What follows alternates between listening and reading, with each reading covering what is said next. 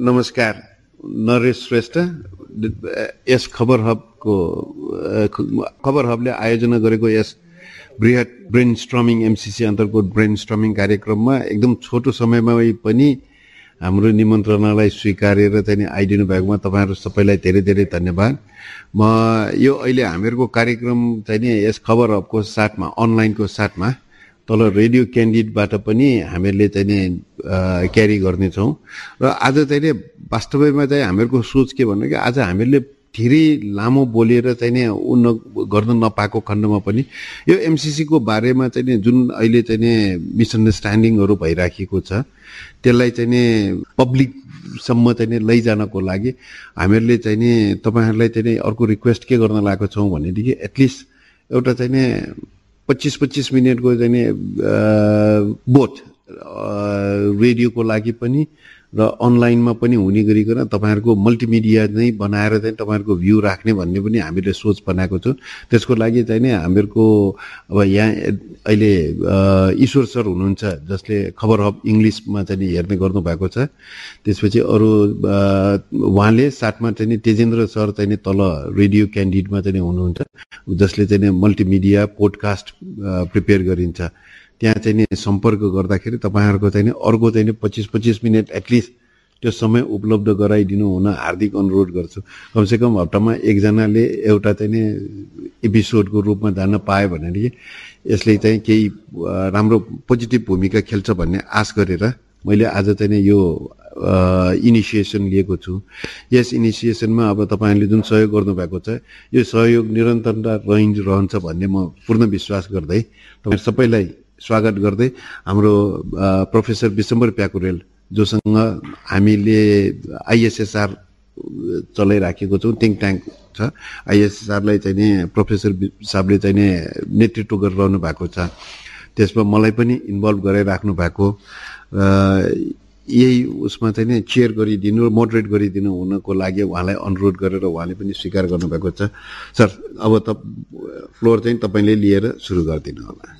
Thank you मैले केही सुरु गरिहाल्नुभन्दा अगाडि डक्टर रविन्द्र पाण्डेको केही के छ कि प्रतिक्रिया अब यो सबभन्दा पहिले त खबर हबको तर्फबाट मैले हामीहरू वास्तवमा we are like a sister organisations अब यो आइएसएसआरको हामीहरू सबैजना फाउन्डिङ मेम्बर हौँ। म चाहिँ नि चेयरम्यान हो। म मेरो अनुपस्थितिमा केही समय विदेश बस्दाखेरि doctor Govind Nepal officiating chairman हुनुहुन्थ्यो अब डक्टर रविन्द्र पाण्डे र नरेश श्रेष्ठजी they are founding board members र खबर हबले गरेको कुराहरूमा हामी हुन्छौँ। हामीले आइएसएसआरले गरेको कुरामा खबर हब हुने हुनाले अलिकति कन्फ्युजिङ त होला तर कन्फ्युजन नहोस् भन्ने मेरो कामना हो। त्यस कारण यो दुवैको तर्फबाट I would like to welcome you all in this event अब यसको म तिन मिनट जति टु टु थ्री मिनट जति यसको पृष्ठभूमि के हो मात्रै भन्छु। त्यसपछि आफ्नो थट्सहरू दिने जिम्मा चाहिँ नि फ्लोरमा यहाँहरूकै हुन्छ। यहाँहरूले बोलिसकेका कुरा मिडियामा कुन प्याटर्नबाट कुन कुन मिडियामा कसरी जान्छ भन्ने कुरा त नरेशजीले भनिहाल्नुभयो किनभने नरेशमा नरेशजी चाहिँ नि यो खबर हबको पनि चेयरपर्सन हो क्यान्डिडेट रेडियोको पनि हो। अब अरू धेरै कुराहरू हुँदैछन्। इन फ्युचर अब यस्तै गरेर लकले फेभर गर्दै गएको खण्डमा यो कोभिडको कहर अलिक कम हुँदै गएको खण्डमा। अब उहाँले अहिलेको बेलामा क्रिटिकल क्रिटिकल इस्युजहरू उठाउनुहुन्छ। अब त्यसले गर्दाखेरि उहाँलाई माथि पनि पुर्याउनु सक्छ उहाँलाई अलि अप्ठ्यारो पनि पर्न सक्छ। यस्तै बेलामा युएस गभर्मेन्टका हायर ऱ्याङ्किङ अफिसियल्स पनि आएर यहाँ हामीसँगै बसेर प्रेजेन्टेसन गरे। अहिलेको एम्बेसेडरले त धेरै पटक आउनुभयो यहाँ। त्यो चाहिँ हामीले आइएसएसआरले लिड गरेर हामीले गरेको कार्यक्रमहरू थियो। त्यसैले आजको मितिसम्मको स्थिति के छ त्यसबारेमा म ब्रिफली हाइलाइट गरेर अनि यो डिस्कसनलाई अगाडि बढाउन कोसिस गर्छु। एमसिसीको पक्ष र विपक्षमा धेरै बहस भइसकेका छन् हामीलाई थाहा छ। अधिकांश राजनीतिक दलहरूले आफ्नो आफ्नो दलगत स्वार्थ अनुसार कसैले पक्षमा कसैले विपक्षमा कसैले मध्यस्थताको बाटो अप्नाइराखेको हामीले विगत केही वर्षदेखि देखिराखेका छौँ। अब हालसालै एमसिसी उपाध्यक्ष फातेमा सुमारको नेपाल भ्रमणको पूर्व सन्ध्यामा नेपाल सरकारबाट गएको अपरिपक्व भन्छु म त्यसलाई प्रश्न। हामीलाई पनि अलिकति नेपाली भएको नाताले कता कता ह्युमिलेसन फिल भयो र यो सरकार साँच्चैकै टुटी फुटेको सरकार रहेछ भन्ने चाहिँ मैले सोचेँ। यो उहाँको भनाइ होइन मेरो व्यक्तिगत भनाइ हो है। यसलाई म I feel accountable for what I say now हाम्रो संस्था पनि यसमा इन्भल्भ छैन। अब यो गभर्मेन्टको योभन्दा ठुलो गभर्मेन्टले बेजेत हाम्रो कहिले पनि गरे जस्तो लाग्दैन मलाई यसभन्दा अगाडि। हामीले सोध्यौँ नेपाल आइपिएसको सदस्य बनेको छ कि छैन भनेर सोधिएछ उनीहरूलाई के सदस्य बन्न मिल्छ पनि भनेर सोधिएछ सम्झौताले नेपालको सार्वभौमिकतामा कस्तो खालको असर पार्छ त भनेर उनीहरूलाई सोधेको छ। प्राइमेरी स्कुलमा बच्चाहरूले हामीलाई सोध्छन् नि शिक्षकलाई अब सम्झौताले नेपालको सार्वभौमिकतामा कस्तो असर पार्छ भनेर उल्टै अमेरिकनलाई सोधेको छ। We don't know what our sovereignty is like you know त्यसैले सम्झौता अन्त्य गर्ने प्रावधानले नेपालको सम्प्रभुतामाथि आँच आएको देखिँदैन देखिँदैन र भनेर भनेर पनि सोध्छ। यस्ता खालका प्रश्नहरू थुप्रै छन्। प्रश्न त अब एघारवटा प्रश्न भनेको छ तर एघारको प्रश्नको पनि अब सब सब क्लजहरू त कति छ कति छ। यी र यी जस्ता अन्य प्रश्नले हाम्रो क्रेडिबिलिटीलाई अलिकति आँच पुर्याएको जस्तो मलाई लाग्छ। अब प्रधानमन्त्री ओलीले आफ्नो बेलामा दबाब दिएरै प्रतिनिधि सभामा MCC compact July five twenty एटिनमा दर्ता गराउन लाउनु हो प्रधानमन्त्रीले त्यो बेलामा भन्नुभएको थियो हामीले सम्झिने हो भने शङ्काको भरमा यसलाई रोक्नुहुन्न। एग्रिमेन्टभित्र भएको कन्टेन्टलाई हामीले हेर्नुपर्छ भनेर ओलीजीले त्यही भन्नुभएको थियो। यसलाई कोट अनकोट भने पनि हुन्छ तर इसेन्स चाहिँ नि त्यही नै हो।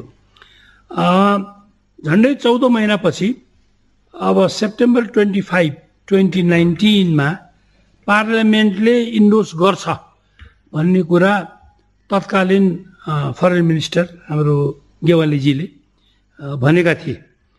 अब एमसिसी रिप्रेजेन्टेटिभले चाहिने जुन ट्वेन्टी ट्वेन्टीसम्म अब तिमीहरूले यो प्रोसिज्योर कम्प्लिट गर्नुपर्छ हाम्रो अनुरोध छ भनेर उनीहरूले खबर पनि पठाए। अब नेपाल र एमसिसीले प्रोग्राम डिजाइन गर्न र फिजिबिलिटी स्टडी गर्नको लागि ten million dollar compact development फन्डिङको नाममा एग्रिमेन्ट गर्यो यो ट्वेन्टी सिक्सटिनमा। त्यसपछि यो ट्वेन्टी टुवेल्भदेखि ट्वेन्टी ट्वेन्टी वानको अब झन्डै एक दशक लामो यात्रा गरिसक्दाखेरि चाहिँ एमसिसी आज यो अवस्थामा छ।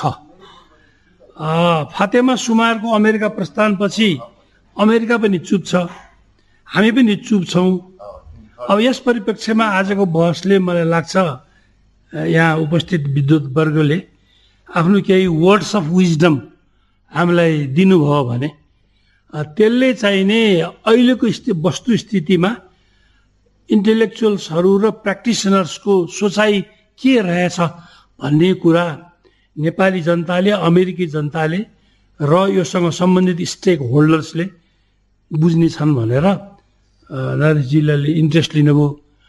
ठिकै पनि हो जस्तो लाग्यो मलाई। तर त्यति उहाँहरूको तर्फबाट त जे आउनु आइ नै सक्यो। कहिले कहिले आफ्नो धोती फुस्का फुस्काइसके। अब त्यसभन्दा बाहेक अहिले कुनै नवीनतम चिज त छैन तर हाम्रो मनमा धेरै कुराहरू अझ पनि छन् भनौँ न। अझ पनि यो कुराहरू पिपुल एट लार्ज थाहा पाएको खण्डमा अझ राम्रो हुन्थ्यो भन्ने यहाँहरूको मनमा पनि छ होला। यस कुरालाई चाहिँ नै मेरो अनुरोध हो। यो हाम्रो नेटवर्क त हिँडै प्रशस्त छ तर पनि जस्तो भन्नु कि कान्तिपुरको न्युजलाई इमेजले प्रसारण गर्दाखेरि कान्तिपुरलाई साभार भनेर भन्छ। तपाईँहरूलाई साभार गर्ने गरेर अरू मिडिया हाउसलाई इकोनोमिक जर्नलिस्टहरूलाई पनि तपाईँहरूले यो आजको डेलिभरेसनको जिस्ट पठाइदिनु भयो भने कल्याण हुन्छ त हुन त तपाईँहरूको कम्पिटेटर हुन्छन् तिनीहरू।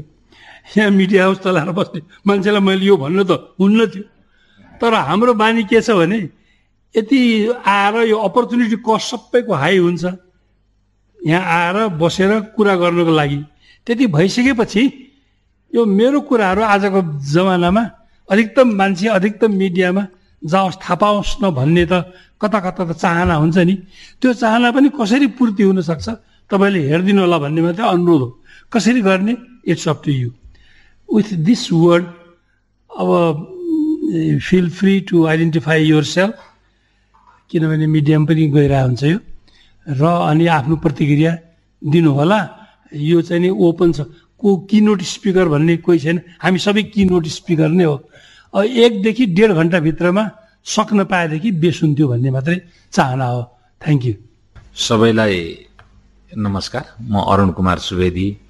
अब यहाँ पोलिटिकल एनालिस्ट छन् भनेर पनि भन्नुभएको छ। अब यसलाई चाहिँ म पोलिटिकल एङ्गलबाटै कुरा गर्छु। यसका अन्तर्निहित विषयवस्तुहरू जुन छन् बुदाहरू क्लजहरू एमसिसीका त्यसको बारेमा अब अरू साथीहरू पनि हुनुहुन्छ उहाँहरूले विषयवस्तु उठान गर्नुहोला। र पहिलो कुरा म जसले यो विरोध गरिराखेका छन् पोलिटिकल्ली उनीहरूको निवारण के के हुनसक्छ भनेर मैले निवारण पनि गरेको छु। र त्यहाँभन्दा अगाडि जस्तो विप्लवजीले आमसभा नै गर्नुभयो। मेरो एउटा सामान्य जिज्ञासा हो। यदि यो कम्प्याक्टमा हस्ताक्षर नगरी पाँच सय मिलियन डलर अमेरिकाले दियो भने पनि अमेरिकी साम्राज्य मुर्दाबाद साम्राज्यवाद मुर्दाबाद भन्न उहाँले छोड्नुहुन्छ भन्ने मलाई लाग्दैन। किनभने उहाँहरूको स्कुल अफ थट मैले चाहिँ मेरो चेतना सङ्घालेदेखि आजसम्म मैले जुन अनुभव गरेका छु त्यो अनुभवजन्य मेरो यो त निर्क्योल त्यसकारण यसलाई चाहिँ यो यसको पोलिटिकल स्ट्याटस भनेको चाहिँ सरकार एउटा पोलिटिकल इन्स्ट्रुमेन्ट भएको हुनाले सरकारले हस्ताक्षर गरेको र पार्लियामेन्ट पनि पोलिटिकल इन्स्ट्रुमेन्ट भएको हुनाले पार्लियामेन्टले अनुमोदन गर्नु भए पर्ने भएको हुनाले यसको पोलिटिकल चाहिँ त स्ट्याटस अथवा पोलिटिकल यसको स्वरूप भने यहाँभन्दा बढी थिएन। यो कम्प्याक्टको अथवा यो एमसिजी सहायताको। यो एक किसिमले एपोलिटिकल विषय इकोनोमिक विषय डेभलपमेन्टको अथवा विकासको विषयलाई यति धेरै राजनीतिकरण गरिदियो कि अहिले यो राजनीतिक मुद्दा भएर आयो। र राजनीतिक मुद्दा एक नम्बर कसले बनायो भन्दाखेरि जसले यसलाई कम्प्याक्टमा साइन नगरी सहायता दियो भने पनि अमेरिकी साम्राज्यवाद पहिलेदेखि भनिरहेको थियो।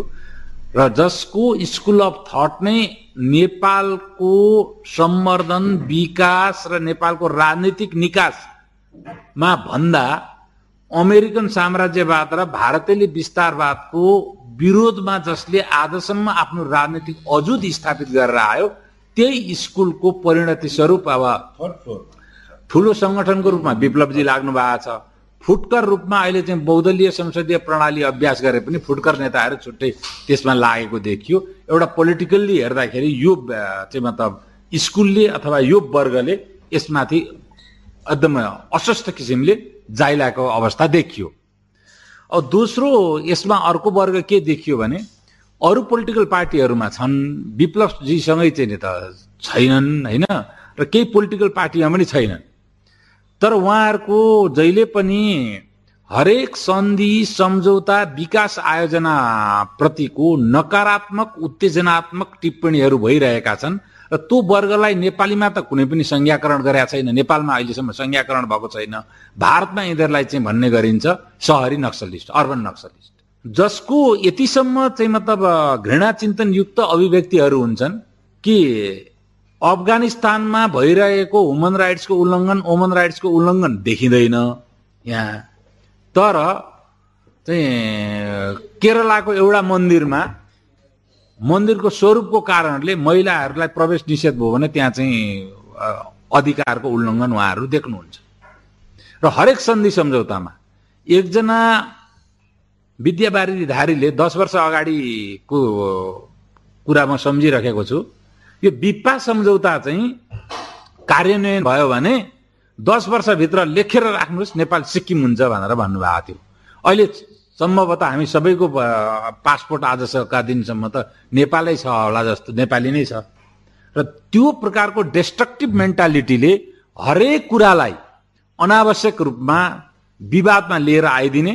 र अहिले त फेरि के छ भने सामाजिक सञ्जालले गर्दाखेरि एक किसिमको सामाजिक सञ्जालमा लोकप्रिय हुनका लागि जे पनि गर्ने जुन एउटा म झिल्के जमात भन्छु त्यो झिल्के जमातको ज्वरोले उहाँहरू त्यत्तिकै प्रताडित हुनुहुन्छ।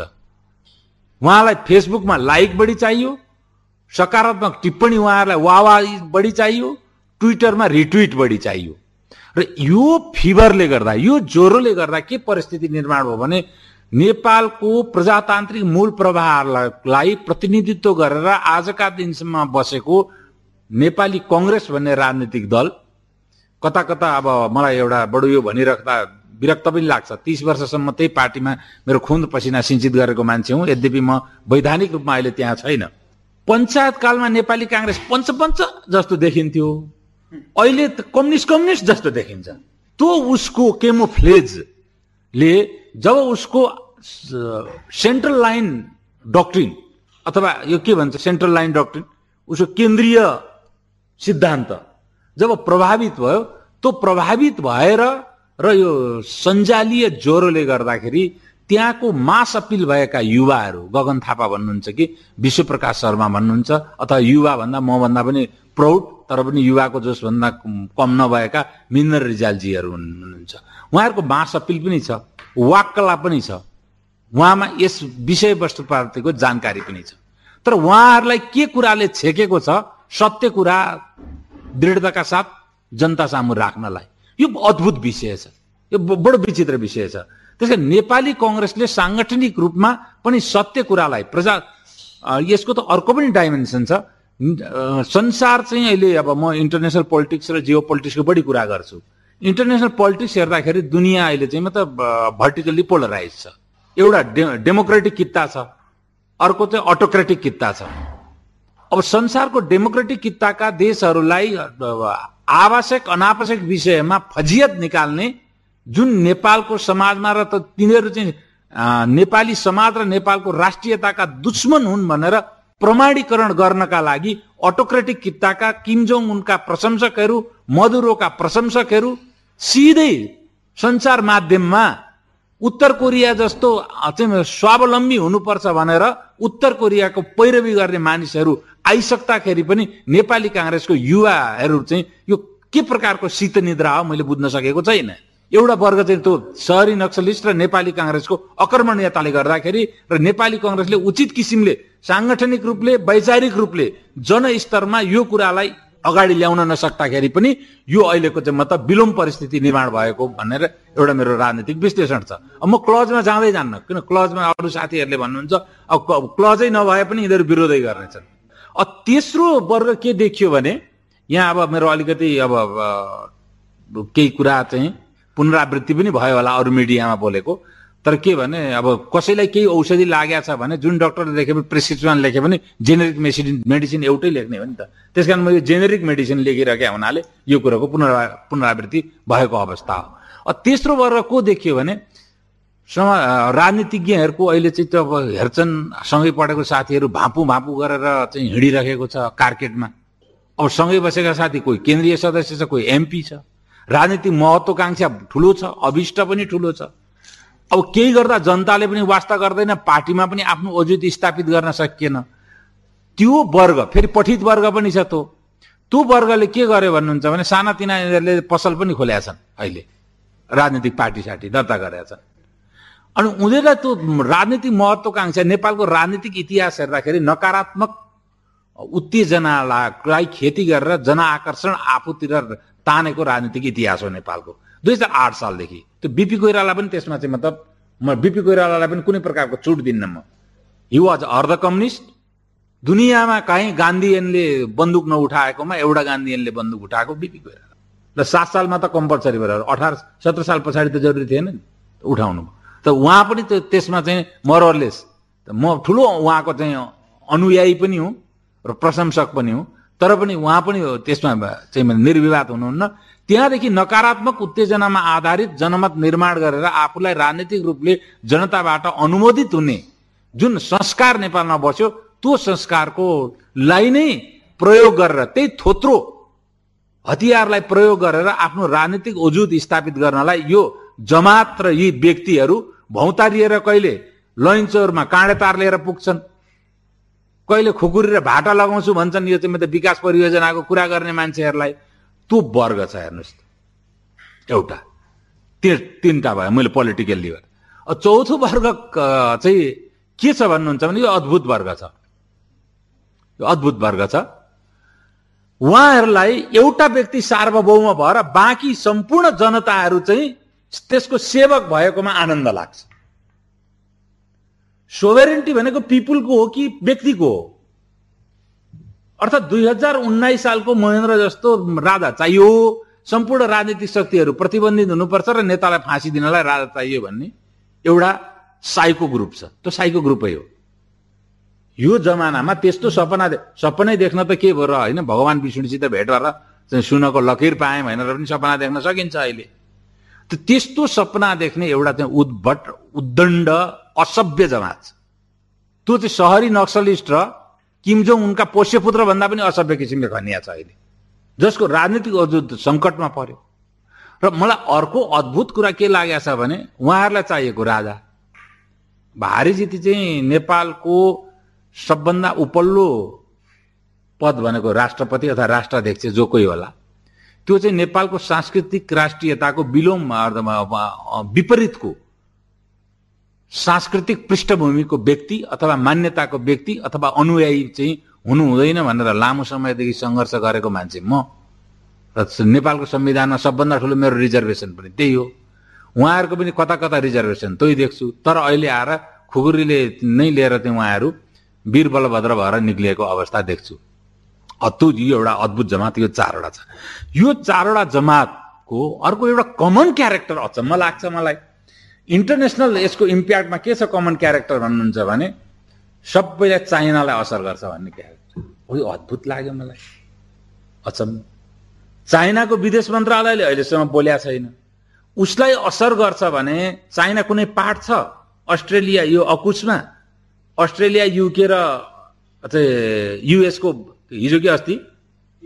हिजो। अस्तिको दिन भएको एग्रिमेन्टमा उसलाई असर पर्छ भने नन प्रोलिफेरेसन र दुनियाँको असर पर्छ भनेर त भन्यो त।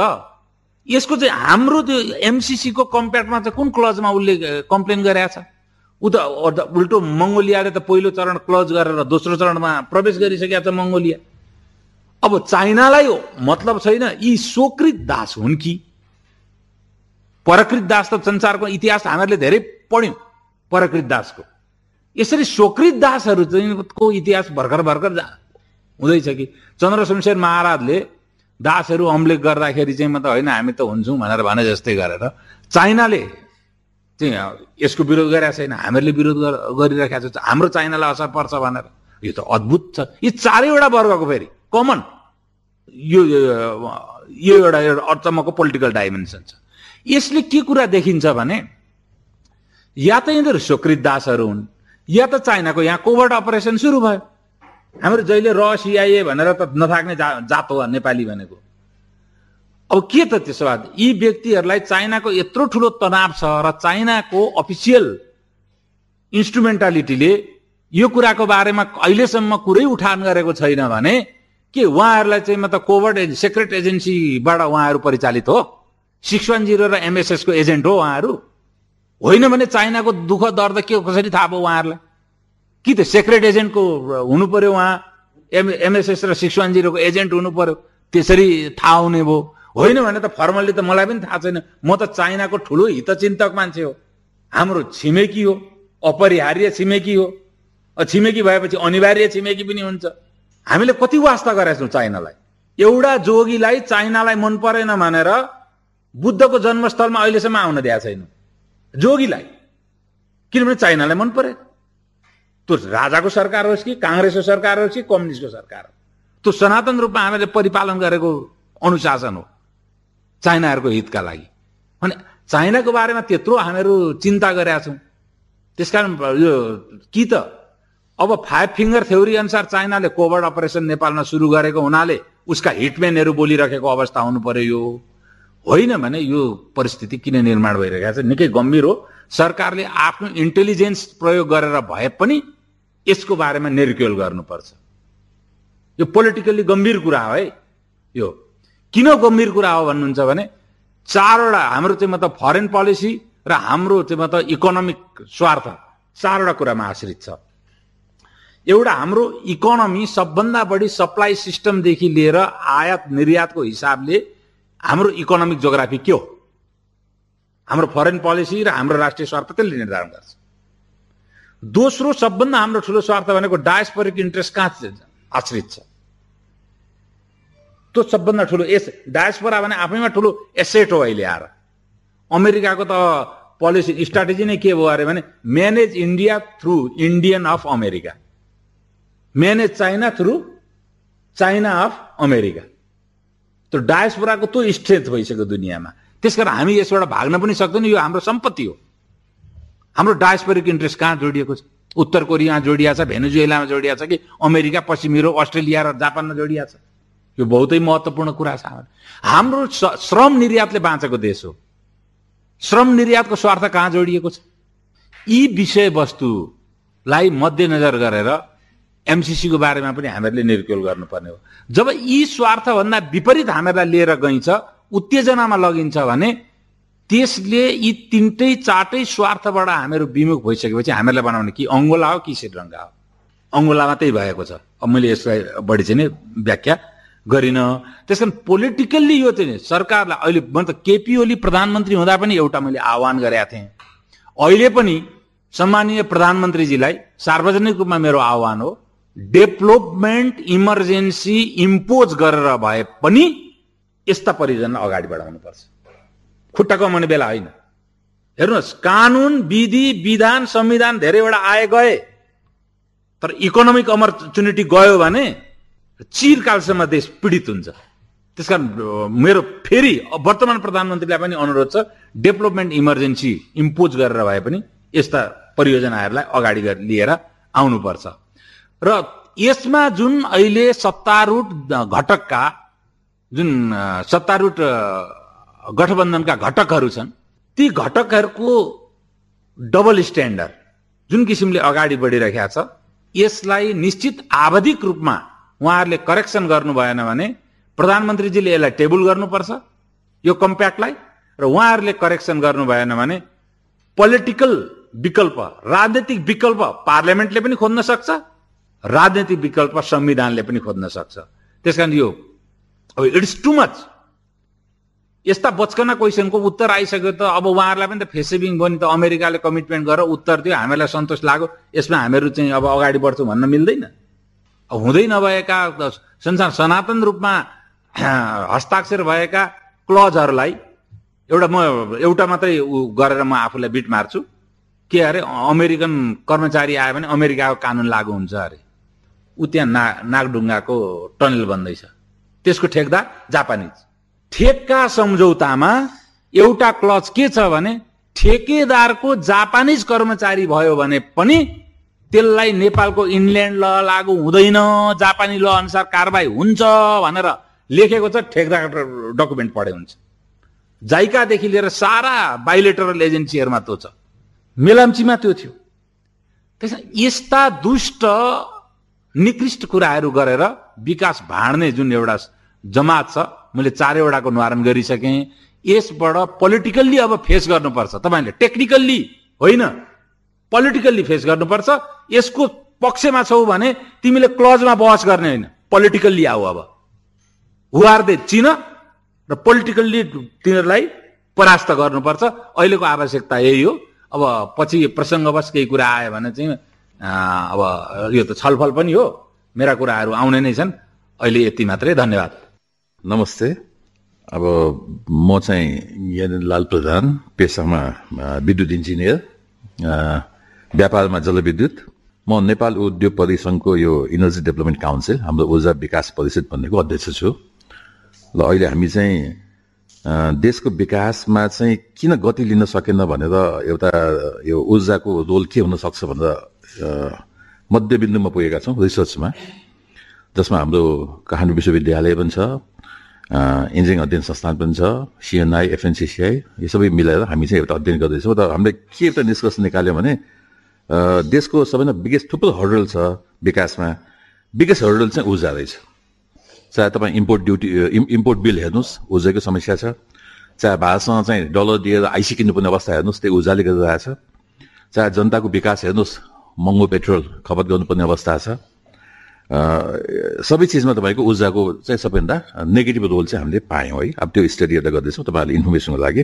अब मलाई कसरी लाग्छ भने म एक्सपर्ट होइन डेभलपमेन्टको तर धेरै मुलुक घुमियो। हाउ हाउ कन्ट्री डेभलप्स भन्ने कुरोमा। इथियोपियादेखि लिएर चिनदेखि लिएर उहाँको सरकारकै निमन्त्रणामा हामी गएर करिब करिब दुई तिन हप्ता तिन हप्ता बस्यौँ होइन। How Ethiopia develop how India is planning now होइन?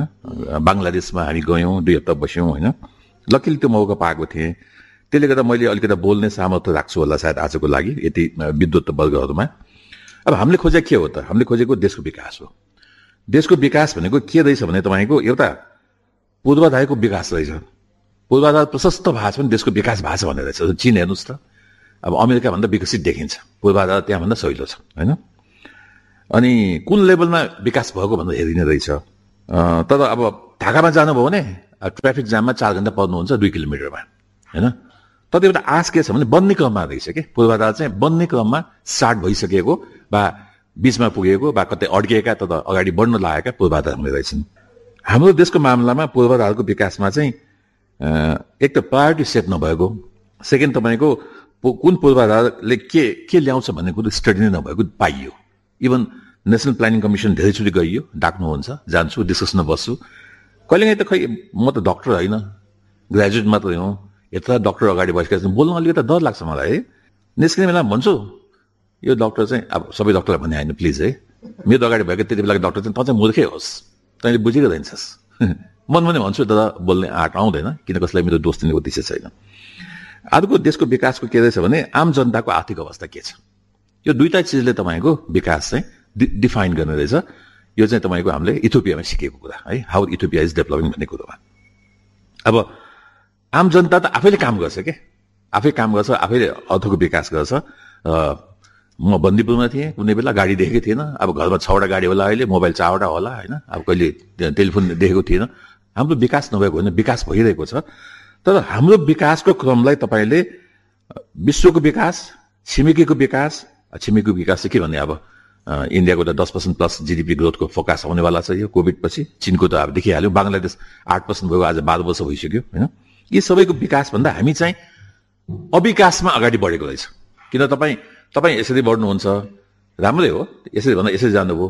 त कोही यसरी गएको छन् भने त्यो ग्याप चाहिँ ठुलो हुँदै जाने रहेछ। है? अब इभन भुटानकै इक्जाम्पल गरौँ। तिस वर्ष अगाडि भुटानको अवस्था कहाँ थियो? इन्डियाको अवस्था कहाँ थियो? हामी कहाँ कति राम्रो अवस्थामा थियौँ? त्यो विकासको क्रम चाहिँ ग्याप चाहिँ ठुलो हुँदै गएको मैले चाहिँ अनुभव गरेर के देखेँ भने अब साँच्चै यो कन्ट्रीले अर्को पाँच सात वर्ष दस वर्षमा राइट विकासको ट्र्याक लिन सकेन भने चाहिँ यो कन्ट्री चाहिँ गयो। अहिले पनि आर्थिक अवस्थामा हाम्रो उमा चाहिँ अफगानिस्तानदेखि दुई चार एक दुई मात्रै पाएर ऊ माथि हो। हामी त्यता पुग्न पनि के गाह्रो लाग्दैन। किनकि अर्थतन्त्रको विकास भन्ने मान्छेहरू अरू चिजमा बिजी हुन्छन्। अब अर्थतन्त्रको के अरे देशको विकासको लागि मैले भने पूर्वाधार के चाहियो भन्दाखेरि हामीले सिकेको अर्थव्यवस्था चाहियो। बिना पैसा त कसैको विकासै हुँदैन है? फर्स्ट चिज चाहिँ त्यही हो। त्यो कहाँबाट आउँछ भन्दाखेरि बजेट फर्स्ट त बजेटबाट आउँछ है? अब बजेटमा हाम्रो अवस्था मैले भन्नु पर्दैन विकासमा कति छन् र हाम्रो क्षमता कति छ खर्च गर्ने यसले हाम्रो विकास ल्याउँदैन साँच्चै भन्ने भयो है? दोस्रो के चाहियो तपाईँको? ऋण चाहियो है? आज मेरा केही साथीहरू केही वर्गहरू अब हामी नेवार वर्ग भनौँ न म नेवारी कास्टको मान्छे तिस वर्ष अगाडि हामी नम्बर वानमा थियौँ कि बिजनेसमा अनि हामीले एउटा एनालिसिस गर्यौँ कि नेवार कास्ट किन यो बिजनेसमा बिग्रे? होइन? किन मालवाडी चाहिँ माथि आए? ऋण रहेछ के? उसले आफूसँग भएको क्यापेसिटी पनि युटिलाइज गर्यो डबल गर्यो त्यसलाई। फेरि ऋणलाई पनि डबल गरेर ब्याङ्कको पैसा पनि तिर्यो क्या हामी चाहिँ नेवार कस्तो भयो भने तपाईँको होइन ऋण लिनुहुन्न भने मानसिकतामा आज पनि हामी छौँ कि? एउटा मैले एक एक्जाम्पल दिएको। त्यस कारण चाहिँ प्रपरली ऋण लिएर डेभलप डेभलपमेन्ट प्याकेजमा नराखेको कन्ट्रीको डेभलपमेन्ट भएको पनि देखिएन। आज कुनै पनि कन्ट्री अब जापानको हेर्नुहोस् त मलाई लाग्छ दुई सय पचास पर्सेन्ट जिडिपीको प्लस होला। हामी त धेरै तल्ल छौँ है? होला है? हामी त धेरै लग्जरीमा छौँ अहिले साँच्चै भन्नुभयो त्यो लग्जरीलाई यतिकै राख्ने हो कि भोगै बस्ने हो कि लग्जरीलाई डेभलपमेन्ट लाने मात्रै कुरा हो है? अमेरिका हाइएस्ट होइन? सबभन्दा हाइएस्टमै छ है? ऋणमा है? अब तेस्रो विकासको पक्ष के देखियो भने अनुदान देखियो। हाम्रो जस्तो मुलुकको लागि एउटा विश्वमा चाहिँ अलिकता दाताहरू छन् कि तपाईँको? दिन चाहनेहरू होइन? अब त्यो दाताको आफ्नो स्वार्थ हुन्छ। म पनि पशुपति जाँदा दान दिन्छु है? दुईवटा वृद्धाश्रम चलाउँछु। स्वार्थ चाहिँ मेरो पनि। मरेपछि कमसेकम यमलोकमा चाहिँ स्वर्ग पाउँछु कि भन्ने स्वार्थ चाहिँ छ कि? त्यो त्यो उसले सोध्नु पाउँदैन। जो बुढी आमालाई मैले पालेर राखेको छु तिमी यमलोक जान्छ भन्दा हामीले दान दिएको भने मलाई सोध्न पाउँदैन कि? एमसिसी भनेको त्यो एक्जाम्पल एक्ज्याक्टली साँच्चै भयो है। अब एमसिसी पनि एमसिसी हो कि एमसिए हो कि? हामी एमसिसी को डिस्कसन गर्ने हो कि? त्यो अमेरिकन संस्था हो होइन? उसको कानुन हो। वा हामी एमसिए को गर्ने हो। मिलियम च्यालेन्ज एकाउन्ट जुन हाम्रो नेपालमा हाम्रो कानुनले खडा गरेको इम्प्लिमेन्ट गर्ने एजेन्सीको कुरा गर्ने हो होइन? यो पनि एउटा क्वेसन मार्क छ। अब आर्थिक विकासको लागि मलाई के लाग्छ भने तीव्र विकासको लागि चाहिँ साँच्चै भन्ने भए हाम्रो देश देशले पहिलो प्राथमिकता अनुदान लिनुपर्ने रहेछ। प्रायोरिटी सेट गरेर होइन? अब यो जनकपुरको रेल जस्तो प्रायोरिटी होइन फेरि होइन? बिजुली एकातिर बढी भइरहेछ एकातिर कस्तो रेल ल्यायौँ त? डिजेल राखेर बिजुली निकाल्ने है? इन्जिन। त्यो इन्जिनले तपाईँ फेरि त्यो बिजुलीले फेरि मोटर चलाउने रेल के? त्यस्तो रेल पनि ल्यायौँ कि हामी। यो संसारमा नभएको टेक्नोलोजी है। अब डिजेलले सिधै घुमाइदियो हुन्थ्यो नि। लोकोमोटिभ घुमिहाल्छ नि इन्डियामा घुमिरहेछ। हामी फेरि के नाउँ दिएको छौँ त्यहाँ डिएसके के के भन्छन् है हाम्रो एक्सपर्टहरूले त्यस्ता पनि ल्याएका छौँ है। अब यो हेर्दा मलाई के लाग्यो भने नेपालको विगतको इतिहास हेर्नुहुन्छ भने चन्द्रबत्ती नै भनौँ है। अब एसियाको सेकेन्ड भन्छ। म तपाईँलाई क्लियर के गर्न चाहन्छु एसियाको सेकेन्ड चाहिँ प्रपर ट्रान्समिसन लाइन भएको आएको म्यानेजमेन्ट भएको बत्ती सेकेन्ड होइन। हामी फर्स्ट हौ। पहिलो आएको दार्जिलिङमा हो ब्रिटिसहरूले ल्याएको। त्यसमा तपाईँको transmission line proper transmission line sub station केही पनि थिएन। हामी गएर हेरेका छौँ त्यो। Proper transmission line hydro power धेरै घरमा बाँड्ने बत्ती एसियाको पहिलो तपाईँको चन्द्रबत्ती हो होइन? पाँच सय पाँच सय वाट। जसको तपाईँको युकेको एसिस्टेन्टमा बनेको हो त्यो बेला। त्रिभुवन राजपथ भनौँ इन्डियाले बनाएको पृथ्वी राजमार्ग भनौँ चिनले बनाएको पूर्व पश्चिम राजमार्ग भनौँ रसिया लगायत धेरै मुलुकले हामीलाई सहयोग गरेको होइन? यसबाट के देखिन्छ तपाईँको भने यो पूर्वाधार विकासमा विगतमा हामी धेरै धेरै स्मार्ट रहेछ होइन? आफ्नो नभएको स्रोतलाई परिचालन गर्नु नपरिकन हामीले के विकासको गति चाहिँ ल्याएका रहेछौँ तर अब चाहिँ कस्तो भएर गयो भने अब म सायद निजी क्षेत्रमा पहिलो व्यक्ति थिएँ होला अमेरिकाबाट कल पाउने एमसिसी अफिसबाट। एउटा साथी हुनुहुन्थ्यो हिमेशजी अमेरिकामा हुनु मलाई थाहा पनि थिएन। धेरै पछि पछि आर्यु ज्ञानेन्द्र भन्यो। या ज्ञानेन्द्र भन्यो भने होइन अनि क्यान टक भने को? भने हिमेश भन्यो। हु हिमेश भन्यो भने चिनिनँ मैले। अनि त्यति बेला उहाँले मलाई के इन्फर्मेसन म त एमसिसी अफिसमा छु। पाँच सात अरब जति नेपालले आउन सक्छ। अर्थमन्त्री भेटाइदिएन यार। अब नेपालमा अर्थमन्त्री भेट्न के गाह्रो छ यार? सबैले भेट्न सक्छ नजान मलाई झन् छैन ऊ आएको दसैँको छुट्टीमा उसको टिरी पनि भयो सिधा कुरा होइन? अर्थमन्त्री भेटाइदिएँ। त्यहाँबाट स्टार्ट भएको हो साँच्चै भन्यो भाइ यो पैसाको कुरा चाहिँ है? फ्रेङ्कली भने म चाहिँ लक्कीली फर्स्ट पर्सन हो। एमसिसी अफिसको एउटा कुनै इम्प्लोइले चाहिँ नेपाली इम्प्लोइले मलाई कल गर्ने पहिलो व्यक्ति हो साँच्चै भाइ। दस एघार बाह्र यस्तै मैले याद छ होइन? अब एमसिसी डिस्कसनले के देखायो भने देश चाहिँ एक रूप छैन। किनभने हामी देशभित्र पोलिटिकल विचारधारा फरक छ विकासको विचारधारा फरक छ। तर एमसिसी त हामीसँग बिचमा होइन नि यो त फेरि बाहिरकोसँग हो नि। यसले के देखाइदियो भने हामी नेपाली चाहिँ विकासको लागि एकजुट छैनौँ भने चाहिँ स्पष्ट देखेको छ। र मलाई लाग्छ यो यो दोष कसलाई पनि जाँदैन अरुणजीले पहिलो दोष जान्छ। यति नै कुरा पाँच सात वर्षदेखि बोल्दै आएको भए अलि हामी स्ट्रङली बोल्दै आएको भए मिडिया नरेशजीलाई जान्छ। होइन? एमसिसी अफिस सबैभन्दा यसको सह दोषी। उसले मिडियाले कहिले पनि युज गरेन।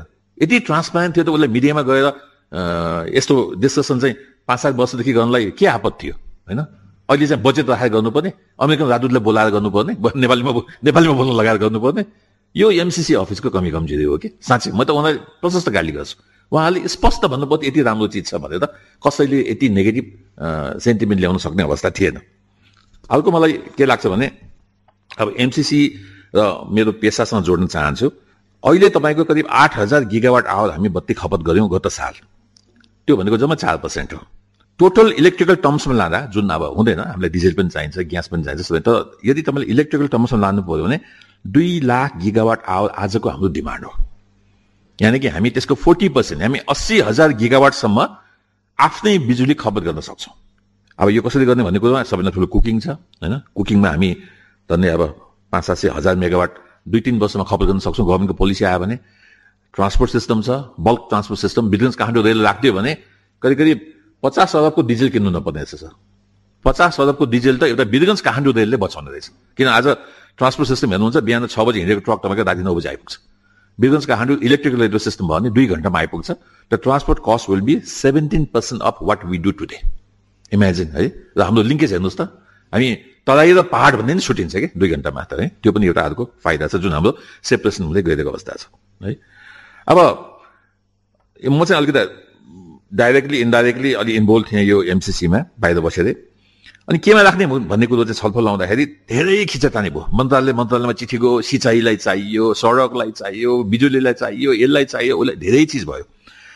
त्यसमा हामी एउटा वर्गले चाहिँ के भन्यो भने एउटा कमर्सियली भाएबल सेक्टर छ जसलाई पैसा ऋण लिएर गर्न सकिन्छ। एउटा नन कमर्सियल सेक्टर छ जहाँबाट प्रतिफल आउँदैन। जस्तो बाटो भनौँ ट्याक्स लिँदैन भने त्यो बाटो त लगानी हो नि त्यसपछि केही पनि रिटर्न आउँदैन। जलविद्युतमा त रिटर्न आउँछ नि। त्यसलाई किन दान अनुदान चाहियो? अनुदान चाहिँदैन त्यसलाई। त्यहाँ यस्तो चिजमा जानुपर्छ भनेर एउटा तपाईँको ठुलो जमात एउटा केही साथीहरू मिलेर हामी चाहिँ लबिङ गऱ्यौँ। मैले गरे भन्न मिल्दैन हाम्रो साथीले गरे भन्न मिल्दैन। कता कता त्यो बाटो त लाग्यो र तपाईँको तिनवटामा गयो। सिँचाइ बाटो जलविद्युत। जलविद्युतमा पनि जलविद्युत उत्पादन गर्दैमा गयो। किन त्यो प्रपर लोड सेडिङ थियो है? एकदमै अठार घन्टा चौध घन्टाको लोड सेडिङ थियो। हामीले के भन्यो? होइन जलविद्युत कमर्सियली भाएबल छ।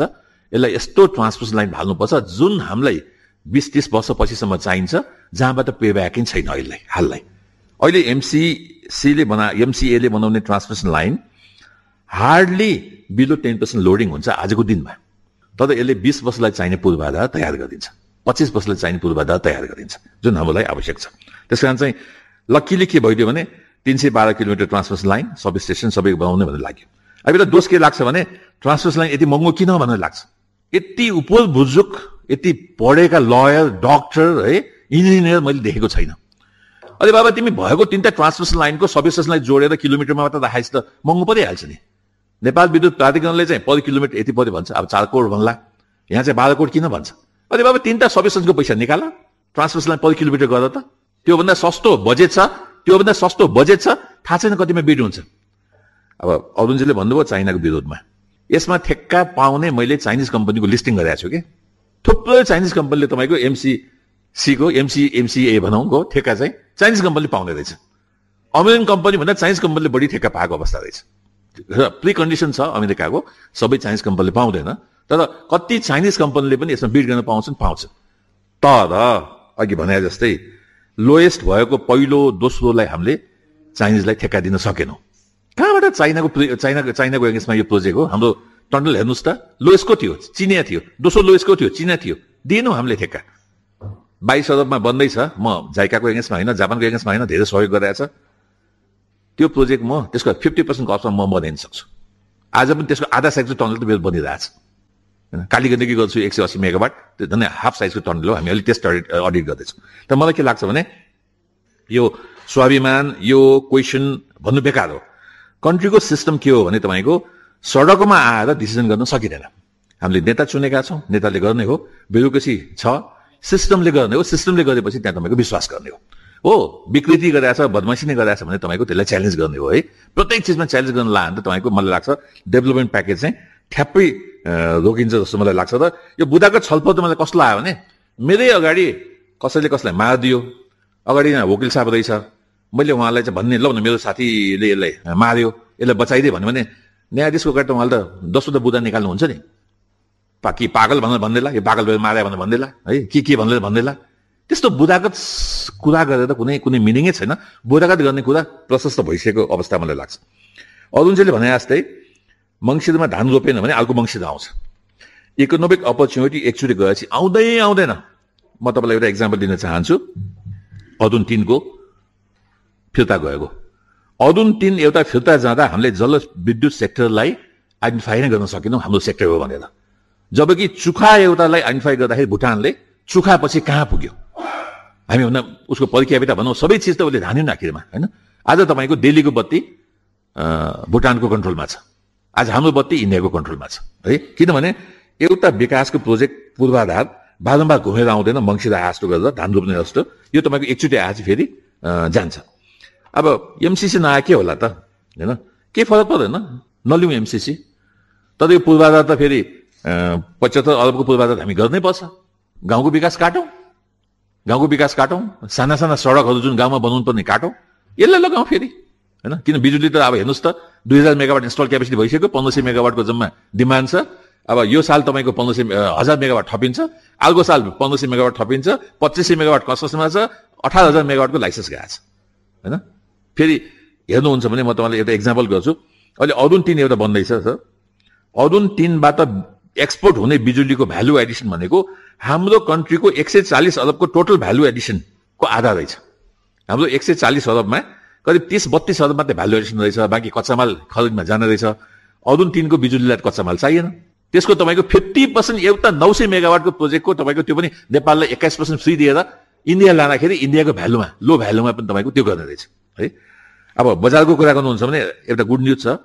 सात सय पचास मेगावाट नेपालबाट किन्ने भनेर बङ्गलादेशले तपाईँको एक महिना अगाडिको क्याबिनेटमा मात्रै पास गरिदियो। पहिला उसले दस हजार छिमेकी भनेको थियो। अब नेपाललाई सात सय पचासको कोटा तत्काल भनेर भनिदिएको छ। दुई सय मेगावाटको अहिले कुरा चलिरहेछ होइन बिहार र उसँग। छ सय पचास मेगावाटको सुनकोसीमा लगानी गर्ने कति कति निश्चय भइसकेको अवस्था छ। डेडिकेटेड लाइन इन्डियाले बनाएर भुटान हामीले बनाउनु होइन बङ्गलादेशले बनाएर सिधै चाहिँ ढाकामा चाहिँ यो कनेक्सन गर्ने भन्ने कुरो चाहिँ भर्खर तपाईँले हेर्नुभयो होला। दुई दिन अगाडि मात्रै संस्था भएको अवस्था छ। भने विदेशी लगानीको लागि पनि सबैभन्दा ठुलो सेक्टर भनेको जलविद्युत भन्ने के पनि होइन। यदि मलाई टुरिज्मको अपर्च्युनिटी यहाँ छ भने योभन्दा राम्रो अपर्च्युनिटी म्यानमारमा छ। मलाई पचास वर्ष सिटीमा फोर्टै दिन्छ। यहाँ कुनै फोर्ट छैन हामीसँग होइन? इन्डियामा छ योभन्दा बढी। तर यहाँ तपाईँको त्यस्तो छैन। तर जलविद्युत भन्नुहुन्छ भने सुनकोसी गर्नलाई बङ्गलादेशी यहाँ नआइकन ऊ लाओस गएर गर्न सक्दैन। ऊ तपाईँको अमेरिका गएर गर्न सक्दैन। यहीँ आउनै पर्छ। त्यसमा एफडिआईको लागि पनि विकास एफडिआई गर्न सक्दैन जस्तो लाग्छ मलाई। अब कम्पेरिजनकै कुरा गरौँ। विगतमा आएको ग्रान्टहरू रिङ रोडको अहिलेको एक्सटेन्सन हेरौँ होइन? अहिलेको रिङ रोडको एक्सटेन्सन हेर्नुहोस् है? छ साढे छ अरबमा गर्ने भनेको तपाईँको झन्डै चौध पन्ध्र अरब गर्ने अवस्था छ। न हिसाब किताब हेर्न पाइन्छ। एमसिसीमा त दुई वर्षदेखि महालेखाले अडिट गरेर बसेको अवस्था छ है? न आफूले टेन्डर दिएको है? न कसले पाएको थाहा छ है? न को चिनिया र को नेपालीले काम गर्ने थाहा छ। एमसिसीमा तपाईँको त्यो एमसिएमा तपाईँको त्यो क्लियरै छ नाकढुङ्गाको मैले कुरा गरिहालेँ होइन? अब यो सबै हेर्दा मलाई के लाग्छ भने दुईवटा उपाय छ। हामी अलि बुझ्ने वर्ग नभनौँ यसको सपोर्ट सपोर्टिभ बुझ्ने वर्ग। बोलेनौँ भने जसरी कुलबान बोलेको छैन। मेरो ठुलो विरोध छ। चाहिने तँलाई। मेरो साथी हो म तपाईँ भन्ने कुरा छु चाहिने तँलाई नाउँ कमाउने यहाँनिरको नेपाल विद्युत प्राधिकरणबाट। तिमी नबोल्ने? Director sir board director sir है? तिमी नबोल्ने? लाज छैन तिमीलाई? मैले त भन्दैछु तिमीलाई के हो तिम्रो? तिम्रो पोजिसनको लागि तिमीले चाहिँ प्रचण्डजीको एङ्गेजमा नबोलायो नि त वाट द हेल या गएर प्रचण्डजीलाई सम्झौ तिमी एमसिसी चाहिन्छ भनेर होइन? के चाहिन्न भनेर बोल भा। त्यो तिम्रो फ्रिडम छ। चाहिन्न त उसले बोल्दै बोल्दैन। हामी हामीसँग बोल्दा त होइन नल्याए हुँदैन तिम्रो बोल भन्छ। आफू बोल्दैन। यस्तो वर्ग पनि म म अलिकता त्यसको पनि म क्वेसन मार्क गर्छु। मेरै साथी नाउकोमा आएका लोड सेडिङ अन्त गरेका अभियन्ता भए पनि म क्वेसन मार्क गर्छु होइन? त्यसमा मलाई के लाग्छ यो वर्गले चाहिँ ठिक छ यसमा कमी कमजोरी होला तलमाथि होला। यी चिजलाई चाहिँ यदि साँच्चै अगाडि गएर एमसिसी अगाडि बढाउँ एमसिएमसी अगाडि बढाउन सकेन भने विश्व ब्याङ्क भनेको अमेरिकन कन्ट्रोलमा भएको संस्था हो। एडिबी पनि त्यही हो। जिआइजे हामीसँग आउने जति पनि डोन ग्रा डोनेसन ग्रान्ट छ सबै त्यही क्रममा भएको हुनाले मलाई लाग्छ नेपालको डेभलपमेन्टको गतिमा गतिमा चाहिँ एउटा ठुलै फुल स्टप लाग्छ है? म पशुपति गएर दान दिन गएको मेरो मुखमा थुकेर पठाइदियो भने थोरै म भोलि जान्छु त। कतै अरू ठाउँमा जाउँला नि? यहीँ बस जाने आवश्यक छैन नि। त्यस कारण चाहिँ यो वर्गले चाहिँ बोल्नुपर्छ। यति भनेर मैले चाहिँ रोकेछु धन्यवाद सर। धन्यवाद खबरहरूलाई खबरलाई र डाक्टर साहब सेयर गर्नुभएको छ। मलाई खुसी लाग्यो। कम्तीमा यस यस किसिमको विद्वत वर्गले एउटा देशको गेम चेन्जर प्रोजेक्टको बारेमा गेम चेन्जर प्रोजेक्टको बारेमा यति राम्रो बहस गरिराख्नु मैले दुईवटा पर्सपेक्टिभबाट यसलाई यहाँ चाहिँ मैले थोरै कुरा राख्छु। म एज अ मधेसी कम्युनिटीबाट मधेसी सिभिल सोसाइटीको कोअर्डिनेटर भएको नाताले हामीलाई लोकतान्त्रिक मानवाधिकार र सुशासन प्रत्याभूति भएको मुलुकको कुनै पनि प्रोजेक्टहरू आउँदाखेरि त्यो हाम्रो लागि मधेसका मान्छेहरूको लागि बढी चाहिँ हितकर हुँदो रहेछ। जस्तै अनमिन आउँदाखेरि त्यो बेलामा एन मार्टिन हुनुहुन्थ्यो त्यसको चिफ र अमेरिकन राजदूत चाहिँ मोरियाटी त्यो समयमा मधेस मोमेन्ट हुँदाखेरि जति हामीले उहाँहरूबाट उहाँहरूले हाम्रो माग मुद्दा एजेन्डामा खुलेर सपोर्ट गर्नुहुन्थ्यो त्यति अरू राष्ट्रका राष्ट्र राजदूतहरू या कि डिप्लोमेटहरूले बोल्नुहुन्न थियो त्यही भएर हामीलाई यो एमसिसी भनेको एउटा अमेरिकन जुनसुकै विङ्सको प्रोजेक्ट भए पनि अमेरिका मानवाधिकारको पूर्ण प्रत्याभूति भएको देश हो। र यहाँ चाहिँ मास किलिङ गर्नु पर्यो भने हामी यो देशमा मधेसीहरूलाई नै गर्दो रहेछ क्या त्यो त योभन्दा पहिलाको मधेस मुभमेन्टमा छाती र टाउकोमा गोली हालेको अन्मिन त्यतिखेर हुँदाखेरि त्यतिखेर यो त्यो किसिमको चाहिँ मास किलिङ अलिकति कम भयो। त्यो पछि चाहिँ धेरै नै हाल्यो। त्यही भएर मानवाधिकारका पूर्ण प्रत्याभूति भएका कन्ट्री अमेरिका लोकतन्त्रका पक्षधर कन्ट्रीको यो यत्रो ठुलो प्रोजेक्ट यहाँ आउँदाखेरि यसको हामी चाहिँ कुनै एङ्गलबाट विरोध गर्न सक्ने अवस्थामा छैनौँ। नम्बर एक दोस्रो कतिपय प्रोजेक्टहरू हाम्रा देशका नेताहरू यस्ता छन् जुन प्रोजेक्ट चाहिँ ट्रान्सपेरेन्ट हुँदैन। त्यसको अडिट सडिट आफू आफूले गर्ने कस जसरी हुन्छ आफू अनुकूल मिलाउने। र यो प्रोजेक्ट चाहिँ अलिक बढी ट्रान्सपेरेन्ट भएको कारणले गर्दा पनि हाम्रो लागि चाहिँ मधेसका मान्छेहरू यस यो प्रोजेक्टलाई त्यति बढी रुचाउँछ। त्यसपछि हामी हाम्रो लागि चाहिँ हामीले अब भारतको कुनै प्रोजेक्ट आयो भने हामीले खुलेर बोल्दाखेरि हामीले भारतीय भनिहाल्छन्। चाइनिज प्रोजेक्टको बारेमा हामीलाई सोद्धा पनि सोध्दैन होइन यो यो पस्मेली प्रोजेक्टहरूको बारेमा हामीले मैले अघि नै भने मधेस चाहिँ लोकतन्त्रका एकदम मेरुदण्ड हुन् मानवाधिकारका प्रत्याभूति भएको एरिया हुन्। त्यहाँ चाहिँ अब हामी जस्ता मान्छेले देशमा चाहिँ विकास परियोजनाहरूमा भ्रष्टाचार नहोस् चाहने मान्छेहरू धेरै भएका ठाउँ हुन्। त्यही भएर यो एमसिसीको बारेमा मधेसका नेताहरूले पनि सायद विरोध गरिरहेको छैन। त्यहाँका एक्टिभिस्टहरूले पनि विरोध गरेको छैन। विरोध कसले गरेछ भने सबैभन्दा बढी बेरोजगार चाहिँ गरिबी र बेरोजगार मधेसमा छन्। र त्यो गरिबी र बेरोजगार रहिरहने र त्यो भोट लिएर म यहाँ राजनीति गरिरहने कम्युनिस्ट ब्रान्डका जुन नेताहरू छ नि उनीहरूलाई धनी मान्छेहरूले भोट दिँदैन। गरिबहरूले को भोट चाहिँ प्याकेट पकेटमा हुन्छ। र गरिब रहिरहने खालका जुन सोच भएका जुन कि नेतृत्वहरू छन् र त्यसका पछाडि लागेका मान्छेहरू यसको अलि बढी विरोध गर्छन्। नेत म त सबभन्दा पहिला सरकारलाई चाहिँ सरकारको नेतृत्व गर्ने प्रधानमन्त्रीज्यूलाई के भन्न चाहन्छु? अहिलेको प्रधानमन्त्री डेमोक्रेट अब नेपाली कङ्ग्रेस डेमोक्रेटिक पार्टी हो र अहिले प्रधानमन्त्री हुनुहुन्छ। उहाँले चाहिँ राष्ट्रमा चाहिँ अलिक ठुला प्रोजेक्टहरू जुन गेम चेन्जर प्रोजेक्ट हुन्छ जसबाट बेरोजगारी देशको विकास चाहिँ अगाडि बढ यस्तो बेलामा यस्ता प्रोजेक्टहरूको बारेमा धेरै डेमोक्रेट भइरहनु पर्ने। कहिलेकाहीँ तानासा पनि भन्दाखेरि क्रुर भन्दा पनि हामीलाई कुनै आपत्ति हुँदैन। धेरै बाहिर उभि उफ्रिरहेका मान्छेहरूको अधिकांश मान्छेहरूको मानवाधिकार कोही चाहिँ हत्याको केसमा कोही बलात्कार केसमा कोही भ्रष्टाचार केसमा मुछिएका मान्छेहरू यो प्रोजेक्टको बढी विरोध गरेछ त्यसैले डाक्टर साहब मैले धेरै टाइम लिन्न हाम्रो चाहिँ एज अ पुरै कम्युनिटीको तर्फबाट भनौँ मधेस सिभिल सोसाइटी मधेसका मान्छेहरू यो प्रोजेक्टको बारेमा एकदम सकारात्मक छ र यो प्रोजेक्टमा तपाईँहरू जस्तो अब पढे लेखा यो जाने बुझेका मान्छेहरूले राज्यलाई चाहिँ हामीले चाहिँ इन्टेलेक्चुअल प्रोपर्टी सबैभन्दा ठुलो प्रोपर्टी इन्टेलेक्चुअल प्रोपर्टी धेरै नै देशलाई धोका दिएछ। यदि पचास साठीजना मान्छे बुझेका मान्छेहरूले हामीले योभन्दा दुई महिना चार महिना पहिला नै जोइन्ट स्टेटमेन्टहरू यदि दिएको भए धेरै कुराहरू चिरिन्थ्यो। तर कोही बोल्न चाहँदैन। गाली गर्छन् भनेर चाहिँ अब केही फटा मान्छेहरूले गाली गर्दैमा हामीले चाहिँ त्यो किसिमको चाहिँ आफू जोखिमै लिन नचाहने। यो कुराहरू चाहिँ इन्टेलेक्चुअल मान्छेहरूले अलिकति चाहिँ भोकल भएर बोलिदिन म आग्रह गर्छु। मेरो यति नै कुरा हो। हस्त धन्यवाद। धन्यवाद सर। सबभन्दा पहिला म खबर हबका नरेशजीलाई आज मलाई निम निम्तो गर्नुभएकोमा यो ठाउँमा। मलाई लागेको थियो खबर हब एउटा अनलाइन पेपर मात्रै होला भनेको त। यहाँ तपाईँको त विशाल साम्राज्य नै रहेछ। बधाई छ। शुभकामना छ। त अब आयो म सोझै जान्छु। म लामो कुरा बोल्न जान्दिनँ किनभने यो क्रिकेट खेल्ने मान्छे म हकी धेरै खेल्न चाहन्न। उस्तो उस्तै लाग्छ। त एमसिसी। केही वर्ष भयो। पहिला पहिला मैले आई जस्ट मैले इग्नोर गरेँ एमसिसीलाई यो मेरो प्रिय मित्र विश्वम्बर जस्तोहरूले गर्छन् छलफल। जो विकास र अर्थतन्त्रको बारेमा व्यापक विशद ज्ञान राख्छन्।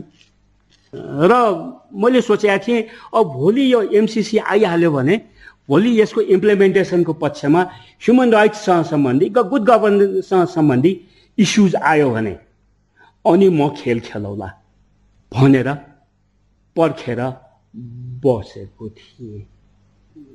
र अनि एक त on the whole United States of America Donald Trump र अहिले आएर जो बाइडेनसँग पनि मलाई साह्रै रिस उठेको स्पेसली यो अफगानिस्तान। किनभने अफगानिस्तानको सिभिल सोसाइटी डेभलप गर्नमा अफगानिस्तानको इलेक्सन अब्जर्भेसनको त्यो जुन ग्रुप्सहरू डेभलप गर्नमा र ह्युमन राइट कमिसन डेभलप गर्नमा मेरो पनि अलिकति मेहनत पसिना लागेको छ। हुन त अफगानिस्तान बस्दाखेरि बुलेट प्रुफ ज्याकेट लगाइन्थ्यो हेलमेट लगाइन्थ्यो चौध पन्ध्रजना गोर्खालीहरू रक्षक हुन्थे र बुलेट प्रुफ गाडी चढ्न चाहिँ दिन्थे। त जसरी अमेरिकाले अफगानिस्तानबाट विड्र गरेको थियो जसरी पुच्छर लुकाएर भागेको थियो भागेको छ र तालिबानहरूले विगतको तिन चार वर्ष यता मेरा चार पाँचजना असाध्य नजिकका साथीहरूलाई टार्गेट गरेर यो काबुलको सडकमा सिद्धाइसकेका छन्। एनिवे म त्यहाँ जान चाहन्न। यसैले अब यो अब अमेरिकनहरूको सायद खै कुनै न सरकारले हामीसँग यस्तो बारेमा सोध्ने गरेको छ न अमेरिकनले। थाहा छैन with whom do they consult whose advice they seek to implement such critical projects अनि त्यही तर जब यो एमसिसीका बारेमा जुन किसिमका असभ्य भद्दा निकृष्ट जुन अघि यो अरुणजीले भन्नुभयो निकृष्ट किसिमका तर्कहरू एउटा ज्यादै सस्तो तब मलाई लाग्यो म सधैँ डेभिल्स एडभोकेट भएर बसेको मान्छे। पञ्चायतको बेला पनि विश्वविद्यालय पनि जब मेरा अत्यन्त आदरणीय मित्र विश्वम्बरजीहरू किताबमा खोटलिँदा पनि म गर्दन थापेर छाती थापेर हिँडेको मान्छे हुँ। अब भएन। मुलुकलाई यो उमेरमा पनि अब भएको कुरा बोलिएन बोल्न सकेन। फेरि के भने पञ्चायतको बेलामा हामीलाई यम भन्ने जुन एउटा अल्फाबेट छ त्यो शब्द त्यति धेरै मनपर्ने शब्द थिएन। माले मसाले मण्डले महेन्द्र। तर अब हामी तिस वर्ष अगाडि बढिसकेका छौँ। बागमतीमा पानी धेरै बगिसकेको छ। त जुन किसिमको त मैले एमसिसीका नेपालसँगको मात्रै कम्प्याक्ट एग्रिमेन्ट होइन नि र मङ्गोलिया लगायत इन्डोनेसिया लगायत श्री- श्रीलङ्कामा पनि गएको छु म। म श्रीलङ्कामा सायद तिस चालिस पटक गएँ होला। नाइन्टिन नाइन्टी सेभेनको हरेक इलेक्सन्सहरू मैले अब्जर्भ गरेको छु। त्यहाँका धेरै नेताहरू चिन्छु। म यो एलटिटीको वार हुँदाखेरि नै जाफनामा गएको छु म। कोहीजना हिम्मत नगर्दाखेरि।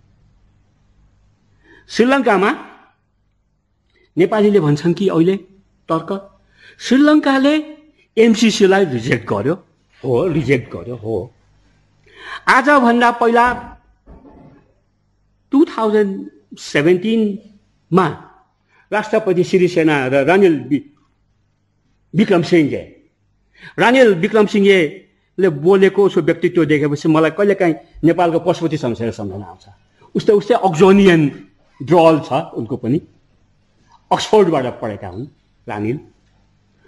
अनि उनीहरूले एमसिसीलाई ठिक छ भनेर श्रीलङ्कामा भित्राएका।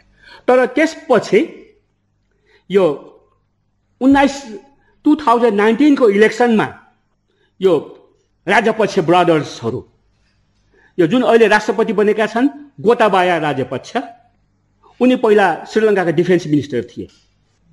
र उनको दाजु अहिले जो अहिले प्रधानमन्त्री बनेको छ त्यतिखेर राष्ट्रपति थिए। कुनै के राजपक्ष हो? महेन्द्र राजपक्ष होइन मन नपर्ने होइन अब आखिर त ऊ ऊ ऊ मेरो क्लासमा राजा महेन्द्र पनि मेरो क्लास के अरे मेरो क्लासमेट मेरो साथी धीरेन्द्रको बुवा पनि हो नि। है? ज्ञानेन्द्रसँग त हकी खेल्ने मध्ये ऊ म ऊभन्दा धेरै सिनियर म पनि हुँ। I know him as a sports person अरू थाहा छैन है मलाई। त हुँदाखेरि यो राजा पक्षले त्यतिखेर एउटा एक्सट्रिम नेसनलिजम यो जुन सिंहलाको विरुद्ध मुस्लिमको विरुद्ध होइन सरी यो तमिलको विरुद्ध मुस्लिमको विरुद्ध एउटा सिंहला नेसनलिजमको नारा लगाएर एउटा जनतालाई मोबिलाइज गरेको हो र त्यसपछि उनीहरूले जब सत्तामा आए फेरि त्यही नेसनलिजम अन्तर्गत यो चिनले श्रीलङ्कामा ठुलो लगानी गरेको छ। सडक लगायत Hambantota port श्रीलङ्काले it could not pay the interest त्यसको ऋण तिरेर खान सकेन। अनि हाम्बन टोटालाई उनासय वर्षसम्मको लागि चिनकै पोल्टामा हालिदियो। र चिनलाई टु अपिज चाइनिज चाइनिजलाई को लागि एउटा तुष्टिकरणको लागि उनीहरूले देख्यो यो एमसिसीलाई बलि चढाउनु पर्दछ। त म भन्न चाहन्छु यो जुन एमसिसी नेपालमा सायद कुनै पनि डेभलपमेन्ट प्रोजेक्ट्सहरू सायद कुनै पनि डेभलपमेन्ट एसिस्टेन्सहरू यति धेरै बहस त विवाद कहिले पनि भएको थिएन। एक किसिमले त एउटा डेमोक्रेटिक सोसाइटीको लागि एउटा democratic society is a dialogical society. बहस चिन्तन हुनु अत्यन्त सकारात्मक हो। यसले आम जनताको क्रिटिकल अवेरनेस बढाउनमा र आम जनताको यो पोलिटिकल सिस्टम र यसका पर्फर्मेन्सका बारेमा ओनरसिप र क्रिटिकल्ली हेर्नको लागि ठुलो सहयोग पुर्याउँछ। यो जुन किसिमको हामी कहाँ यो जुन इन्डिफरेन्स छ नि त्यो इन्डिफरेन्स हटाउनको लागि एउटा ओनरसिप बिल्ड गर्नको लागि ठुलो सहयोग पुर्याउँछ। तर कुरा के भने यहाँ यो एउटा अङ्ग्रेजीमा कहावत छ नि more Christian that the pope. More holier than the pope. नेपालका एक थरीका फेल्ड कम्युनिस्टहरू failed लिडर्सहरू specially belonging to fringe parties र पहिले मन्त्री भइसके उनीहरूका दुइटै छोरी चिनमा फकटमा एमबिबिएस एमडी पढेर आए। र उसले एकपल्ट मलाई भनेको थिए कपिलजी तपाईँ अलिअलि टिबेटनलाई सपोर्ट गर्नुहुन्छ नगर्नुहोस् है। किनभने चिनले आएर तपाईँको घरमा माथिबाट ड्रोनले बम हानिदियो भने मैले भने नम्बर एक चिनिया त्यति मूर्ख छैनन् त्यति बेकुफ छैन र नम्बर दुई कपिल श्रेष्ठलाई छोएपछि त्यसको नेसनल इन्टरनेसनल के इम्प्लिकेसन्स हो तपाईँलाई थाहा छ? के तपाईँ यति धेरै भक्त भइसक्नुभयो? श्रीमान पछि श्रीमतीलाई त मन्त्री बनाउनु भयो बनाउनु भयो त्यत्रो ठुलो ढल नेता यति सानोमा आउनुभयो। अब यति सानो कुरा आजभोलि उहाँको स्वर निकै चर्को चर्कोसँग आइरहेको छ। मैले मैले सुन्ने गरेको छु है। त व्यक्तिगत रूपमा मलाई मनपर्छन् उहाँ। म नाम भन्दिनँ। र अब अघि अरुण थर्डको पनि कुरा आयो। हो अब त्यतिखेर म पनि भर्खर ह्युमन राइट्समा हामी पञ्चायतको बेलामा त्यति थाहा थिएन। पञ्चायत पछि नै ह्युमन राइटका यो मल्टी डाइमेन्सनल डाइमेन्सन्सहरू अब तपाईँहरू जस्तो हामीले ल पढेनौँ नि। र हाम्रो बेलामा इन्टरनेट पनि थिएन नि। जुन लिमिटेड लिटरेचर छ लिमिटेड एक्सपोजर छ त्यसबाट मात्रै हामीले ह्युमन राइट्स लगायत यी कुराहरूका ज्ञान प्राप्त गर्ने हौँ। र हुँदाखेरि अहिले एकजना मेरो साथी भनौँ कि मेरो चेला भनौँ कि इभिल जिडियस सारा मोयु भन्ने ठुल्ठुला लयरहरूलाई ठगेर अहिले मजासँग जेलमा बसिरहेको छ। कुनै मयु भन्ने ठुला कृष्ण प्रसाद भण्डारीदेखि लिएर कसैलाई ठग्न बाँकी राखेको छैन। नाम पनि तपाईँहरूले पत्ता लगाउनुहोस्। ऊ ऊ हाम्रो ह्युमन राइट्स कम्युनिटीमा ऊभन्दा इभिल ऊभन्दा जिनियस ह्युमन राइट्स एक्टिभिस्ट कोही पनि छैन। उसले जुन अरुण थर्डको विरुद्ध विरुद्ध एउटा आन्दोलन चलायो है? हाम्रो ठुलो नाम चलेको अत्यन्त आर्टिकुलेट यो हाइड्रो इलेक्ट्रिक इन्जिनियर पनि त्यो ब्यान्ड व्यागनमा जम्प गरे। र मैले पनि सानो सानो आवाज त समर्थन दिएको हुँ। तर मैले के भने एउटा ह्युमन राइट्स एउटा इन्भाइरोमेन्टल हिसाबले तर यिनीहरूको खेल भिन्दै रहेछ तर अहिले त्यो अरुण थर्ड त्यतिखेरको वर्ल्ड ब्याङ्कले त्यसलाई जुन फाइनेन्स गर्ने भनेको फेल भयो वर्ल्ड ब्याङ्कले विथड्र गर्यो। अब अरुण थर्ड कसको हातमा गयो त? अब त्यहाँ नेपालीको कुनै चल्छ? अब त इन्डियाको त्यहाँ एक्सटेन्डेड सभरेन्टी पुगिसकेको छ त्यहाँ।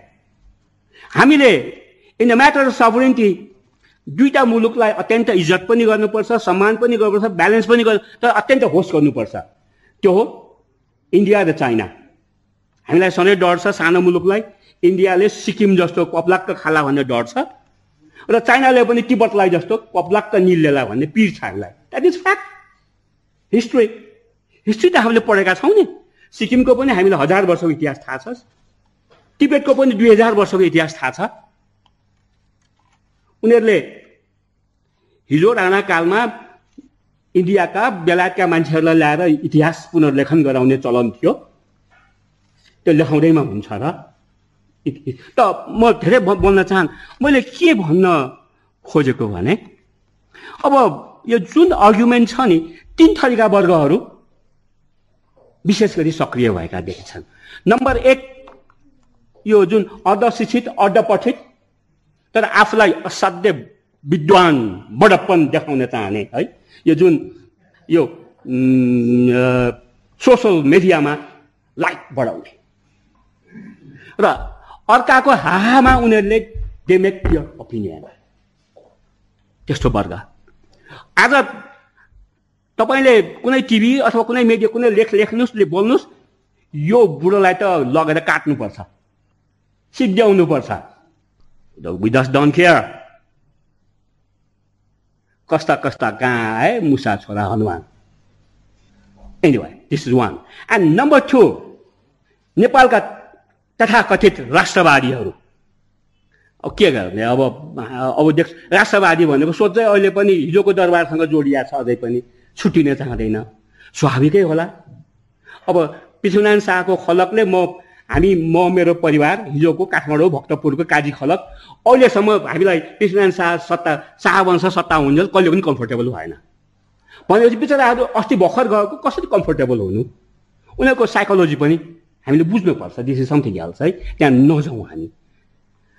तर अनि अर्को थरी मैले अघि नै भने अब मलाई सबैभन्दा आश्चर्य केमा लागेको छ भने कामरेड प्रचण्ड र कामरेड माधव कुमार नेपाल। माधव कुमार नेपालको अस्तित्व त यो अहिलेको प्रधानमन्त्री शेरबहादुर देउबाको बुद्धि अथवा कुबुद्धिमा बनेको छ। दुइटै। उहाँको ठुलो नो द द हार्ट अन्यथा अहिले ओलीजीले संसद यो अवरोध गरिराख्नु हुन्न थियो अनि चौथो चौथो ओलीजीहरू ओलीजीले संसदमा एमसिसी अनुमोदनको लागि प्रस्तुत गर्नुभएकै हो। र त्यतिखेरको परराष्ट्र मन्त्री प्रदीप गेवाली र अर्थमन्त्री युवराज खतिवाडा जो विश्वमोर्को पनि विद्यार्थी हो मेरो पनि विद्यार्थी हो। तिमीले इकोनोमिक्स पढायो मैले एमबिएस पढाएँ। ले प्रश्न छ भनेको छ कि MCC has nothing to do with IPS, Indo-Pacific strategy. र मैले इन्डो म पोलिटिकल साइन्टिस्ट र पोलिटिकल साइन्सको विद्यार्थी भएको हुनाले इन्डो पेसिफिक स्ट्राटेजी र अमेरिकन फरेन पोलिसी पनि मैले लास्ट क्वार्टर सेन्चुरीको यो एक हप्ता मैले अरू नपढिकन मैले एमसिसी र अमेरिकन फरेन पोलिसीहरूका डकुमेन्ट्सहरू धेरै पढेको छु पढेँ कहीँ पनि आइपिएसको रिपोर्टहरूमा MCC is part of IPS लेखेको छैन। त्यसले बरु युनाइटेड स्टेट्सको डिपार्टमेन्ट अफ द स्टेट र युएस एडलाई आफ्नो कन्स्टिट्युन्ट भनेर मेन्सन गरेको छ। अनि अब जस्तो किन it it it restrict sovereignty of Nepal भनेर किन भनेको छ? हो अब सायद मलाई लाग्छ अब हामी त अलिकति सङ्घ संस्थाहरूको लागि कहिले ट्वेन्टी कहिले ट्वेन्टी मिलियन कहिले थर्टी मिलियन फोर्टी मिलियनसम्म सम्झौता गरेको छु मैले आइएनजिओ यिनीहरूसँग। त्यसका कन्डिसन्सहरू हेर्दाखेरि र एकपटक त मैले मेरो प्रोजेक्ट डकुमेन्ट नै डेनिस एम्बेसडरकै मुखमा फालिदिएको छ लज्जा भनेर। मान्दैन भनेर। होइन यो किसिमको कहिले काहीँ उनीहरूको पनि त फोकटमा आएको पैसा होइन नि। किनभने एउटा यो एमसिसी भनेको के भने एउटा युनाइटेड स्टेट्सले नेपालका सर्टन क्रिटिकल इन्डिकेटर्सहरूलाई इभ्यालुएट गरेको छ। जस्तो democracy rule of law good governance यो एमनेस्टी इन्टरनेसनलको इन्डिकेटर्सलाई त्यसले it has taken into cognisance र जुन फ्रिडम हाउसको जुन छ नि त्यो फ्रिडम इन्डिकेटर्सहरू हेरेको छ भेराइटिज अफ डेमोक्रेसीहरू हेरेको छ। ट्रान्सपारेन्सी इन्टरनेसनलका तिनीहरू हेरेको छ यसमा among 20 indicate of 20 indicators it has found that nepal has successfully passed 16 indicators which means it is eligible for mcc but this means that nepalको democratic progress सँग united states is not that unhappy this is the recognition and acknowledgement of the fact यो MCC आएन भने के हुन्छ अब यहाँ MCC अहिलेको डेफिनेटली यस अहिले दुई दुईजना अमेरिका एस्टाब्लिस सुपर पावर र चाइना इमर्जिङ सुपर पावरको बिचमा कम्पिटिसन भइरहेको छ जस्तो हिजो छाडे अस्ति भर्खर अस्ट्रेलिया युके र युनाइटेड स्टेट्सको अकस आयो सबै ठाउँमा। र अहिले युनाइटेड स्टेट्स भनेको युनाइटेड स्टेट्स मात्र सारा वेस्टर्न वर्ल्ड अस्ट्रेलिया र जापान र वर्ल्ड ब्याङ्कहरू पनि र आइएमएफहरू पनि हुन सक्दछ। चाइना। चाइना भने चाहिँ चिन एक्लै छ। सायद रसियाले पनि उसलाई साथ देला कि नदेला दियो भने देला भेनेजुला फेनेजुलाहरूले देलान् नर्थ कोरियाले देलान् यसैले होइन मैले अघि नै भने कि जस्तो मङ्गोलिया त चाइना र रसियाको बिचमा नेपालभन्दा पनि बढी सेन्सिटिभली स्यान्डविच छ। र मङ्गोलियामा एमसिसी इम्प्लिमेन्ट हुँदाखेरि इस्ट टिमोरमा हुँदाखेरि इन्डोनेसियामा हुँदाखेरि चाइनिजलाई कुनै नेपाल जस्तो ठाउँमा हुँदाखेरि किन टाउको दुख्नु र नेपालका बुद्धिजीवी र नेपालका मयु भन्ने पोलिटिसियनलाई बिआरआई हुँदाखेरि के कसैले कुनै डिबेट गरेका थिए? अहिले चाइनाबाट हामीले thanks China we should thank them for that millions of doses of यो जुन छ नि कोभिडको खोप लगाएको हुनाले त अहिले हामीले यहाँ यो मुकुण्डो मास्क नलाइकन यहाँ बस्न हिम्मत गरेका छौँ। नभए जम्मै हामी डुलोमा थियौँ। दुम्सी लुक्या हो कि भालु लुक्या हो जस्तो गरिकन लुकेर बसेका मान्छेलाई नरेशजीले तानेर ल्याउनु भएको छ। भनेपछि के हुन्छ के त्यो एग्रिमेन्टको बिआरआईको बारेमा कसैले छलफल गरेको छ? के बाहिर आएको छ? यो खोपको जुन चाइनिजको त्यो जुन त्यो डिल आएको छ त्यसको बारेमा कुनै ट्रान्सपारेन्सी छ?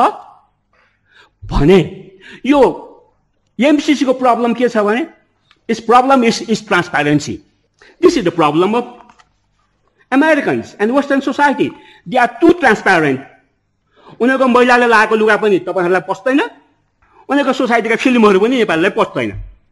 बिकज दे आर उनीहरू अर्कै त्यसमा यसैले गर्दाखेरि वेदर नेपाल क्यान एफोर्ड नेपालले त चाइनिजले भन्दा चाइनासँग भन्दा युनाइटेड स्टेट्ससँग पहिला फरेन पोलिसी इस्टाब्लिस गरेको नाइन्टिन फोर्टी एटमा चाइनासँग हाम्रो कति nineteen fifty five fifty four fifty five fifty फाइभदेखि यसैले उनीहरू इन्टरनेसनल कम्पि कम्पिटिसन गर्ने खेल खेल्न सक् ओलम्पिकमा जानेहरू हामी हाम्रो त्यो क्वालिफाइङ स्ट्यान्डर्डै छैन। हामी के टाउको दुखाउने? गरून् खेलुन् दौडुन् उफ्रिउन् कुस्ती खेलुन् रिङमा डब्लु खेल्ने कि डब्लु खेल्ने खेलुन्। हामी थपडी बजाउँला। तर हाम्रो देशमा one thing to appease to fulfil the interest of certain fail politicians to एउटा नेताको छोरीलाई त एउटा तपाईँको ज्ञानेन्द्रजीहरूको जिल्ला चितौनमा तपाईँहरूले सबैले भरको भोट खसालेर जिताएर तपाईँहरूको टाउकोमा राखिराख्नु भएको छ सिरपेस लाएर राख्नु भएको छ। त्यो किसिमको स्ट्राटेजी तपाईँका नेताहरूको त्यो स्ट्राटेजी छ त्यो सोच छ। यसैले मैले के भन्न खोजेको भने यो एमसिसी आयो भने नेपाललाई त एमसिसी मात्र होइन भोलि जस्तो चाइना अहिले किन अगाडि बढेको छ? इट इज नट बिकज जेङ पिङकोबाट जुन ओपननेस आयो त्यो अमेरिकनदेखि सारा संसारले त्यहाँ लगानी गरेकोले। जति चाइनीले कम्प्युटरदेखि सारा गाडीहरू प्रड्युस गरेको छ धेरै सबै यो बाहिरको बाटो गरेको छ। अहिले अमेरिकामा पनि यो जुन ट्रम्प डोनाल्ड ट्रम्पले गरेको पनि सब त्यही अमेरिकन्सहरू they want to take it back which is not possible न यसैले हाम्रो नेपाल पनि अब एक किसिमको हर्मिट किङडम बनाएर काम छैन। के सधैँ हर्मिट किङडम बनाइराख्ने? सधैँ पशुपति र बौद्धमा गएर ध्यान गर्ने पूजा गर्ने यस्तै गरी बस्ने यो सम्भव छैन। यसैले यो एमसिसीलाई यहाँ आउनुको मतलब this is the recognition of the fact that Nepal is investment friendly country you can invest here and डोनर्सलाई पनि यहाँ नेपालको जुन गभर्नेन्स लगायत जुन इन्स्टिट्युसन्सहरू छ त्यसले इट क्यान बी डन यसैले मलाई लाग्छ now this is time for us to assert to speak out our minds and speak the truth and challenge and these जुन किसिमको एउटा फ्रड छ. जुन फेक एन्ड फालासस आर्ग्युमेन्ट छ. जुन किसिमको एउटा मिसइन्फर्मेसन र डिसइन्फर्मेसनको क्याम्पेन छ. यसलाई आई थिङ्क एउटा शिष्टतापूर्वक भद्रतापूर्वक तर with facts, with figures, with conviction, that has to be countered भनेर म घरमा लुकेर बसेको मान्छे आज आएको छु। धन्यवाद। धन्यवाद। अब धेरै अब यो के भन्छ फर्मालिटिजतिर नगएर सिधै म चाहिँ म चाहिँ अब सिधै विषयवस्तुमा छिरौँ मैले लागेका कुराहरू मैले आफूले मेरा नितान्त आफूले चाहिँ जानेका कुराहरू मैले सेयर गरे हुँ। र मैले सेयर गर्दाखेरि मैले फोकस केमा गरिरहेको छु भने अहिले बजारमा एमसिसीको जुन एमसिए कन् जुन कम्प्याक्ट भनौँ हामीहरूलाई यो हाम्रो नेपाल कम्प्याक्टको विरोधमा जुन किसिमका चाहिँ तपाईँको प्रचारहरू आइरहेछन् त्यसमा एउटा चाहिँ के भने भनेको छ भने एउटा सबैभन्दा कन्फ्युजन चाहिँ यो श्रीलङ्काले यसलाई रिजेक्ट गर्यो हामीले किन नगर्ने? एउटा हेर्नुहोस् है। अनि दोस्रो यो इन्डो पेसिफिक स्ट्राटेजीको एउटा पार्ट हो भनेर अमेरिकन चाहिँ डेभिड ऱ्यान भने एसिस्टेन्ट सेक्रेटरी अफ स्टेटले नै भनिसकेको छ। अर्को एकजनाले लेडिज पनि चाहिँ स्टेट मिनिस्टर उसले त्यहाँ भियतनाममा पनि यो पार्ट अफ इन्डो पेसिफिक स्ट्राटेजिजको चाहिँ भने हुनाले त्यो पक्कै पनि यसभित्र छ भन्ने एउटा छ। अनि तेस्रो चाहिँ के छ भन्नु भने अब यो चाहिँ नै अब यो हाम्रो चाहिँ सभरेन्टीमा जुन एउटा त्यो हाम्रो कम्पेयरको सेभेन वान भन्ने जुन आर्टिकल छ त्यसमा के भनेको छ भने the the agreement upon implementation shall prevail upon all the domestic laws of Nepal भन्ने छ। त्योभन्दा अगाडि जस्तो मैले तपाईँको फिलिपिन्सको कम्प्याक्ट पनि हेरेँ मङ्गोलियाको कम्प्याक्ट पनि हेरेँ त्यहाँ चाहिँ त्यो त्यहाँ भनेको जुन एग्रिमेन्ट तिनीहरूको सिक्स टूमा छ हाम्रोमा पनि के भनेको छ भने यो दिस कम्प्याक्ट चाहे मङ्गोलिया भन्नुहोस् चाहे फिलिपिन्सको भन्नुहोस् this compact is an international agreement त्यसैले in the event of any inconsis inconsistency the M the compact will apply भनेको मतलब यदि यो कम्प्याक्टको इम्प्लिमेन्टेसनमा कुनै विरोधाभास आयो भने द कम्प्याक्ट सेल प्रिभेल भन्ने छ त्यहाँ। फिलिपिन्सकोमा पनि छ। अब हाम्रोमा पनि छ त्यो दफा। तर हामी कहाँ सिङ्गुलरली चाहिँ के छ भने डोमेस्टिक रिक्वायरमेन्ट भनेर it's a stand alone article छ which requires Nepal to prepare तपाईँको to ensure that all the domestic hurdles are cleared before the यो तपाईँको act compact goes into implementation भने त्यो दफा हामीलाई चाहिँ हाम्रो सेभेन्टीभन्दा माथि किन सुप्रा नेसनल भएर किन आयो? होइन। भन्दा अब त्यही कुरो श्रीलङ्कामा पनि आएको रहेछ। श्रीलङ्काको कम्प्याक्ट अब फरक के छ भने Sri Lanka rejected it without before signing. हामीले सिग्नेचर गरेर हामी अब अहिले रिजेक्सन गर्ने जाँदैछ इन्डिया हेड नट साइन हामीले बुझ्नु पर्यो फन्डामेन्टल डिफरेन्स के हो भने इन्डियाको कम्प्याक्टमा उनीहरूको सिग्नेचर भएको छैन। नहुँदै उनीहरूले रिजेक्ट गरेर number one number two fundamental हाम्रो उनीहरूको हामीले यही कुरो भन्नुपर्छ कि फन्डामेन्टल डिफरेन्स के छ भने इन श्रीलङ्काको त्यो जुन तपाईँको कम्प्याक्टमा चाहिँ कन्सटेन्ट एनालिसिस भन्छ क्या त्यो डायग्नोस्टिक एनालिसिस कुन सेक्टरमा चाहिँ लगानी गर्ने भन्ने एनालिसिस गर्दाखेरि त्यहाँको भनाइअनुसार के छ भने त्यो कन्सटेन्ट एनालिसिसमा सिङ्गापुर अब श्रीलङ्काका चाहिँ अब विज्ञहरूलाई इन्भल्भ गरिएन। एमजिसीले एउटा तपाईँ हार्वर्ड युनिभर्सिटीको उनीहरूले कसलाई चिनेको एउटा एक्सपर्टलाई लिएर आएर त कन्सटेन्ट एनालिसिस गर्यो। जबकि हरेक प्रोजेक्टहरूको मैले हेर्दाखेरि कन्सटेन्ट एनालिसिस भनेको कुन चाहिँ सेक्टरमा ज्यादा कन्सटेन्ट छ र त्यसको एनालिसिस अक्युपेसनमा कुनलाई चाहिँ हाल्ने भन्नेमा त्यहाँ पहिलेदेखि नै तपाईँको विवाद भएको रहेछ श्रीलङ्कामा। जहाँ त्यहाँ पछि उनीहरूले के छान्यो भने तपाईँ ट्रान्सपोर्ट र अनि तपाईँको ल्यान्ड रेजिस्ट्रेसन र त्यो दुईवटामा के छ ट्रान्सपोर्टको कुरा भन्दा पनि ल्यान्ड रेजिस्ट्रेसनको कुरोमा त्यहाँ धेरै विवाद भएको रहेछ। त्यहाँ चाहिँ प्राइभेट सेक्टरले ल्यान्ड चाहिँ रेजिस्ट्रेसन गर्ने र साना सम्पूर्ण ल्यान्डहरूलाई चाहिँ ल्यान्ड तपाईँ क्यापिटल मार्केट खोलेर त्यो ल्यान्डहरू चाहिँ त्यहाँ चाहिँ उ गरेर ठुल्ठुलो चाहिँ तपाईँको प्राइभेट चाहिँ एग्रिकल्चर फर्महरू खोल्ने भनेपछि त्यहाँको more than twenty five percent of चाहिँ तपाईँको लाइभलीहुड चाहिँ एउटा स्मल फार्मर्सहरू रहेछ क्या। तिनीहरू एकदम ऊ भयो क्या। अब हाम्रो त केही पनि नरहने भयो। ठुल्ठुलाले पुँजी चाहिँ हालेर जग्गा किनिदिने भएपछि त हामी त तपाईँको पपर हुने भयौँ। भने त्यहाँ सिभिल सोसाइटी र तपाईँको केही चाहिँ तपाईँको लयरहरूले पनि त्यो विरोध गरे। त्यो प्रोजेक्ट सेलेक्सनमै त्यहाँ विरोध भएको रहेछ। नम्बर वान अब हामी कहाँ भएन? इट वाज अल एग्री नेपालमा सबै क्षेत्रबाट हेर्दा अब थाहा छैन आई वाज नट इन्भल्भ त्यो यो जुन छाने छ अहिले जुन प्रोजेक्ट त्यसमा देउरा मैले जहाँसम्म लाग्छ कुनै कन्ट्रोभर्सी र विवाद भएन। प्रोजेक्ट सेलेक्सन भयो। अब त्यस पछाडि अब श्रीलङ्कामा अर्को फेरि तपाईँको के भयो भने यो श्रीलङ्कामा चाहिँ अब यो एमसिसीमा उनीहरूले अमेरिकालाई सस्पेक्ट गर्ने अर्को कारण के रहेछ भने सोफा र त्यसका एस्का भन्ने दुईवटा एग्रिमेन्टहरू छन् क्या। सोफा भने चाहिँ नि state status of forces agreement भने श्रीलङ्कामा अमेरिकाबाट चाहिँ बेला बेलामा जहाजहरू आउने अमेरिकन चाहिँ सेक्युरिटीको फोर्सेसहरू आउने मेरिनकोहरू आउने उनीहरूलाई चाहिँ नि पहिले उनीहरूको टु थाउजन्ड सेभेनमा चाहिँ पहिलो फर्स्ट एग्रिमेन्ट हुँदाखेरि उनीहरूको के भएर छ भने मैले अलिक डिटेलमा भन्यो किन बढी अमेरिकनलाई श्रीलङ्कनले सस्पिसियन गर्यो भने there are certain grounds on which they are you know suspected यो एमसिसी श्रीलङ्काले। एउटा अनि त्यो सोफाको एग्रिमेन्टमा चाहिँ तपाईँको पहिले गरेको टु थाउजन्ड सेभेनको एग्रिमेन्टमा चाहिँ के भने आएको बेला उनीहरूलाई जे जति चाहिँ तपाईँको त्यहाँ बस्ने उनीहरूलाई दिनुपर्ने प्रिभिलेजेसहरू बाहिर श्रीलङ्का कोलोमाभित्र आउन जानलाई प्रिभिलेजहरू दिने भन्ने रहेछ।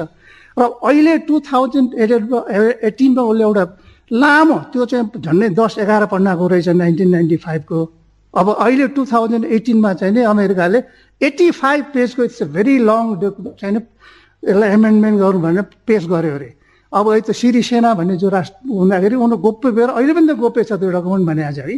त्यसमा के भनेको छ अरे भने जतिखेर अमेरिकन नेभल फोर्सेसहरू आउँछ अमेरिकन सेक्युरिटी फोर्सेसहरू कोही एजेन्सीहरू आउँछन् उनीहरूको परिवारहरू आउँछन् भने उनीहरूलाई त्यो आफ्नो लोगो पनि राख्न पाउने युनिफर्म पनि लाउन पाउने ट्याक्स पनि उनीहरूले तिर्न नपर्ने उनीहरूको छानबिन पनि केही नहुनु पर्ने जति दिन बस्छन् उनीहरू कोलोमोमा अब भन्नुहोस् न कुनै अब रेस्क्यु मिसनमा आउला उनीहरूलाई चाहिँ पुरै डिप्लोमेटिक प्रिभिलेज दिनुपर्ने भन्ने छ अरे भन्ने कुरो त्यहाँ आएको गोप्य भएको लिक भएछ त्यो लिक भइसकेपछि त्यसले it created a kind of ripple of discontent भनिन्छ म मैले पढेको अनुसार त्यो भएपछि चाहिँ नि यो अनि त्यस पछाडि यो कन्सटेन्ट एनालिसिसमा चाहिँ त्यो ल्यान्डको पुलिङ गर्ने जुन चाहिँ तपाईँको अब त्यहाँ चाहिँ एट्टी पर्सेन्टभन्दा बढी जग्गा चाहिँ नि तपाईँको पब्लिक होल्डिङ सरकारको रहेछ मोर देन थर्टी पर्सेन्ट चाहिँ जग्गाहरू साना साना किसानहरूले रहेछ अब उनीहरू चाहिँ विरोध गरेपछि त्यो विरोधलाई अब त्यो पहिलेको सरकारले हाँ हुँ हाँ हुँ गरेर थाम्यो।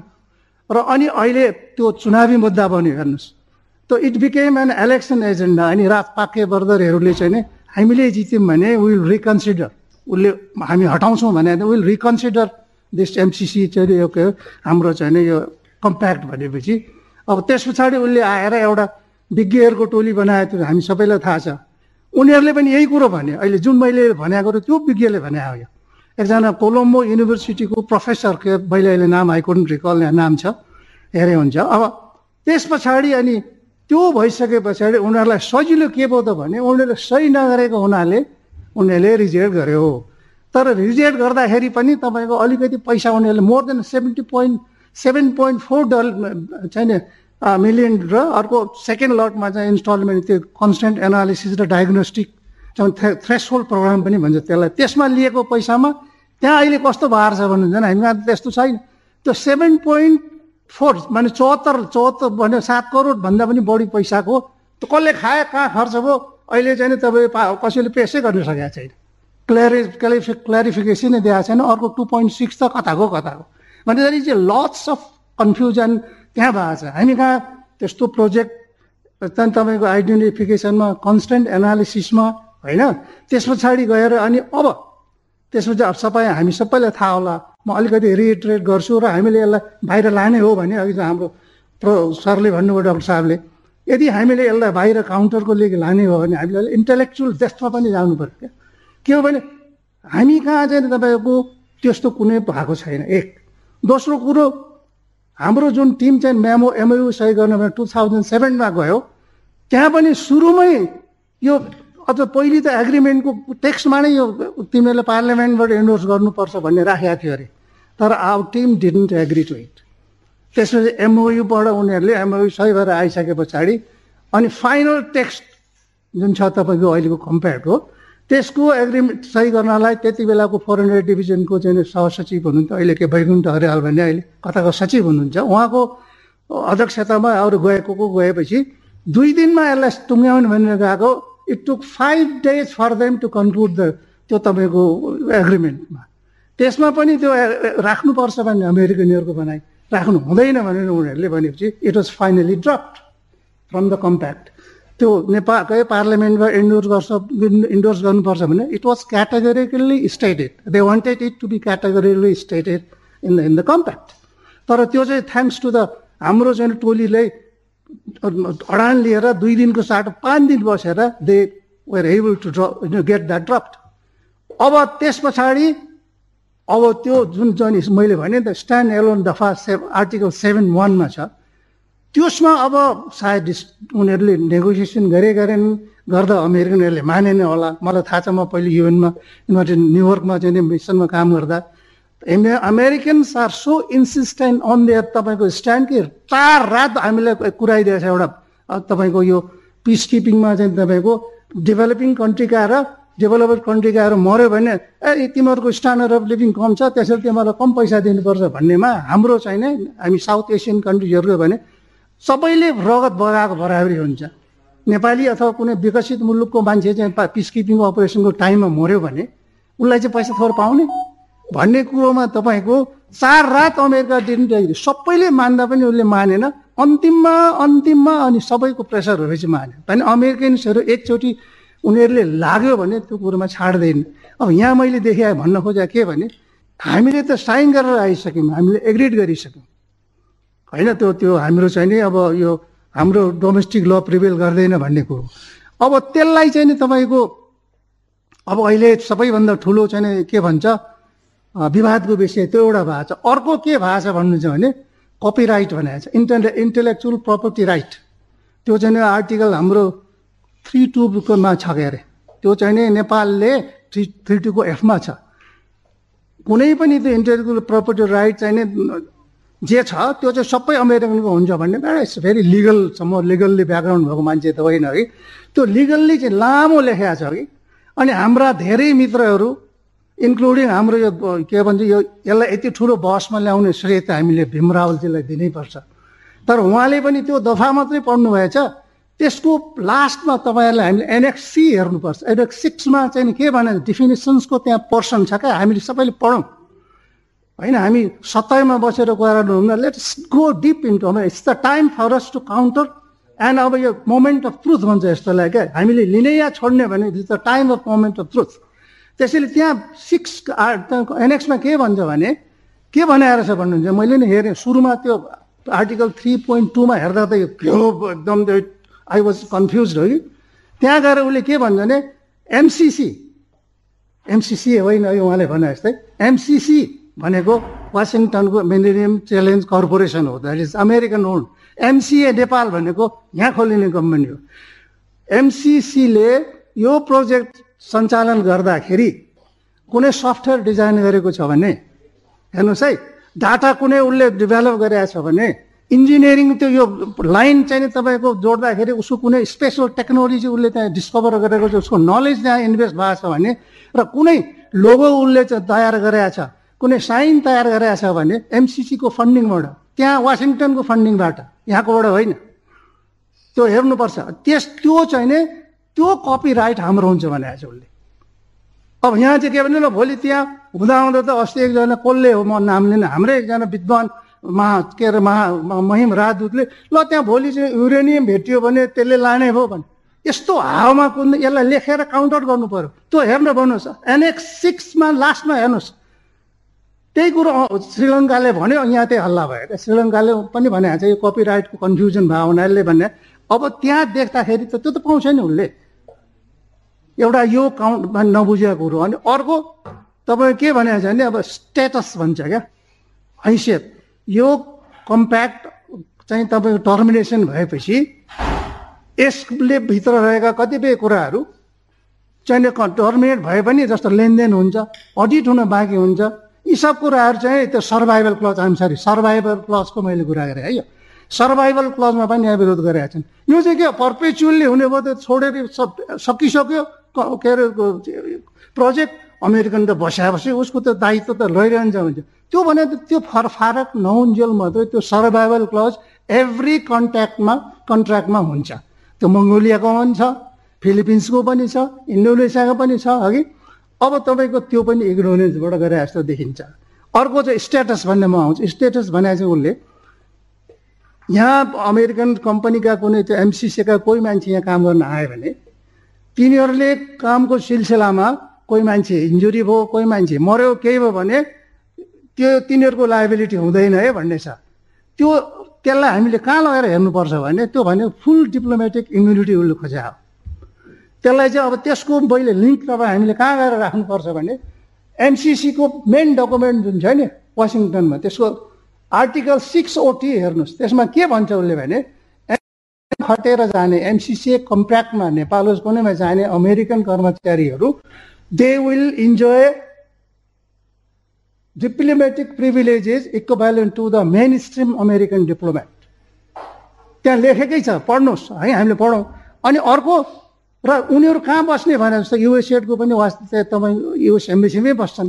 तिनीहरू पनि भोलि एमसिसिए नेपालमा आउने कम्प्याक्टमा काम गर्न आउने अमेरिकन स्टाफहरू दे विल बी तपाईँको रेजाइडिङ इन अमेरिकन एम्बेसी त्यो कुरो त्यही उनीहरूले एमसिसी कम्प्याक्टमै लेखाएको छ। उनीहरूले आफ्नो नेसनलहरूको त्यो प्रोटेक्सनको निम्ति भने हो। अब यहाँ चाहिँ यो के हो? यो हत्या एकजना को मान्छे? यो त सबै मान्छे मारेर नि जाने हो यो पनि जाने हामी कुन जुगमा छौँ भने हामी कुन युगमा छौँ? हामी त मिडल एजमा पो छौँ के हाम्रा विद्वानहरू भने जस्तो मलाई लाग्नु लाग्यो। हामी सो सरी त्यसो हुनाले यो कुरा स्ट्याटस भने त्यो हो। अब डिप्लोमेटिक प्रिभिलेज अब हामीले दिने हो त्यो त सबै मुलुकले दिन्छ हामीले किन नदिने? अब यो पनि कन्फ्युजन यो बेकारमा क्रिएट गरिरहेछ। अब तपाईँको मैले अब मेन कुरो चाहिँ अब के छ भन्नुहुन्छ भने तपाईँको अब यो कन्फ्युजन कसरी क्रिएट भयो भन्दाखेरि त अघि भने एउटा अमेरिकनले आफैले क्रिएट गर्यो। दोस्रो हामीले सही गरेर आइसकेपछि चुपचाप बसेर अमेरिकनले ए तिमीहरू डोमेस्टिक ल रिक्वायरमेन्ट चाहिँ फुलफिल गर। भनेर उसले बाठो छौ त संसारमा हिजो ग्लोबल पावर होइन? उसले चाहिँ त्यो आर्टिकल सेभेनमा फुत्काइहाल्यो त्यो एग्रिमेन्टको दफा हामी चाहिँ के भने तपाईँको सोझा नेपालले हामीले ड्रप गऱ्यौँ अब एक एक कम्प्याक्टबाट भनेर मख भयौँ हाम्रो टिमहरू भयो होला भने माई एसम्सन अब उसले कन्टिन्यू यो दफा अनुसार डोमेस्टिक रिक्वायरमेन्ट तिमीहरू पुरा गरेर they started to prod our चाहिँ अब यो मन को प्रधानमन्त्री को थियो त्यति बेला महाराजी अर्थ अर्थमन्त्री रहेछन्। ए त हत्ती गर्यो अमेरिकनले भाइ ल न। त्यो कानुनसँग बुझाउने के हो यो? भने हाम्रो कानुन मन्त्रालयले चाहिँ अब भन्छ सही नै लेख्यो उसले। त्यो कुरो पहिल्यै उठाउनु पर्ने।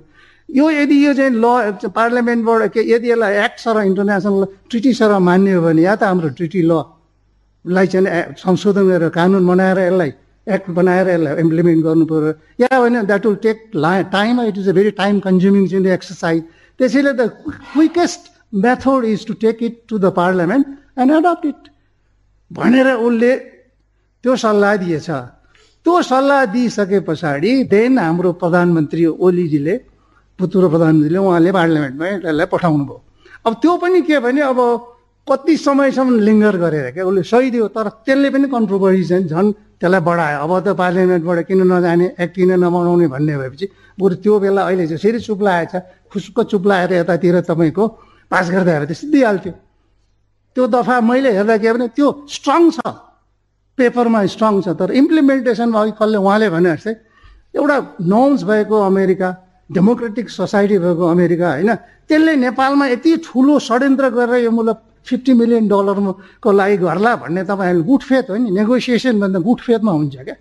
अनि मैले देखाएको त्यसो हुनाले यो दफालाई अब मेरो अब अन्त्यमा भने अब दुई एक दुईवटा अलिकति म भन्छु अनि म अन्तिम गर्छु। एउटा अब के गर्ने त भन्ने कुरोमा पहिलो कुरो त के भने अब यो यति गिजोली अघि भने जस्तै एक थरी यसलाई पासै गर्नु हुँदैन। नेपाल अमेरिकाको कोलोनी हुन्छ भन्छ एक्सट्रिम भ्यू हो।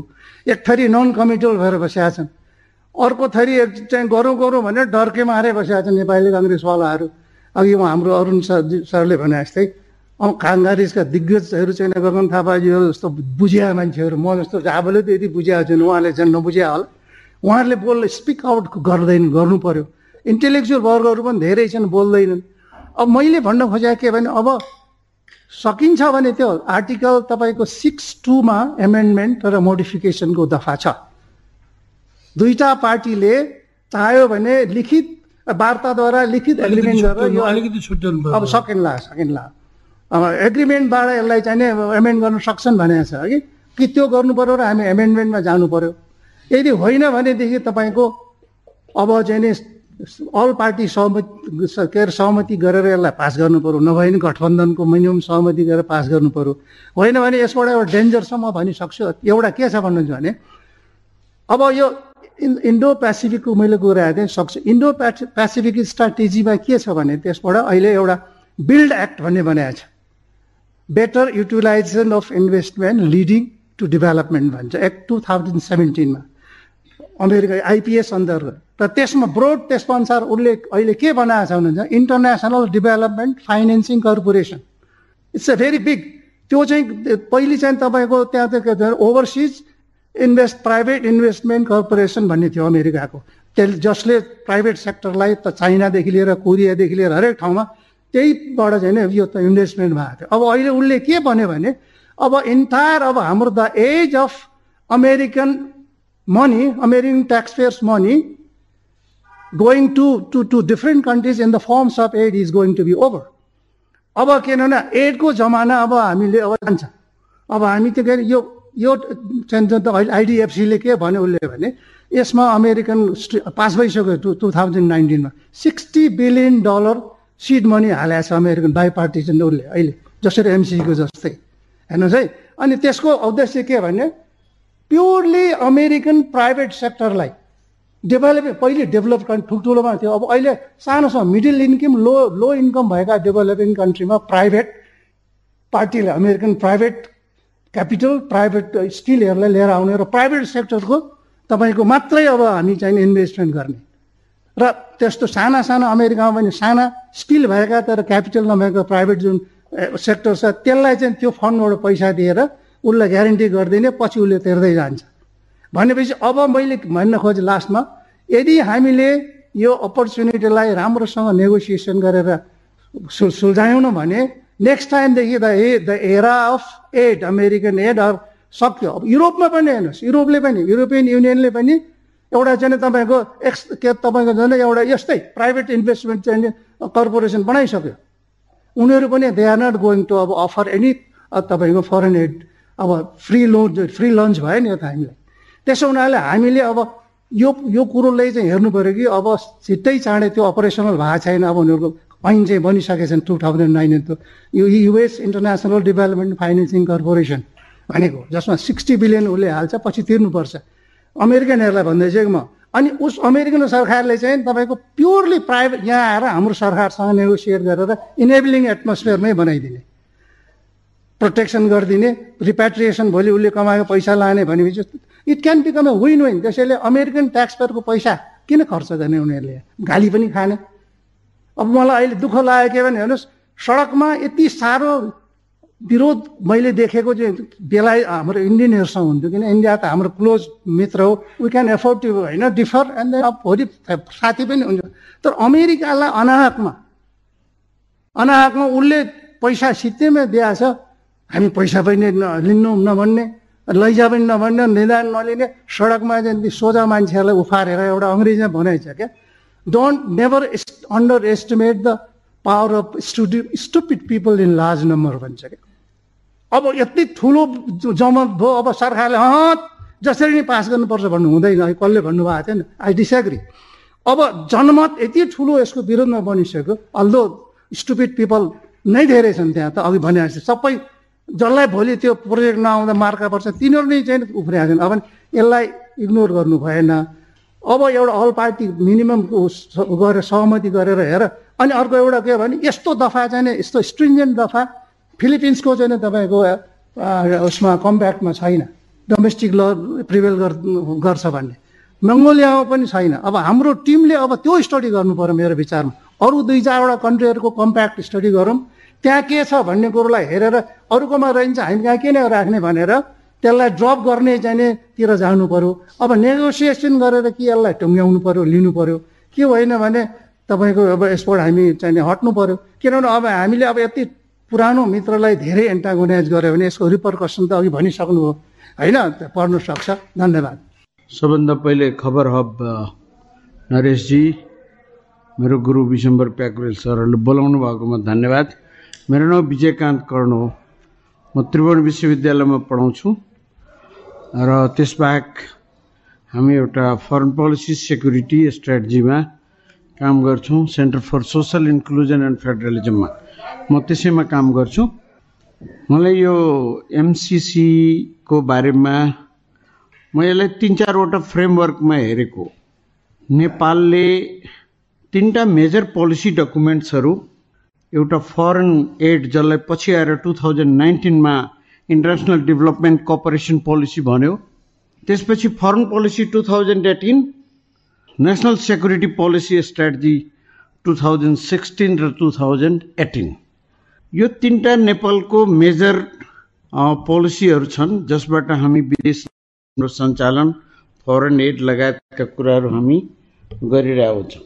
अब यो सबै हेर्दाखेरि एमसिसीको एग्रिमेन्टमा मैले कुनै आपत्ति योसँग कन्ट्राडिक्ट गरेको विषयहरू देखाएको छैन। पहिलो कुरो। दोस्रो कुरो के हो भने कि यो यस्तो किन भयो त भनेर आउँछ आउँछ प्रश्न। जसले जति कुरा उठाए तिनवटा कुरो मैले अहिलेसम्म भीम रावलजी होस् चाहे जसले उठाएको भने अडिटको कुरो उठाएछ अमेरिकन आर्मी आउने बस्ने कुरा छ नेपालको सार्वभौमिकता नै समाप्त भएर अमेरिकाले नेपाल उठाएर लान्छ भन्ने चाहिँ जस्तो कुराहरू ल्याएको छ। यो तिनटै कुरो मैले हेर्दाखेरि यो तिनटै इन्भ्यालिड कुराहरू हुन्। यसका दुई तिनवटा कुराहरू पहिले लेखिएकै कुरा हुन्छ भन्ने होइन। कहिले काहीँ नलेखिएका हुन्छ नि। बेल्जियम सेकेन्ड वर्ल्ड वारको बेलामा त न्युट्रल कन्ट्री थियो त। फ्रान्स र जर्मनी कसैले पनि मान्दिएन। लगे त आर्मी त्यसैबाट छिराइदिए त कसैले। त्यो बेल्जियम त चुप लगाएर बस्यो त केही गर्न सकेन त। लेखिया त थिएन त त्यसमा। छिर्ने त केही गर्दैन त्यस्तो त केही हुँदैन। तर लेखिएकै कुरो हुन्छ भन्ने पनि होइन। सबभन्दा पहिले नेपाल र अमेरिकाको हाम्रो सम्बन्ध यति सत्तर पचहत्तर वर्ष भएको छ। नाइन्टिन फोर्टी सेभेनमा हामीले डिप्लोमेटिक रिलेसन कायम गरेछौँ। जुन बेला भारत स्वतन्त्र हुँदै थियो त्यही बेलामा हामी भारत स्वतन्त्र हुनुभन्दा लगभग चार पाँच महिना अगाडि अमेरिकासँग डिप्लोमेटिक रिलेसन काम गरेछौँ। अमेरिकाले यस्ता यो तिनटै चारवटा कुराहरूमा हाम्रो सोभरेन्टीमा कहाँ कहाँ हस्तक्षेप गरौँ नम्बर वान नम्बर टू कहिले नेपालमा आर्मी ल्याउने कुनै प्रस्ताव गर्यो कि गरेन? सत्तरी वर्षको कोल्ड वारको बेलामा कहिले फ्युल गर्न पनि भनौँ कि भनेन। वार थियो कतिवटा आर्मी प्लेनहरू उडे अफगानिस्तानमा आए धेरै ठाउँ आए। हामीलाई भनौँ कि भनेन त्यस्तो। मैले कुनै डकुमेन्ट त्यस्तो कहिले पनि देखेको छैन त्यस्तो चाहिँ। अमेरिकनहरूले त्यस्तो केही गरे भने चाहिँ अब यो हेर्दाखेरि अमेरिका र नेपालको बिचमा एमसिसी बाहेक कहिले पनि यस्तो विवाद भएको थिएन। यो किन भयो विवाद भने भर्चुअली यो भएको विवाद एक त अमेरिकनहरूको अलिकति फरेन पोलिसीको म र डिप्लोमेसीको विकनेस देख्छु। नेपालमा अमेरिकाले पहिलोचोटि नेगेटिभ टेस्ट भेटेको।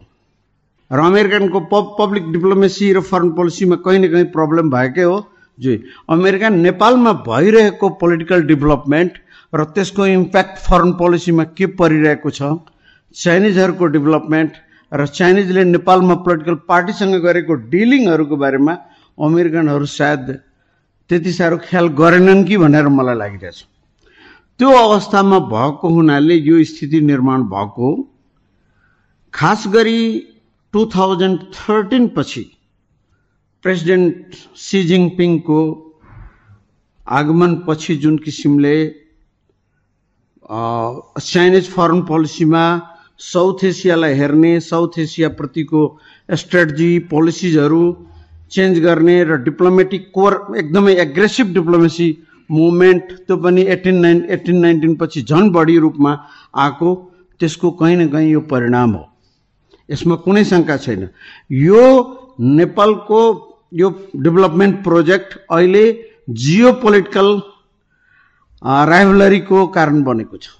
अरू केही पनि होइन। मलाई लाग्छ नेपालको यो कम्युनिस्ट पार्टीका नेताहरू जुन जुन नेताहरू विरोधमा छन् ती सबै नेता मन्त्री भएको बेलामा नेपालले कुनै न कुनै किसिमको हस्ताक्षर गरेका छ इन्क्लुडिङ भीम रावल। भीम रावलजी आफै मन्त्री हुँदा पनि सिग्नेचर भएको छ। कतिपय डकुमेन्ट्सहरूमा सिग्नेचर भएको छ। त्यो क्याबिनेटबाट एप्रुभल लिएर सिग्नेचरहरू भएको छ। यसो हेर्दाखेरि क्याबिनेटको एप्रुभल नभइकन त्यस्ता सिग्नेचरहरू हुँदैन त्यो बेलामा। तर कसैले केही बोलेन। यो कहिले पनि कसैले कुरो होइन। तर यो खास गरी आज दुई वर्षदेखि यो विषयलाई नेपालमा एमसिसी भनेको पोलिटिकल माइलेज लिने साधन बनेको छ। त्यसको मास्टर माइन्डमा भीमरावलजी हुनुहुन्छ होला। अरू पनि धेरै व्यक्तिहरू हुनुहुन्छ अरू केही पनि होइन। नेपालमा एउटा राष्ट्रवाद भन्ने चिज गजबको छ। त्यो कालीमाटीको तरकारी बजारमा पनि भेट्छ र चारैतिर पनि भेट्छ। मलाई यो नेपालको राष्ट्रवादसँग बहुत ज्यादै अप्ठ्यारो छ मलाई। म राष्ट्रवादमा विश्वासै गर्ने व्यक्ति होइन। म देशलाई माया गर्नेमा यो राष्ट्रवादमा जनविरोधी देख्छु। जसलाई जस्तो मन लाग्यो त्यसलाई राष्ट्रवाद भनिदिन्छ। जुनसुकै कुरोलाई राष्ट्रवाद भनिदिन्छ। रावलजीको अघि थापाजीले कुरा गर्नुभयो। रावलजीले अस्ति एउटा नागरिकता अध्यादेश जारी भयो। त्यसको भोलिपल्ट उहाँले के लेख्नुभयो भने वीरगन्जको सिडी अफिसमा रक्सौलबाट आएका हजारौँ मान्छेहरू क्यु लागेर नागरिकता लिँदैछन् उहाँ डिफेन्स मिनिस्टर नेपालको बसेको होम मिनिस्टर बसेको मान्छे हो। कति फटासम्म कुरा गर्न सकेँ भने म त्यो पढ्ने बित्तिकै सिडिओ वीरगन्जलाई फोन गरेँ। म केही नगरिकन सिधै फोन गरेँ। ए सिडिओ साहब मलाई थाहा थियो म वीरगन्जको मान्छे हो फेरि। मलाई वीरगन्जको सबै स्थिति थाहा भएर पनि मैले उहाँलाई फोन सिडिओ साहब आज कति हजार नागरिकता बाँड्नुभयो? हजुरको नम्बर सय डेढ सयमा आउँछ मलाई यस्तो फोन आएको भनेर उनले भने मलाई। हजुर पुरै वीरगन्जमा कर्फ्यू छ पुरै कहीँ कोही हिँडेकै छैन। त्यो जस्तो अवस्थामा नागरिकता बाँड्ने त मेरो अफिसै बन्छ। हजुर म त घरबाट निस्केकै छैन। म त आफ्नो रेजिडेन्समा छु। हामी कोभिडको मिटिङ पनि टेलिफोन र उसमा गरिरहेछौँ भनेर। मैले यो हेर्दाखेरि मलाई अप्ठ्यारो के लाग्यो भने अर्को व्यक्ति हुनुहुन्छ एकजना नारायणमान बिजुक्से। उहाँको लास्ट टेन फिफ्टिन इयर्सको इन्टरभ्यू तपाईँहरू हेर्नुहोस्। म केही पनि भन्दिनँ। यहाँ मिडियाको साथीहरू हुनुहुन्छ। उहाँले दस पन्ध्र वर्षमा चमत्कारिक कुराहरू बोल्नुहुन्छ उहाँ जहिले पनि जाँदाखेरि। त्यो चमत्कारहरूको नेपाली जनतासँग कुनै सम्बन्ध हुँदैन तर उहाँ महान राष्ट्रवादी हो। उहाँ फेरि अर्को राष्ट्रवादी।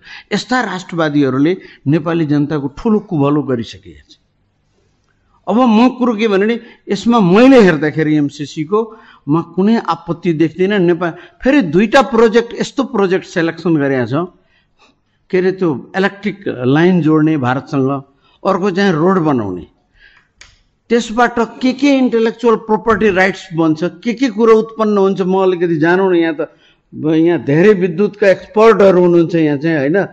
बाटो बनाउने कुन कुन टेक्नोलोजी हामीले इन्भेन्सन गरेका छौँ अहिलेसम्म? हाम्रो आफ्नो भएको आइपिआर बासमती चामलदेखि लिएर हाम्रो गाउँघरका जडीबुटी केही हामीले दर्ता गराउन सकेको छैनौँ अहिलेसम्म। अनि अर्काले ल्याएर गरेकोमा इन्टेलेक्चुअल प्रोपर्टी राइट्स लिएर जान्छ यो त पुरै न्युक्लियर बमै बनाएर लान्छ भन्ने जस्तो बनाएको छ। यो यो सबै कुरो के हो भने तर एउटा कुरो राम्रो भएको छ है। त्यो कुरो परराष्ट्र मन्त्रालय र अर्थ मन्त्रालयको लागि राम्रो लेसन के भएको छ भने नेपालको फरेन एडमाथि डिस्कसन सुरु भएको छ। यसलाई म पोजिटिभ ल्याएको छु फेरि। तर प्रश्न के आउँछ भने यो बिचमा वर्ल्ड ब्याङ्कले तिनवटा एग्रिमेन्ट साइन गरेछ। यो तिनटै बकवास फाल्तु काम नलाग्ने मैले भनेको छु त्यो तिनटै एग्रिमेन्टलाई। उच्च शिक्षा सुधार कार्यक्रममा कति मिलियन दिएको र नेपालको स्कुल सुधार कार्यक्रममा है? यो स्कुलको सुधार कार्यक्रम तिस वर्षदेखि चल्दैछ। तिस वर्षदेखि सुधार कार्यक्रम चल्दैछ स्कुल रसातलमा जाँदैछ। त्रिभुवन विश्वविद्यालयलाई पैसा दिया दिएछ वर्ल्ड ब्याङ्कले। हाम्रो के नाम रे के अरे माथेमा सर केदार भक्त माथेमा सर भिसी भएको बेलामा एग्रिमेन्ट भएको प्रत्येक पाँच वर्षमा त्यो रिन्यू हुन्छ। कति पैसा गइसक्यो त्रिभुवन विश्वविद्यालय पनि रसातलमा गएछ। कसैलाई चिन्ता छैन। यो राष्ट्रवादको विषय बन्नै सक्दैन। अर्को म मेलाम्चीको कुरा गर्छु। कति बकवास प्रोजेक्ट हामीले सेलेक्सन गरेर छ। एसियन डेभलपमेन्ट ब्याङ्कले रेस्पोन्सिबिलिटी लिनु पर्दैन यसको। उसको कन्सल्टेन्ट उसले टेन्डरमा भाग लिएको उसले बनाएको डकुमेन्ट्सहरू उसले गराएको रिसर्चहरू उसले गराएको जियोलोजिकल सबै के अरे सबै स्टडीहरू उसले कहीँ रेस्पोन्सिबल लिनु पर्दैन त्यसको। यो कहीँ पनि हाम्रो अर्थ राख्दैन। तिस अरब रुपियाँ खर्च गरेर नेपाली जनतालाई चाहिँ बेकुफ बनाएको सबैभन्दा ठुलो प्रोजेक्ट त्यही हो। एन्ड दिस इज र त्यो प्रोजेक्टको जरुरत थिएन भन्ने आफैले प्रुभ गरेको छ त्यो प्रोजेक्टले। तिस वर्षदेखि हामी पानी खाएर नेपाली जनता मरेका छैन। गलत पानी खाएर रोग भयो होला तर पानी बिना काठमाडौँको जनता मरेको मैले सुनेको छैन है। भनेपछि वी ह्याड अल्टरनेटिभ त्यो बेलामा थियो अहिले पनि छ। र हामी फेरि पनि त्यसलाई एडिबीले अध्ययन गरिदिने हाम्रो के अरे खानेपानी मन्त्रालयले भनेछ म त हाँसो उठो के? यो कुराहरू किन डिस्कसनमा आउँदैन भने? हामीलाई यस्तो लोनहरू लिन मिल्ने हो कि होइन भने चाहिँ? यस्ता ग्रान्ट्सहरू हामीले लिनु हुन्छ कि हुँदैन भने चाहिँ यो डिबेटमा किन आउँदैन? यो पो राष्ट्रवादको विषय बन्नु पर्थ्यो यसबारेमा त भीम रावलजी बोल्दैन नारायणमान बिजुक्से पनि बोल्दैन। यो यसले यो प्रोजेक्टहरू हाम्रो देशको लागि जरुरत छ कि छैन भन्ने कसैले छलफलमै ल्याउँदैन यो विषय। म मिडियाका साथीहरू ईश्वरजीहरू हुनुहुन्छ होइन कसैले यो छलफलमा ल्याएन? मेलाम्ची हाम्रो लागि जरुरत थियो कि थिएन? आज प्रुफ त्यो जरुरत थिएन भने त्यो फाल्तु थियो नेपाली जनतामा चाहिँ ऋण बोकाइएको। अरू केही पनि होइन। त्यसको भित्र जानुहोस् त्यसको कथा सुन्नुभयो भने एडिबीको भयानक कथाहरू सुन्नुहुन्छ त्यहाँभित्र। है। वर्ल्ड ब्याङ्कले के अरे कुरिन्टारदेखि भरतपुरसम्मको रोड बनाउँदाखेरि एक सय छजना नेपालीको मृत्यु भयो। कसैले रेस्पोन्सिबिलिटी लिएछ यसबारेमा? त्यसमध्ये एकजना नेपालको पूर्व परराष्ट्र र गृहमन्त्री पनि बिते त्यसमा त्यही बाटो बन्दा बन्दै बिते। माधव घिमरेजी सबैले चिन्नुभयो के हो? होइन? यो सब कुराहरू हाम्रो विषय बन्दैनन्। अब कुरो के आयो भने हामी कुनै देशसँग गरेको सबै सम्झौता ठोक मलाई कुनै यत्र विद्वानहरू हुन्छ बिआरआईको डकुमेन्ट मलाई पब्लिक डोमेनमा खोजिदिनुहोस् त। नेपालले गरेको सम्झौता कहीँ फेर्ला पर्दैन। कसैले यो प्रश्न पनि उठाउँदैन। अस्ति भर्खर हाम्रो स्वास्थ्य मन्त्रालयले चाइनासँग एउटा एग्रिमेन्ट गरेको छ गोप्यरे भ्याक्सिनको सारा दुनियाँले प्राइस भन्न मिल्ने। चाइनाले भन्न नमिल्ने। यो कस्तो हाम्रो मित्र देश परेछ बा मलाई त अचम्म लाग्छ यो कुरो चाहिँ बिआरआईको कस्तो एग्रिमेन्ट बाहिर ल्याउन नमिल्ने? हामीले पाँच वर्ष अगाडि खडग प्रसाद ओलीजीको सरकारले ट्रान्जिट ट्रिटी धुमधाम साथ राष्ट्रवादको मुहानै खोलेर गर्नुभएको छ। पाँचवटा ट्रक ल्याउन सक्नु भएको छैन। त्यो कहाँ कहाँबाट ल्याउने रेल ल्याउने प्लेन ल्याउने के के भन्नुभयो? ट्रान्जिट ट्रिटी गऱ्यौँ हामीले त्यत्रो धुमधाम साथ। जुन दिन त्यो ट्रान्जिट ट्रिटीको कन्सेप्टमा चाइना एग्री भएको त्यो दिन म नेपालको परराष्ट्र मन्त्रीसँग बसिरहेको थिएँ। उहाँलाई फोन आयो त्यहाँको सहसचिवले हाम्रो फोन गर्नुभयो। उहाँ त यति खुसी हुनुभयो। ओहो उहाँलाई त एकदमै नोबेल प्राइज जस्तो भयो। म चुप लाएर केही पनि भनेन मन्त्रीजी बधाई छ है तपाईँलाई भन्यो त्यति भनेर हिँडेँ म। मलाई प्रश्न के आउँछ भने आज डेढ वर्षदेखि र लगभग छ वर्षदेखि उत्तरी नाकाबाट हाम्रो सामानहरू बन्द छन्। नाकाबन्दी जस्तै स्थिति छ। दस दस लाख रुपियाँ तातो पानी र त्यहाँ रोकिएका कन्टेनरहरू ल्याउँदाखेरि के अरे यो कलकत्ता पोर्टमा पुर्याउँदाखेरि एक कन्टेनरमा हाम्रा व्यापारीहरूले दसदेखि बाह्र लाख रुपियाँ एक्स्ट्रा खर्च गरे। कसैलाई यो राष्ट्रवादको विषय बनेन। अहिले तातो पानी नाका बन्द छ। रसुवागढीमा दिनको पाँचवटा कन्टेनर आउँछ जबकि हन्ड्रेडभन्दा बढी कन्टेनर दिनको आउँथ्यो पहिले। यो हाम्रो विषय होइन। यो यो यो के भएको यो मुलुकलाई भनेर? यो कस्तो इन्फ्लुएन्स हो? हामी नेपालमा सी जिङपिङ आउँदाखेरि के भन्यो भने स्ट्राटेजिक पार्टनरसिप भन्यौँ हामीले डेभलपमेन्ट भनेर। त्यसको बारेमा छलफल भएन। कस्तो खालको स्ट्राटेजिक पार्टनरसिप हो सिप हो हाम्रो? कसैले बताउँदैन।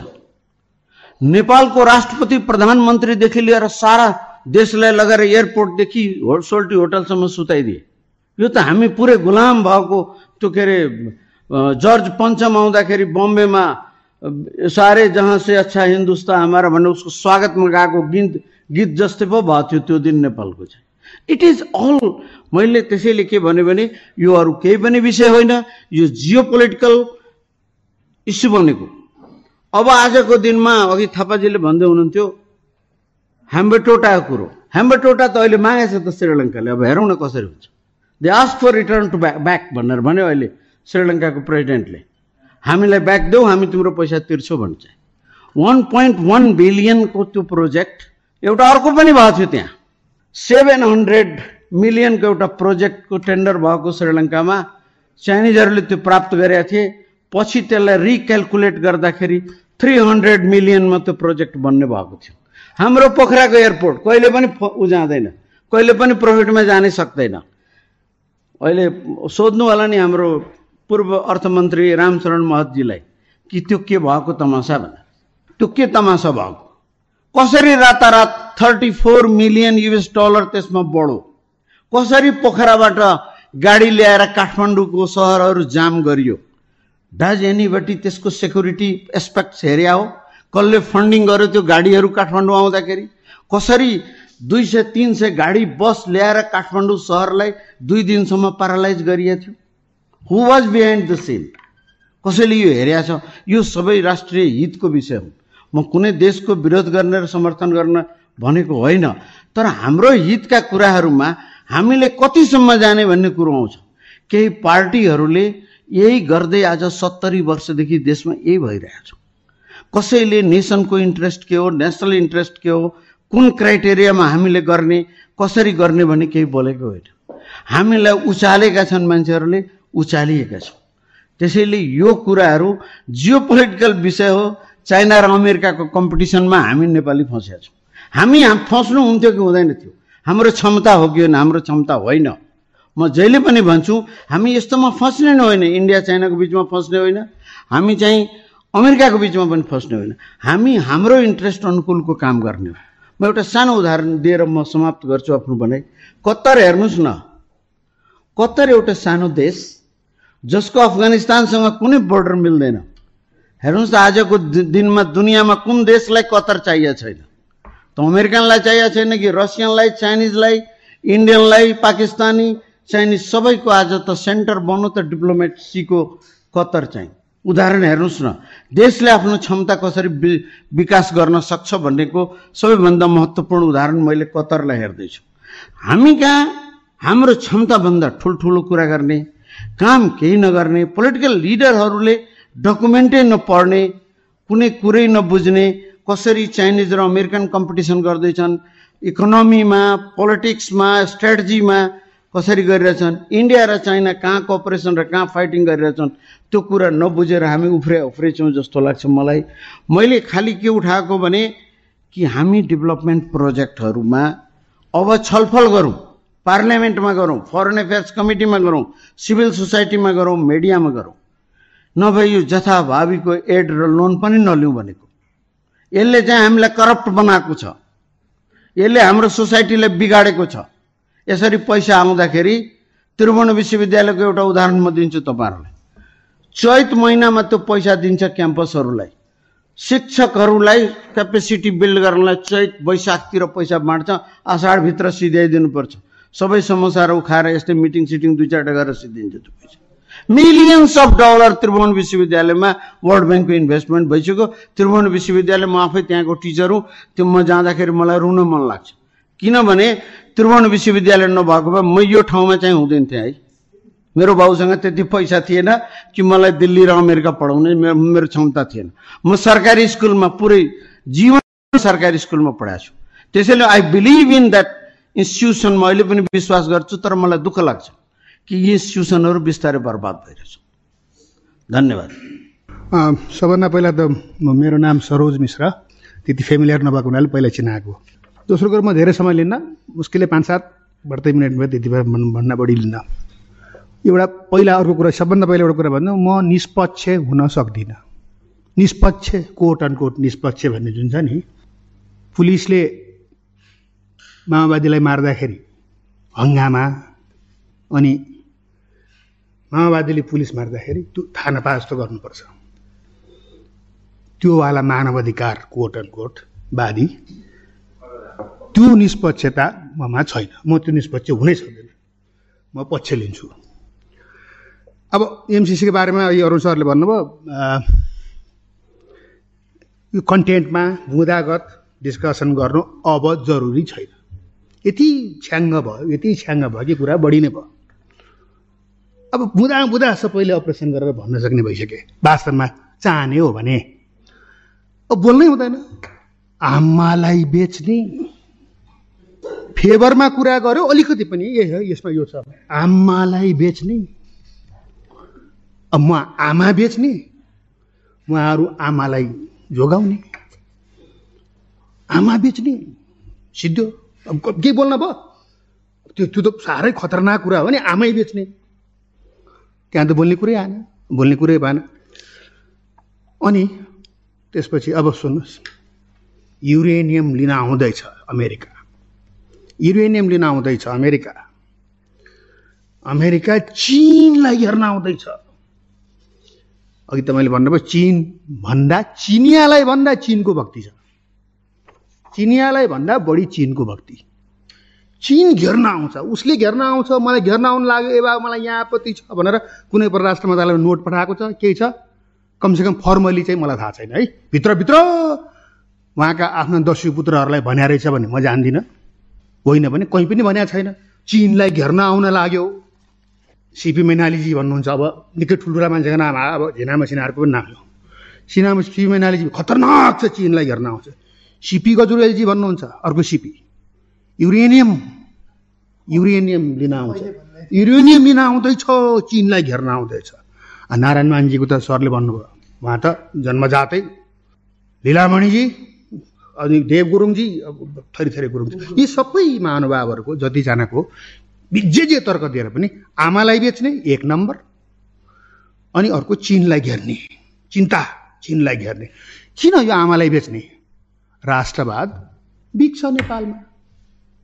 असाध्यै बिकाउ बिक्ने चिज हो। त्यही राष्ट्रवादलाई राम्रोसँग बेचेर कपिल मन नपर्ने महेन्द्रले धेरै वर्ष राज गर्नुभयो। हाम्रो खड्गप्रसाद ओलीले अस्ति दुई दुई तिहाई ल्याउनु भयो राष्ट्रवादै बेचेर हो। अब यो अवस्थामा अनि सबैको कमन कमन एउटै हुँदा हुँदा अनि मलाई त कहाँनिर चाहिँ अचम्म लाग्यो भने सबभन्दा अचम्म लागेको कसैले याद गर्नुभयो कि भएन मैले अस्ति अरुणजीलाई त भनेको थिएँ। पूर्वाधारविद डाक्टर इन्जिनियर डाक्टर के भन्नुभयो टेलिभिजनमा आएर सर? के भन्नुभयो? अरू कुरा त भन्दै जानुभयो। अरू कुरा धेरै कुरा भन्नुभयो। उहाँले एकदम एकदम कन्टेन्ट उहाँ जस्तो विशेषज्ञ को छ र सबै कुरा भन्नुभयो। अनि एक ठाउँमा आएर के भन्नुहुन्छ उहाँ? ट्याक्क त्यो फुस्केको हो त्यो उहाँले भन्न चाहनु भएको होइन है। CP C C MCC American ऐनअनुसार American संविधानअनुसार बन्नु स्वाभाविक हो बनेको हो। त्यो ऐनअनुसार बनेको अमेरिका नव उदारवादी मुलुक। त्यसकारण एमसिसी मान्नु भनेको त हामीले संवि आफ्नो संविधानलाई मिच्नु हो किनभने हामी समाजवादी हामी समाजवादी भन्नुको मतलब उहाँलाई कोस अब उहाँको उहाँको कुरालाई पुरै विश्वास गर्ने हो भने मान्ने हो भने हामीले जनवादी गणतन्त्र चिन उत्तर कोरिया लाओस भियतनाम अनि कुन चाहिँ बाँकी छ चिन त छँदैछ महान चिन त मेन चर्चै भइहाल्यो भेनेजुएला पनि अझै अब अझै ल म्यानेजरलाई पनि राख्नु छ छ कन्ट्री चिन चिन त सबभन्दा ठुलो चर्च हो नि त्यो त त्यसलाई त छोड्ने कुरै मिल्दैन। अब अब यो यो यो जुन न्यारे न्यारेटिभ वास्तवमा बाहिर आमा बेच्ने देश खाने तर घुम्दै फिर्दै यी सबैको कमन फ्याक्टर के? चिन यिनीहरूको भित्र दिमागमा के छ भने हामीले समाजवाद उन्मुख लेखाइसकेका छौँ। त्यसो भएर यो चाइनाको चाइना समाजवादको सबभन्दा ठुलो चर्च हो।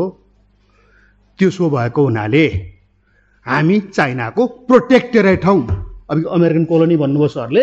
अमेरिकन कोलोनी हुन्छ भने हङ्गामा भन्दा पनि चाइनाको प्रोटेक्टर बनाइसकेका थियौँ हामीले। त्यो फुस्किने भयो नि त। त्यो फुस्किने भयो नि त। कता कता? चिन्ता पिर। अब साँच्चीकै हामी चाइनाको प्रोटेक्टर भइसके कि हौँ त। हो भने त्यो मलाई चाहिँ स्वीकार छैन। MCC or no MCC. वास्तवमा यहाँ तमाम लडाइँ अहिले यो जुन बाहिर सडकमा देखिएको हङ्गामा बिचरा सडकमा देख्ने मान्छेलाई के ऊ त आफ्नो रङ्गले बोलिरहेछ एक प्रकार होइन बिचरालाई थाहा छैन आमै बेच्ने भने त उठ्नु पर्यो नि। आमा आमाको साडी तान्ने मान्छेलाई त उसले पनि विरोध गरिहाल्छ बिचरा साँच्चीकै राष्ट्रवादी छ ऊ त सोझो मान्छे छ।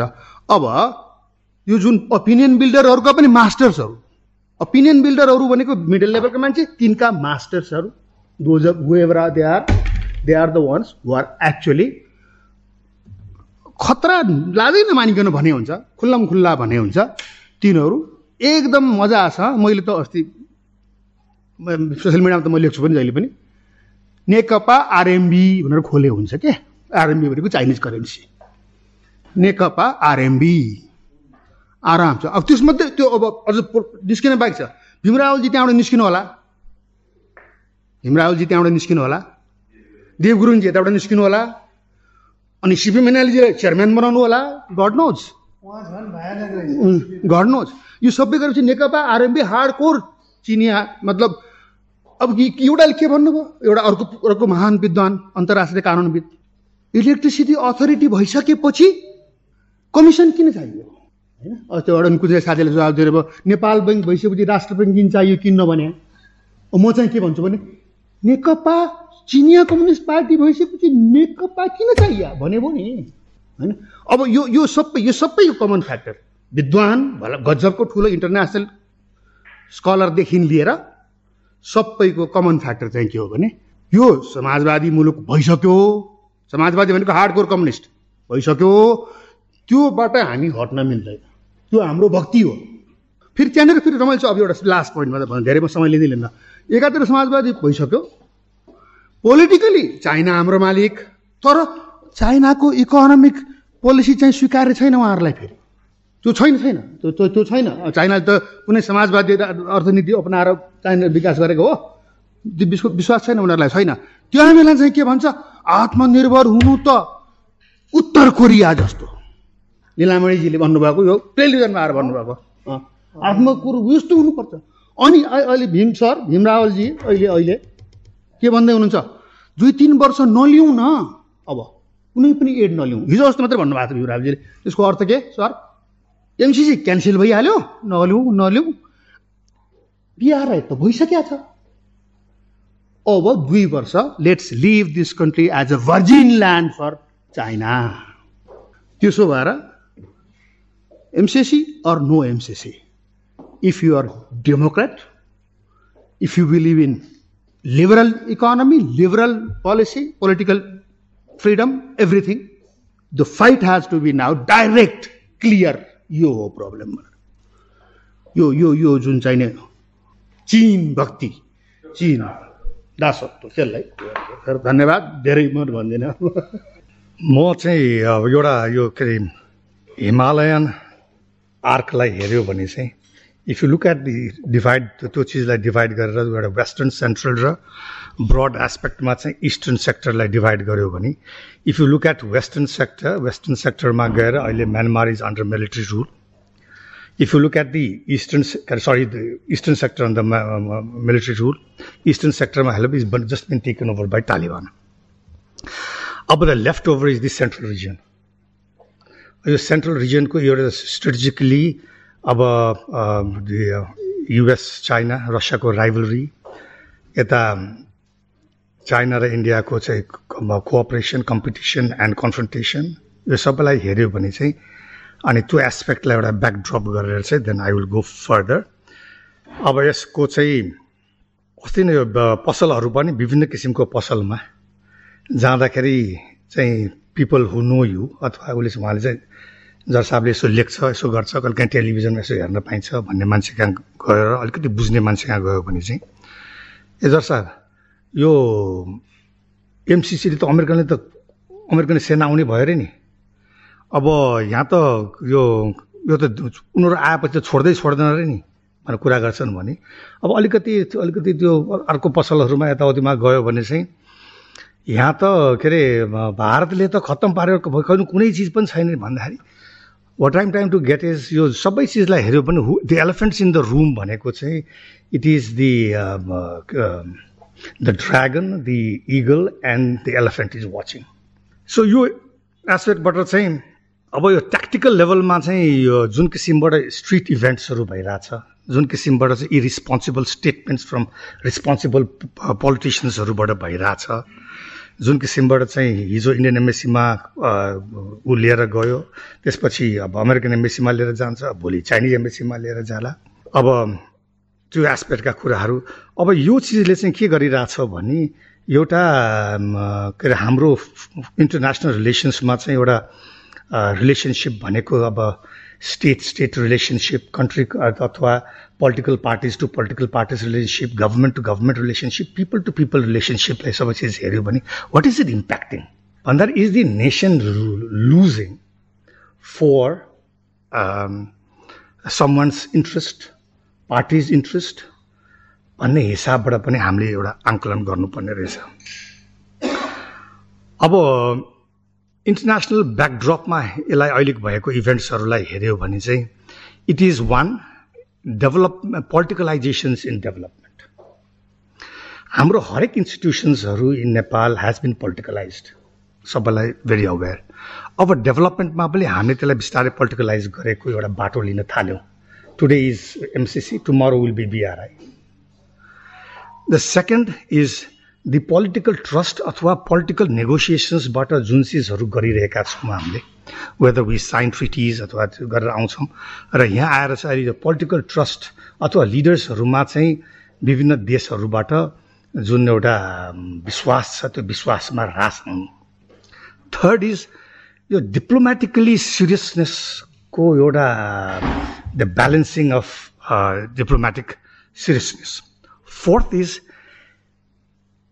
MCC for example अहिले एमसिसीकै कुरा भएर यसको impact after five years after the handing over of the project यसको इकोनोमिक बेनिफिट्सहरू नेपाललाई के हुन्थ्यो कसो हुन्थ्यो भन्ने चिजलाई भन्दाखेरि पनि अब यो चिजले गर्दा इम्प्याक्ट के पर्न जान्छ भने so इकोनोमीमा naturally there is going to be अलिकति जुन हुनुपर्ने इम्प्याक्ट हुँदैन।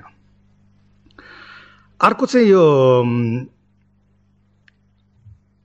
अघि पनि कुराहरू उठ्यो about nationalism and patriotism what is actually nationalism and what is patriotism भनेर चाहिँ हामीले अलिकति अथवा बुझाउनेले बुझाउन नसकेको हो कि? अथवा यो चिजलाई पनि लिएर चाहिँ भनौँ न अब अहिलेको यो अब अब if you go to the domestic front international domestic फ्रन्टमा हेऱ्यो भने चाहिँ वान एन्ड हाफ इयर्स पछि त इलेक्सन हुनैपर्छ whether it happens earlier it doesn't happen it has to happen happen so यही नेसनल नेसनलिजमको इस्युलाई लिएर गएर हिजो भारत विरुद्ध नेसनलिजम इस्यु गरेर चाहिँ पावरमा आउने। अब आज चाहिँ अमेरिकाको विरुद्ध लिएर चाहिँ पावरमा आउने। भन्दाखेरि यसले चाहिँ कन्ट्रीलाई कहाँ लान्छ त? भन्ने हिसाबबाट पनि हामीले हेर्नुपर्ने हुन्छ एउटा। अब यसले चाहिँ अर्को चाहिँ के भने हाम्रो पोलिटिकल रिस्पोन्सिबल पोलिटिकल्सहरूको पोलिटिकल बिहेभियरले गर्दाखेरि चाहिँ is the country being impregnant भन्ने पनि एउटा एनालाइज गर्नुपर्ने रहेछ। अर्को चाहिँ दिस इज अफकोर्स हो डोमेस्टिक फ्रन्टमा हेऱ्यो भने पोस्ट कन्फ्लिक्ट सिन्ड्रोम्सहरू पनि हो। बिकज हाम्रो जुन ट्रान्जिसन भयो त्यो ट्रान्जिसनले चाहिँ कुन बाटोमा जानुपर्ने के गर्नुपर्ने भनेर भन्दाखेरि पनि उयो अघि मैले कुरा भनेको who the elephants in the रुमको हिसाबबाट चाहिँ if you guide your nation अब हामी कुन ठाउँमा पुग्ने कसरी पुग्ने how is your destiny twenty years पछि how do you like to see Nepal envision कसरी गर्ने भन्नेको अब strategist will be in confusion अब लास्टमा चाहिँ मेरो के छ भने हामीले ट्याक्टिकल मुभमेन्ट्सबाट अपरेसनल डिसिजनबाट चाहिँ स्ट्रेटेजिकली नेपाल र नेपाली जनतालाई हामीले पछाडि लगिरहेछौँ अगाडि बढाएको छैनौँ। थ्याङ्क यू मैले धेरै धेरै चाहिँ दुईवटा कुरा मात्रै गर्छु। अब अघिदेखि सुनियो धेरै कुराहरू। अब पहिलो कुरा चाहिँ यो हामी कहाँमा जे आयो यो आउनुको पछाडि चाहिँ पोलिटिकल थटकै कुरा हो। जस्तै के छ भने नेपाल कम्युनिस्ट पार्टी सिङ्गल हुँदाखेरि नेपालको कम्युनिस्ट पार्टीको चाहिँ यो प्रच के अरे स्कुल विभाग र चाइनिजको कम्युनिस्ट पार्टीको बिचमा प्रशिक्षण गराउने पढाउने सी जिनपिङ विचारधारा पढाउने जुन सहमति सम्झौता भएको थियो त्यसको इम्प्याक्ट चाहिँ परेको थियो त्यतिखेर कम्युनिस्ट पार्टीभित्र। त्यसलाई पनि हामीले हेर्नुपर्छ होला जस्तो लाग्छ। एउटा चाहिँ अब अर्को कुरा चाहिँ के छ भने कम्युनिस्ट पार्टीमा कार्यकर्ता जस्तै म चाहिँ किन मैले यो भनिरहेको छु भने म चाहिँ पच्चिस वर्ष तिस वर्ष मैले जानेदेखि म त्यही पार्टीमा छु कि। त्यही पार्टीमा लागेको एज ए कार्यकर्ता। अब मैले चाहिँ के के हो भने हामीलेलाई नेताहरूले धेरै मान्छेहरूलाई के भन्यो भने भारतीय विस्तारवाद अमेरिकी साम्राज्यवाद विरुद्धको गीत गाएर हुर्केको पुस्ता हो नि त यो पुस्ता। अनि त्यसले चाहिँ यो अमेरिकीहरू चाहिँ नेपालमा यो यो कारणका लागि आउन चाहन्छन् चाहिँ चिनलाई गर्न चाहन्छन् युरोपियन लिन चाहन्छन् यो गर्न चाहन्छन् त्यो गर्न चाहन्छन् भन्दाखेरि सजिलै विश्वास गर्ने जनमत ठुलो छ। किनभने कम्युनिस्ट पार्टीकै दुई तिहाई नजिकको सत्ता थियो। चुनावबाट ल्याउँदाखेरि पनि भनेपछि सिक्सटी फाइभ सिक्सटी पर्सेन्ट मान्छेहरू चाहिँ त्यो विचारलाई विश्वास गर्ने भने सजिलै त्यो भ्रमबाट मान्छेलाई तान्न सक्ने भइगयो अर्को मैले देखेको। अब हामीले यो यो यो एमसिसीको सन्दर्भमा के हो त? भन्ने कुरा चाहिँ हामीले एउटा कुरा चाहिँ के भने सुरुमै यो कुरा हामी आज जे डिबेट गरिरहेछौँ यो डिबेट चाहिँ करिब करिब दुई अढाई वर्ष अगाडि नै सुरु हुनु पर्थ्यो। त्यसले हाम्रो इकोनोमीमा के प्रभाव पार्छ ट्रान्समिसन लाइन किन आवश्यकता छ भन्ने कुरा भइदिएको भए म चाहिँ किन म भन्छु भन्दाखेरि म चाहिँ प्राइभेट सेक्टरमा काम गरिरहेको छु। एज अ बाह्र वर्षदेखि हाइड्रो पावर डेभलपर म इपानको मेम्बर पनि हो कार्य समितिको। अनि के असर पर्छ त यसको? के इम्प्लिकेसन छ भन्ने कुरा थाहा पाएको भएदेखि धेरै मान्छेहरूलाई भन्न सकिन्थ्यो कि हामी चाहिँ यो यो प्रसारण लाइन आयोजना बन्यो भनेदेखि हाम्रो यो हुन्छ भनेर जस्तै के छ भने अहिले यस्तो यसो हेर्दाखेरि करिब करिब अठार हजार मेगावाटका आयोजनाहरू चाहिँ ट्रान्समिसन लाइन हुने हो र वातावरण बन्ने हो भनेदेखि बयासी सालभित्र बन्न सक्छन्। किन भन्दाखेरि अहिले हामी लगभग दुई हजार मेगावाटको इन्स्टल क्यापासिटी छ हाम्रो उन्नाइस सय छ अठासी मेगावाट हाम्रो इन्स्टल क्यापासिटी हो। त्यसमा छत्तिस सय समथिङ मेगावाटका प्रोजेक्टहरू अन्डर कन्स्ट्रक्सन छन्। बाइस सय मेगावाटका प्रोजेक्टहरू फाइनेन्सियल क्लोजरको निम्ति पिपिए भएका छन्। अठार सय मेगावाटका प्रोजेक्टहरू करिब दुई वर्षदेखि पिपिए नभएर यही ट्रान्समिसन लाइनको कारणले पिपिए नभएर अड्किरहेका छन्। कनेक्सन एग्रिमेन्ट सकिएका। एक वर्षदेखि कुनै पनि प्रोजेक्टको कनेक्सन एग्रिमेन्ट भएको छैन। ती चाहिँ बहत्तर सय मेगावाट छन् प्राइभेट सेक्टर डेभलप गरिरहेका।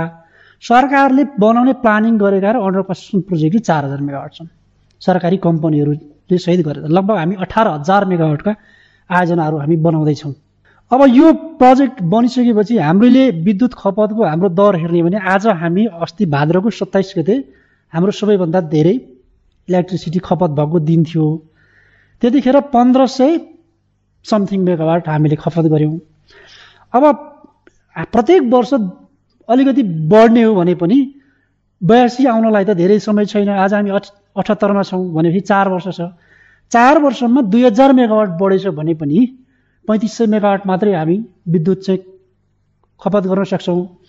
यदि हामीले बाँकी विद्युत बेच्न सक्यौँ भनेदेखि अठार हजार मेगावाटमा पन्ध्र हजार मेगावाट विद्युत बेच्न सक्यौँ भने हामी चाहिँ पैँतालिस खर्ब पैसा चाहिँ हाम्रो रेभेन्यू हुन्छ। हामीले के हिसाब गर्दाखेरि भने एक मेगावाटले तिन करोड रुपियाँ पैसा कमाउँछ भन्दाखेरि पनि। पैँतालिस खर्ब हामी अठार खर्ब जतिको हामी बजेट छ सोह्र खर्बको सोह्र खर्बको अठार खर्बको हाम्रो वस्तु तथा वस्तु आयात गरिरहेछौँ हामीले। हामी त्यसको थ्री टाइम्स फोर टाइम्स चाहिँ हामी बढी निर्यात गर्छौँ विद्युत मात्रै। यसले रोजगारी के जेनेरेसन गर्छ? अब रोजगारीको कुरा गर्नु पऱ्यो एउटा हाइड्रो पावर प्रोजेक्ट एक मेगावाट बनाउँदाखेरि तिन सय मान्छेले रोजगारी पाउँछौँ अन्डर कन्स्ट्रक्सन भन्ने हो भने पनि पाँच वर्षमा पन्ध्र हजार मेगावाट बन्यो भनेदेखि प्रत्येक वर्ष तिन तिन हजारमै मात्रै कम्प्लिट भएछ भने पनि अन्डर कन्स्ट्रक्सनमा हामीले हिसाब गऱ्यौँ तिन हजार इन्टु नौ लाख मान्छेले रोजगारी पाउने भए। हाम्रो मान्छे त मलेसिया दुबई कतार गएन नि। यहीँ काम पाउने अन्डर कन्स्ट्रक्सनमा एउटा प्र एक मेगावाट प्रोजेक्ट अपरेसन गर्नको निम्ति दसजना मान्छे मात्रै चाहिन्छ भन्ने हो भने पन्ध्र हजार मेगावाट प्रोजेक्ट बन्यो भनेदेखि चाहिँ हामीलाई डेढ लाख मान्छेले लङ टर्म जब पायो। अब रोयल्टीको कुरा गर्ने हो गरौँ हामी। रोयल्टीको कुरा गर्नु पर्यो हामीले रोयल्टीको हिसाब निकालेर भन्दाखेरि एक मेगावाट प्रोजेक्टले दस वर्षभित्र एक प्रत्येक युनिट विद्युत बेचेको दुई प्रतिशत दिन्छ दस वर्षसम्म। र दस पन्ध्र वर्ष पछाडि चाहिँ दस प्रतिशत दिन्छ। अब हामी चाहिँ यता एक सय रुपियाँलाई हामी हजार रुपियाँमा तिर्छौँ भने त्यहाँबाट हामी कत्रो चाहिँ रोयल्टी आम्दानी गर्छौँ। हाम्रो अहिले घाटा बजेट बनाइरहेछौँ हामीले। हाम्रो बजेटको घाटा छ। प्रत्येक वर्ष हामीले कर्मचारीलाई पाल्न मात्रै आन्तरिक ऋण उठाइरहेछौँ पचास पचपन्न अर्बको। हाम्रो बजेट चाहिँ बनाउने हाम्रो उनै नाफा बजेट हुन्छ कि अब हामी घाटाबाट। अब त्यो भयो यो सबै कुरा भयो भने के हुन्छ? भन्दाखेरि कम्युनिस्ट पार्टीको राजनीति चल्दैन। क्लियर छ। किनभने गरिब भएन भने त मान्छेलाई झुक्याउन सकिँदैन। झुक्याउन सकिएन भने कम्युनिस्ट पार्टी चल्दैन। मेरो निष्कर्ष हो यो। म कम्युनिस्ट पार्टीको आज पनि कार्यकर्ता हो। यो मेरो निष्कर्ष हो। त्यसैले किन यो भयो भन्दाखेरि जसरी राणाहरूलाई स्कुल खोलियो भनेदेखि हाम्रो राणा शासन रहँदैन भन्ने थाहा भएर स्कुल नखोलेको हो नि। यो डेभलप गर्न चाहिँ किन नदिएको भन्दाखेरि डेभलप भयो जनता सक्षम भयो भने त म त झन्डा बोकेर हिँड्दिनँ। हरेक दिन नारा जुलुस धर्ना गरेर पनि म हिँड्दिनँ नि त। त्यसैले यो चाहिँ हामीले बुझाउनु पर्यो। अब यो कुरा कसले बुझाउने? भन्दाखेरि बहुसङ्ख्यक मान्छेहरू कम्युनिस्ट पार्टीमा विश्वास गर्छन्। अब बुद्धिजीवी भनेका मान्छेहरू चाहिँ नियुक्तिको लागि पछाडि पछाडि हिँड्ने। सत्ता कम्युनिस्टको चाहिँ विरोध गर्नै भएन। विरोध गरे नियुक्ति नै पाइँदैन। तिनकै पछाडि लाग्नु पर्यो। अब अरू स्वतन्त्र भनेका मान्छेहरू कस्तो रहेछ भने कम्युनिस्ट पार्टी र non communist party communist party organize छ। बाहिर भएपछि के गर्छ? देखिहाल्यो सडकमा पनि जुलुस गर्छ संसदमा पनि बाँदर सडकमा बाँदर जुलुस गर्छ त्यसैको प्रतिबिम्ब चाहिँ संसदमा देखाउँछ। भनेपछि त अब हामी त के अरे बाहिर अरू मान्छेहरू त त्यो छरिएर रहेको मान्छेले गर्दै गर्दो रहेछ कि? चिर्दै चिर्दैन। अनि त्यो भ्रमलाई चिर्ने कसले चिर्ने त भन्दाखेरि यो भ्रम नचिरिएर त्यसैले मेरो मेरो बुझाइमा चाहिँ अब हाम्रो ज्ञान सर हिँड्नुभयो।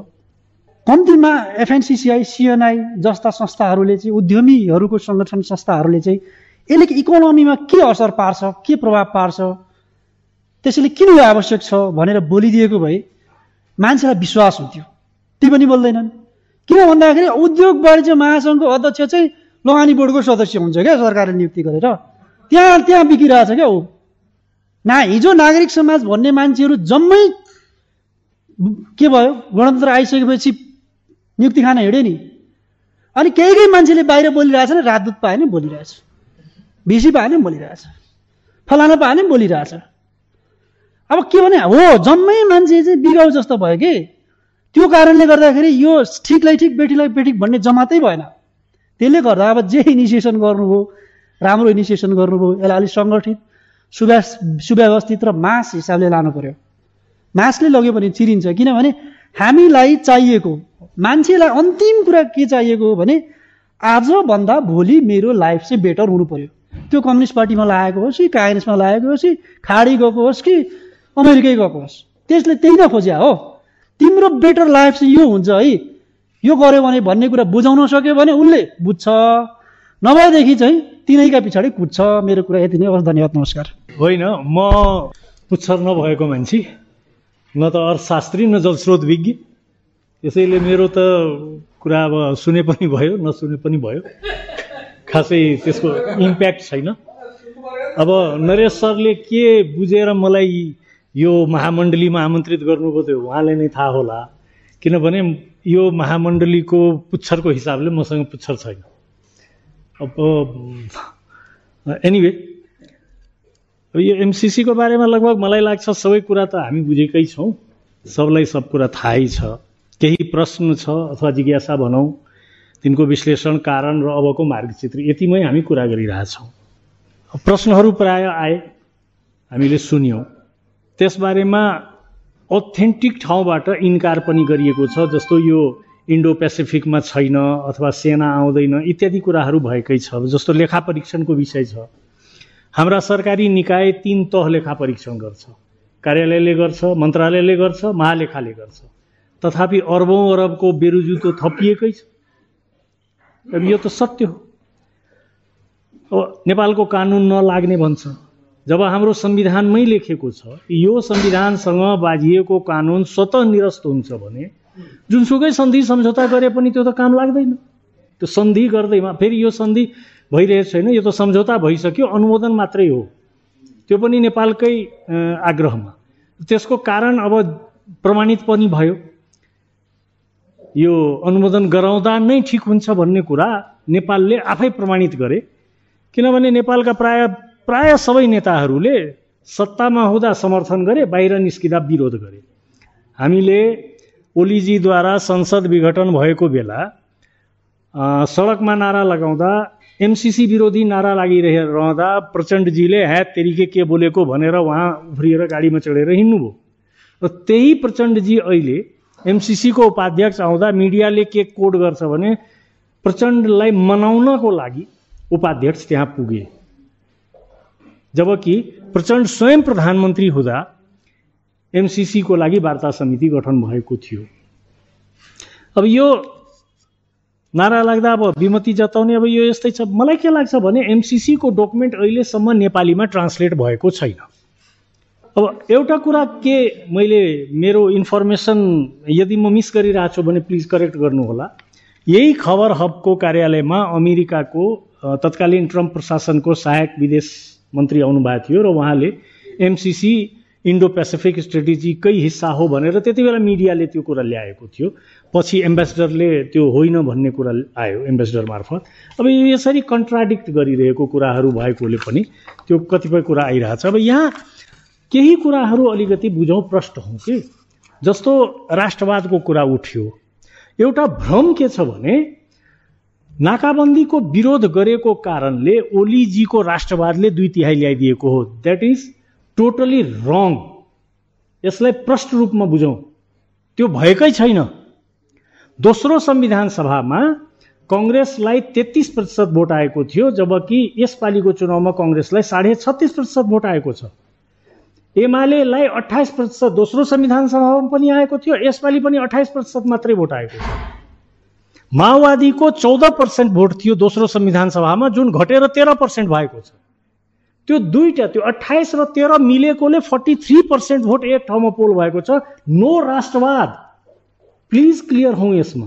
यो एउटा भ्रम छ कि ओलीले नाकाबन्दीको विरोध गरेको कारण त्यत्रो महान रिजल्ट ल्याइदियो। त्यो बिल्कुल गलत कन्सेप्ट हो। मधेस केन्द्रित दलहरू दोस्रो संविधान सभामा पनि एघार पर्सेन्ट भोट ल्याएका छन्। अहिले पनि एघार पर्सेन्ट भोट छ। पहिलो संविधान सभामा पनि साढे दस पर्सेन्ट भोट छ। भोट सिफ्ट भइरहेको छैन। किनभने नेपाली जनतालाई राम्ररी थाहा छ हाम्रा सारा नेताहरू करप्ट छन् थर्ड क्लास छन्। सबलाई थाहा छ। But we are emotional. जनता इमोसनमा भोट पोल गर्छ। जनता कुनै टेक्निकली भोट पोल गर्दैन। र हामीले हाम्रा नेताहरूलाई अलिकति आदर गर्नुपर्छ जस्तो लाग्छ मलाई। आइएम सरी टु से यो हलमा आज हामी जम्मा भएकाहरू जति छौँ यीमध्ये को चुनाव जित्नेवाला छ?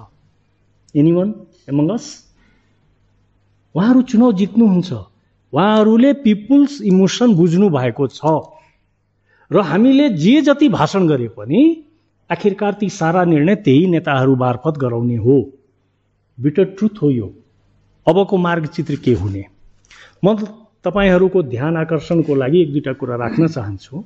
भारतको पूर्व राष्ट्रपति आर वेङ्कटरमनले एउटा किताब लेख्नु भएछ माई प्रेसिडेन्सियल इयर्स जसमा उहाँले बोफोर्स घटनाको बारेमा वर्णन गर्नुभएको छ।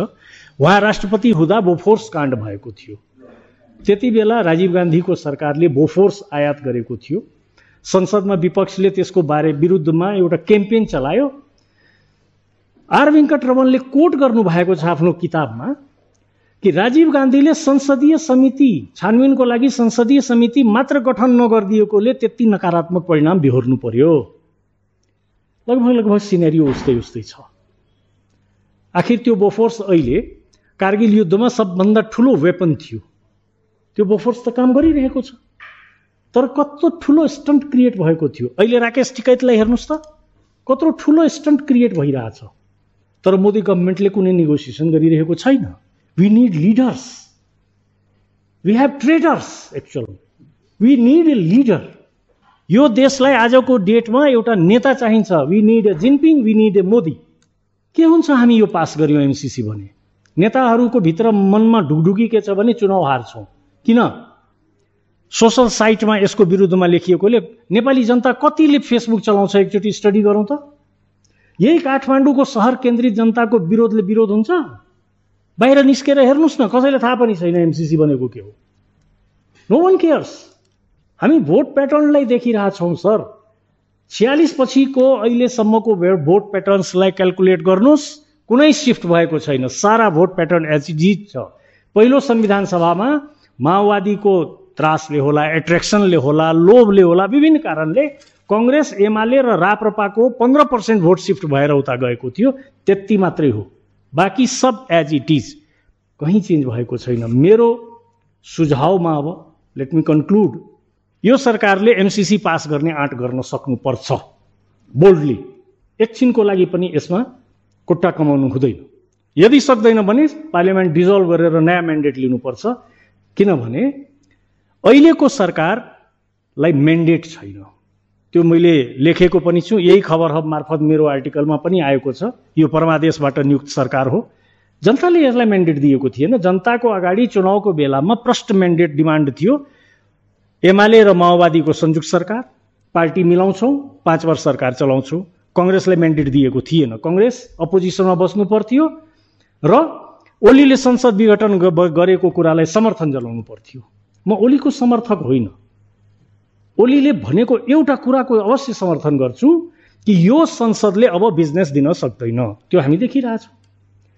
अब अहिले विभिन्न कुरा छ ओलीले त्यहाँ हङ्गामा गरेको छ। गर्न पाउँछ नि उसले उसको राइट हो ऊ त अपोजिसन हो। त गर्न पाउँछ। हाम्रो सिस्टममा त्यो छ। त्यसैले whether we have to pass this MCC direct यही गभर्मेन्टले त्यो आँट देखाउन सक्नु पर्यो देउवाले। मैले भने वी निड अ लिडर अथवा इलेक्सनको घोषणा गरेर अगाडि जानु पर्यो फ्रेस मेन्डेट आउँछ एमसिसी पारित हुन्छ। थ्याङ्क्स सबै साथीभाइको कुरा सुनेपछि धारणा राख्न नि सजिलो होला। एक अर्को कुरा यो एमसिसीकै सन्दर्भमा यो धेरै कुरा अब इन्टरनेसनल रिलेसनसित जोडिया कुरा नेगोसिएसनको टेक्निकल आस्पेक्टसित जोडिया कुरा होइन धेरै कुरासित जोडिएको इकोनोमिक आस्पेक्ट मात्रै छैन धेरै कुरा।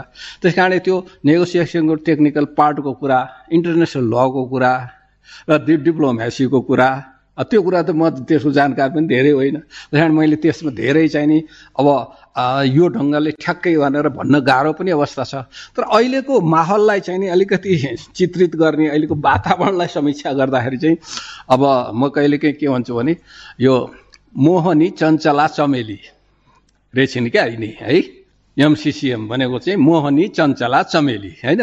यिनले त सबलाई नचाइदिया छिन्। एउटा गाउँमा चाहिँ नि अब हाम्रो तराईमा पनि चाहिँ तपाईँको मेला लाग्छ। त्यहाँ चाहिँ अलिक फरक हुन्छ। त खास गरी पाहाडतिर चाहिँ यो त्रिवेणीको मेरा सेरा हुन्छ। त्यहाँ त्यति बेला पहिला पहिला त केटी भयो नि हिसाबले भनेपछि एउटाले चाहिँ नि त्यो फलानु अर्को जातको केटी म कहाँ भित्र्याउनै हुँदैन। भनेर भन्थ्यो।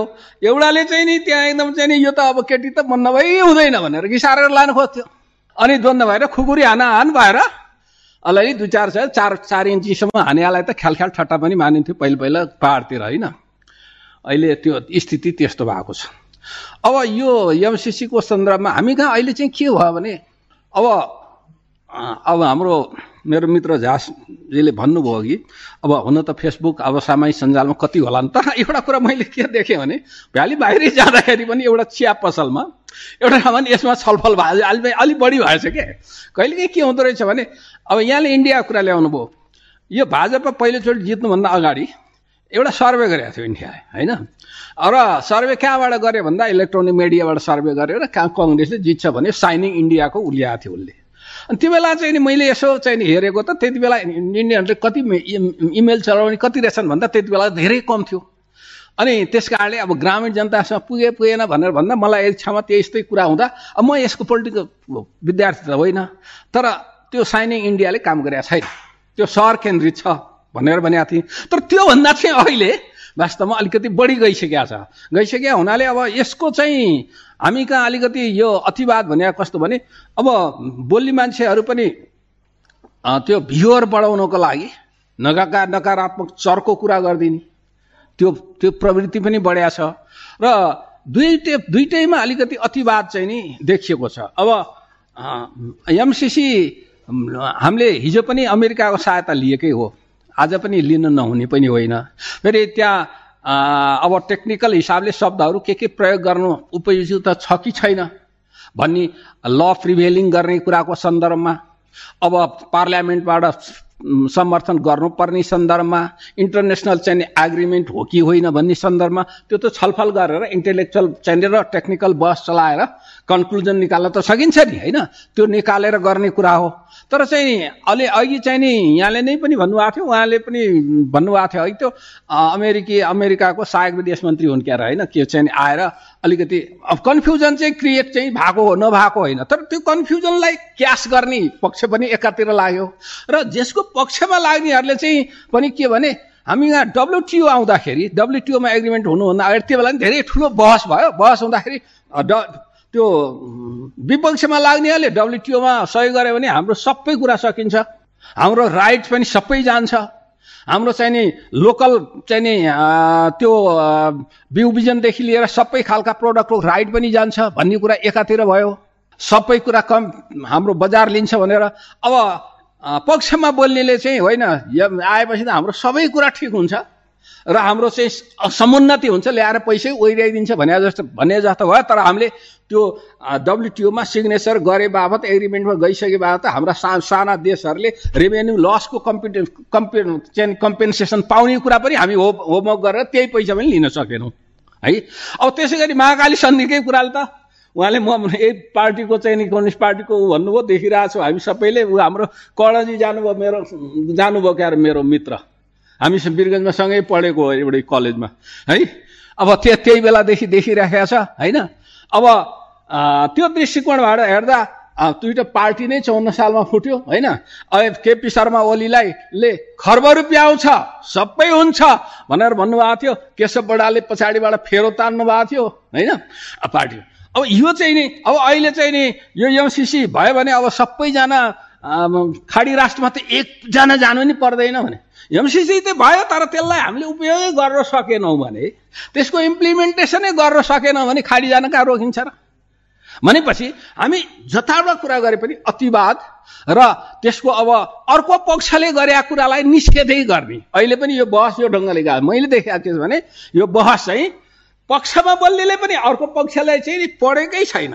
कसै कसैले अज्ञानताको चाहिँ पराकाष्ठा र अज्ञानताको छचल्किएको भन्नेदेखि लिएर होइन? बढेकै एउटा पक्षले अर्को पक्षले यो त देशै बेच्न लाग्यो हामीलाई बेच्न लाग्यो भने यस्तो अतिवादको चाहिँ हो। अब यसरी बहस हुनु चाहिँ एक ढङ्गले पोजिटिभ भइदियो भए त धेरै राम्रो कुरा हुन्थ्यो। अब त्यो दृष्टिकोणबाट हेर्दाखेरि चाहिँ अब यसका त तिनवटा पक्ष नै हुन्। एउटा जस्ता तस्तै पारित गर्ने। फेरि हामी अहिले नेताहरूको कुरा गऱ्यो भने प्रचण्ड पुष्पकमल दाहाललाई पनि भित्र मनमनमा चाहिँ यो पास गर्नुपर्छ भन्ने नै छ। देउबाजीलाई पनि छ। केपी ओलीलाई पनि छ त्यो भित्र मनमा यो पास गर्नु हुँदैन भने कसैलाई छैन। तर हाम्रो चाहिँ हुन्छ नि चाहिँ नि के मुख मुख ऊ चाहिँ पानी भन्छ नि मुख मुख पानी भएको छ। उहाँले भने जस्तो भोट चाहिँ नि तलमाथि पर्ने हो कि भोलि मैले हार्ने हो कि? भन्ने। तर त्यो हा त्योलाई चिर्न सक्ने त्यो क्षमता हाम्रो नेताहरूमा अहिले छैन। त्यो त्यो आँट त्यो क्षमता। मैले के भन्छु भने नेता त्यो राजनेताहरूले चाहिँ कहिलेकाहीँ जोखिम लिनुपर्छ। होइन? पोजिटिभली जोखिम लिनुपर्छ असल कामको लागि जोखिम लिनुपर्छ। जोखिम कस्तो भने त्यो म भोलि प्रधानमन्त्री नहुन सक्छु। मैले पार्टीको अध्यक्षबाट छोड्नुपर्ने हुनसक्छ। तर मेरो देशको लागि बेटरमेन्ट हुनुपर्छ। मेरो देशमा को काम कारवाही दिगो हुनुपर्छ। मेरो पार्टी बलियो हुनुपर्छ। तर म एकचोटि मैले हारेँ भने पनि मैले हारेँ।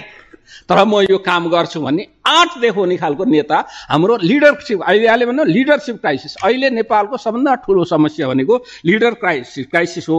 अब एउटा चाहिँ जस्ता तस्तै पारित गर्ने दोस्रो चाहिँ अब चाहिँ नि यसमा केही केही कुरा कन्फ्युजन भएको कुरालाई टेक्निकल नोट बनाएर दुइटै पक्षले त्यसलाई टेक्निकल नोटमा सही गरेर होइन? अब जस्तो इन्टरनेसनल एग्रिमेन्ट हो कि होइन भने ल प्रिभेलिङ गर्ने कुरालाई अझै अझै व्याख्या।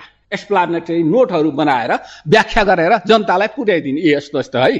भनेर पुर्याएर पास गर्ने। तर मलाई लाग्छ अब तेस्रो कुरा भनेको चाहिँ फिर्ता अब गर्दैन मलाई चाहिँदैन अब भन्न सक्ने। अब त्यो के हो भने पहिलो कुरा त अब जस्ता तस्तै पास गर्न चाहिँ गर्न सक्दैन हेर्नु यो पार्लियामेन्टले गर्न सक्दैन सक्दैन। त्यो आँट छैन कसैलाई। दुई चारजनाले भनेर हुँदैन केही पनि। अब तर दोस्रो पक्षमा जानलाई पनि धेरै समय अब भेड्किँदै गइसक्यो। यसले त्यसले किचोल गजो के भन्छ नि हामीले के अरे? गिजोल्दै गिजोल्दै गिजोल्दै गिजोल्दै इरिटेट बनाइसक्यौँ हामीले। अब अमेरिकालाई को हित मैले हेर्ने हो र? चिनको हित धेरै हेरेर बस्ने हो र? हो हाम्रो पक्षबाट उनीहरूलाई हाम्रो भूमिबाट हाम्रो काम कारबाहीबाट उनीहरूको सुरक्षा अन्य संवेदनशीलतामा प्रभाव गर्नु हुँदैन। तर अन्य अमेरिकाले उसलाई आक्रमण गर्ला घेर्ला भनेर हामीले गर्ने नि हो र? उनीहरूको त हिजै मैले पढेँ ऐडाट साथी मैले कुरा गरेँ दुई हजार अठारको बिजनेस डुइङ रिपोर्ट अहिले अमेरिका त्यो वर्ल्ड ब्याङ्क बोर्डले क्यान्सल गरिदिएछ अहिले आएर। किन क्यान्सल गरे आएर छ भनेर भन्दा त्यो रिपोर्ट बनाउने बेलामा त्यसले त्यति बेला कि त्यो क्रिस्टिलिना होइन? क्रिस्टिलिना जर्जिवा त्यति बेला चाहिँ नि अध्यक्ष थिइन् त्यसको बोर्डको। उनले चाहिँ त्यो डुइङ बिजनेस रिपोर्ट बनाउने टिमलाई प्रभाव पारेर चिनको स्कोर बढाउन लगाइन्। भन्ने कुराहरू चाहिँ अहिले एउटा चाहिँ नि अमेरिकाको ट्रेजरी डिपार्टमेन्टले किनभने वर्ल्ड ब्याङ्कमा त अमेरिकाको सेयर बढी छ नि त उसको हित त आफूले हेर्छ त्यहाँ। हेर्दाखेरि अध्ययन गरायो एउटा टिम। त्यो कसलाई दियो भन्दा एउटा विम्लर भन्ने चाहिँ नि वकिललाई दिएर त्यो उसले इन्डिपेन्डेन्टली हेर हेर हेर्दाखेरि पहिला चाहिँ क्रिस्टिलिनाले भनिन् पछि चाहिँ नि अहिलेको उसले पनि त्यसलाई समर्थन गरे र चिनको स्कोर बढाएर स्कोर बढाएर त्यो रिपोर्ट तयार भयो र चिनले आफ्नो सेयर पनि थप्यो। त्यस कारणले त्यो रिपोर्ट चाहिँ गलत हो गर्नुपर्छ भनेर अहिले रिपोर्ट त्यो दियो र त्यो कुरा अहिले बाहिर उसमा आएर त्यो रिपोर्टलाई त्यो पार्टलाई क्यान्सल गर्ने भनेर भने उनीहरूको त्यसरी चाहिँ उनीहरूको बिचमा कम्पिटिसन त्यो त्यो हाई लेभलमा पुगिसक्यो। किनभने सुपर पावर दुइटै भइसक्यो। त्यस कारणले त्यसको हामी सबैले जिम्मा लिएर हुँदैन। त्यस कारणले गर्दा अब यो धेरै लामो नगरिकन अब यसमा चाहिँ मैले भने मेरो देश भएको अब अहिले एउटा कुरा भएको थियो अमेरिकाले हामीलाई केही गर्नै खोजेदेखि ड्रोन पठाएर गरेर अब त हिमाल लेस चाहिँ नि वार हुने हो। होइन? हिमाल देश वार हुने हो त्यस कारणले त्यो गरिदिन सक्छ। त्यस कारणले कतिपय कुराहरू चाहिँ गुड फेथमा पनि काम गर्नुपर्ने हुन्छ। तर चाहिँ हामी धेरै गिजोलेको हुनाले त्यत्तिकै पारित अब गर्ने आँट पनि छैन। अब दुईवटा कुरा। होइन भने उनीहरूलाई अलिकति डिप्लोमेटिकल्ली हाम्रो अहिले यहाँ यस्तो अप्ठ्यारो छ। हाम्रो जनमत बाँडियो हाम्रो पार्लियामेन्ट बाँडियो हाम्रो इन्टेलेक्चुअलहरू बाँडिए हाम्रो पोलिटिकल पार्टी बाँडियो हाम्रो घर परिवार बाँडियो घर परिवारमा पनि बाँडियो। दुइटा एउटा एमसिसीको पक्षमा बोल्छ एउटा चाहिँ नि बोल्छ। त्यस्तो भावनाले अलिकति क्लियरेन्स थप गर्नुपर्ने भयो। भनेर त्यो गरेर कि त त्यो क्षमता हाम्रो ब्युरोक्रेसीले पनि राख्नु पर्यो? होइन डिप्लोमेट ब्युरोक्रेसीले राख्नु पर्यो पोलिटिकल उसलाई सघाउनु पर्यो र गरेर पास गर्नु पर्यो चाँडो होइन भने के भन्नु पर्यो भने हामी अत्यन्तै विभाजित भयो हुनाले हाम्रो अमेरिकासितको हाम्रो मित्र राष्ट्रसितको हाम्रो सम्बन्धमा फरक पर्दैन। हामी अन्य वर्ष यो मोडेल फरक पर्या हुनाले यस्तो भयो अहिलेलाई हामी यसलाई ड्रप गरौँ भनेर त्यो हिम्मत पनि राख्न सक्नुपर्छ। किनभने ट्रम्पले के अरे इन्डो प्यास के अरे उस एसिया पेसिफिक त्यत्रो इन्टरनेसनल ट्रेड पार्टनरसिप चाहिँ नि गरिदिया होइन र? होइन भनेपछि नेसनल इन्ट्रेस्टमा हेर्नुपर्छ। यसको दीर्घकालीन पोलिटिकल प्रभाव के होला? इकोनोमिक प्रभाव के होला? इकोनोमिक प्रभाव र पोलिटिकल प्रभाव बिचको हामी इकोनोमिक बेनिफिटलाई भन्न खोज्या भने हामीले डेभलपमेन्टको बेनिफिट लिन खोज्छौँ। अहिले त्यहाँ कुरा भयो ट्रान्समिसन लाइनको कुरा रोडको कुराले हामीलाई फाइदा। भोलि इम्प्लिमेन्ट चाहिँ नि एग्रिमेन्ट चाहिँ गऱ्यौँ तर व्यापक त्यहाँनिर विरोध हुन थाल्यो। प्रोजेक्टहरूमा चाहिँ चाहिँ नि डिस्टर्बेन्स हुन थाल्यो। भने त्यो त बन्दैन। अनि हामी बाँडिन्छौँ फेरि। भनेपछि त्यसको पोलिटिकल कस्ट के होला? इकोनोमिक बेनिफिट कति होला? त्यसलाई हेरेर अब हामी अहिलेलाई हामी लिन नसक्ने भयौँ। टु बी भेरी फ्रेङ्क तर हाम्रो रिलेसनमा हाम्रो उसमा चाहिँ छ भन्यो भने उनीहरूले फेरि अब सुमार आएर नेताहरूलाई कति सुमरेर गइन् थाहा छैन। हाम्रो तराईतिर सुमर्ने भने चाहिँ अर्कै अर्थ लाग्छ होइन? त लगाउने पनि अर्थ लाग्छ अर्कै अर्थ पनि लाग्छ। त्यस कारणले कति सुमरेर उनले गइन् थाहा छैन। तर उनले भयो भने कुरा चाहिँ छापामा आउँदाखेरि फेरि हामीहरू चाहिँ अमेरिकाको वर्ल्ड ब्याङ्कको उसमा पनि प्रभाव पर्छ भन्ने आदि कुराहरू पनि आयो। तर मलाई लाग्छ अमेरिकाले त्यो त्यो ढङ्गले नै गर्दैन। उसले अन्य नै उपाय अप्नाउँछ। त्यस कारण यहाँ नेपालमा भोलि यो गरे नगरे हुनाले तिमीलाई सबै दिँदैन। यहाँको यो ढोका पनि बन्द गर्छु आइएमएफको ढोका पनि बन्द गर्छु वर्ल्ड ब्याङ्क ढोका बन्द गर्छु भन्दैन। उसले सोझो चाहिँ नि त्यो गुलेली हानेर बस्नेवाला ऊ छैन। त्यस कारणले गर्दा आफ्नो कुराहरू स्पष्ट गाली नगरिकन सभ्य ढङ्गले कुटनीतिक तरिकाले कुटनीतिक क्षेत्रकै मान्छे उहाँ हुनुहुन्छ। मैले जाने अनुसार त कुटनीति भने त के हो? कुटनीति भने त चातुर्यपूर्ण तरिकाले अरूलाई नबुझाउने गरी थाहा नपाउने गरी आफ्नो राष्ट्रिय स्वार्थ पुरा गर्ने गरी काम गर्ने नै कुटनीति हो। त्यही होइन कुटनीति भनेको। चातुर्यतापूर्ण तरिकाले गर्ने हो त्यो गरेर सक्नुपर्छ। अब दुइटै बाटो। एउटा त पास गर्नु पर्यो। त्यो अहिले मैले भने जस्तो होइन भने राइट्स भनेर अहिलेलाई ड्रप गरिदिनु पर्यो। यसरी गिजोलेर राखेर दुनियाँको सबै मान्छेको शक्ति विचार होइन बहस यसैमा राख्नु चाहिँ हुँदैन है। अब यो अब प्लानिङको कुरा ट्याक्सेसनको कुरा इकोनोमीको कुरा भए अझ धेरै भनिन्थ्यो होला। तर यसमा मैले यति नै सकेँ। सबैजनालाई धेरै धेरै धन्यवाद। मैले त केही केही नलेज प्राप्त गर्ने अवसर पाएँ नरेश सरलाई चाहिँ धेरै धन्यवाद है। बेला बेला गरिराख्नुहुन्छ साथीभाइसित भेट पनि हुन्छ। अब के भने पुराना साथीभाइ पनि भेट हुन्छ। हँसिया ऊ घाँसहरू चाहिँ कति दिन भइसक्यो है भेट नभएको हाम्रो फेसबुक कडजीसँग धेरै दिन भएको भेट भएको थिएन। ऊ उहाँलाई मैले सोधेँ तपाईँ कहाँ बेपत्ता भयो भनेर है। अब डाक्टर साहबसित पनि टेलिफोनमा त कुरा भइरहेको छ है। भएको थिएन। त्यस कारणले थ्याङ्क यू है त। जति बोले पनि अन्तिममा आउने कुरो चाहिँ त्यही नै हो।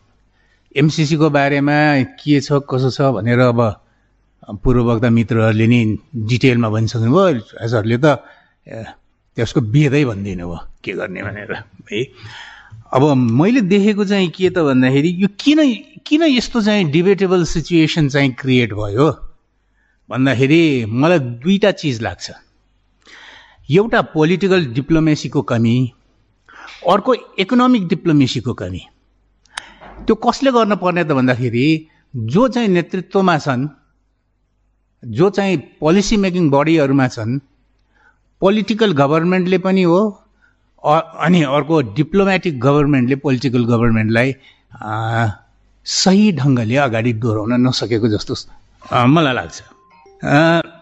अर्को कुरो के त भन्दाखेरि जुन पार्टी यसभन्दा अगाडिका पार्टी जसले एमसिसी पास गर्नुपर्छ भनेर हाउसमा टेबल गर्नुभयो। र अहिलेको रुलिङ पार्टीले पनि एउटा कमी चाहिँ त्यहाँ छुटेको छ क्या दुइटैको यो एमसिसीको तथ्य विश्लेषण गरेर जनता समक्ष ल्याउन नसक्नु नै यसको ठुलो कुरा हो। अहिले हाम्रो देवेशजीले भन्नुभयो फेसबुक चलाउने कति प्रतिशत छन् र? काठमाडौँभन्दा बाहिरका मान्छेहरू कसलाई थाहै छैन। थाहा दिनु पऱ्यो नि। यदि यो डेमोक्रेटिक कन्ट्री हो भने त सबैलाई थाहा दिनु पऱ्यो त्यसको कमीले यो डिबेट आएको हो। अब के गर्नु पर्थ्यो त भन्दाखेरि यो सम्बन्धी एक्सपर्ट सबैजना एक्सपर्ट हुँदैनन्।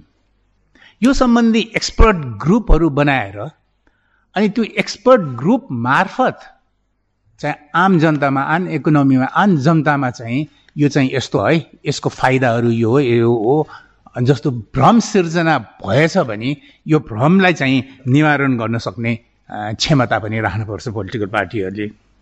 अर्को मैले के के लाग्छ भने मलाई जसले यो पोलिटिकल पार्टीका नेताहरू अग्रजहरू भनौँ न यो देशलाई नेतृत्व दिनेहरू गरिरहनु भएको छ जसले यसको प्रोमा बोल्नु भएको छ जसले यसको अगेन्स्टमा बोल्नु भएको छ दुवै पक्षले यो एमसिसीको कम्प्याक्ट डिटेलमा अध्ययन गरेर बोलेको चाहिँ जस्तो लाग्दैन धेरैले। कसै कसैले बुझेका छन् यो कुरा। उनीहरूलाई ज्ञान छ तर आफ्नो पोलिटिकल भेस्टेड इन्ट्रेस्टको लागि उहाँहरूले त्यसलाई ट्विस्ट गरिरहनु भएको छ अथवा इन्टरप्रेट चाहिँ मिसइन्टरप्रेट भनौँ ट्विस्ट भन्दा पनि। आफ्नो राजनीतिक अभिष्ट पुरा गर्नलाई अब चुनाव पनि आइरहेछ।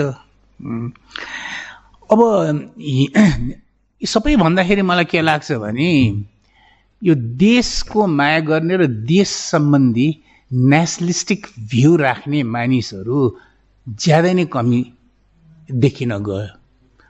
राष्ट्रलाई फाइदा हुने कुरामा आफ्ना डिफ्रेन्सेसहरूलाई थाँती राखेर एकजुटमा आउनुपर्ने होइन र भने।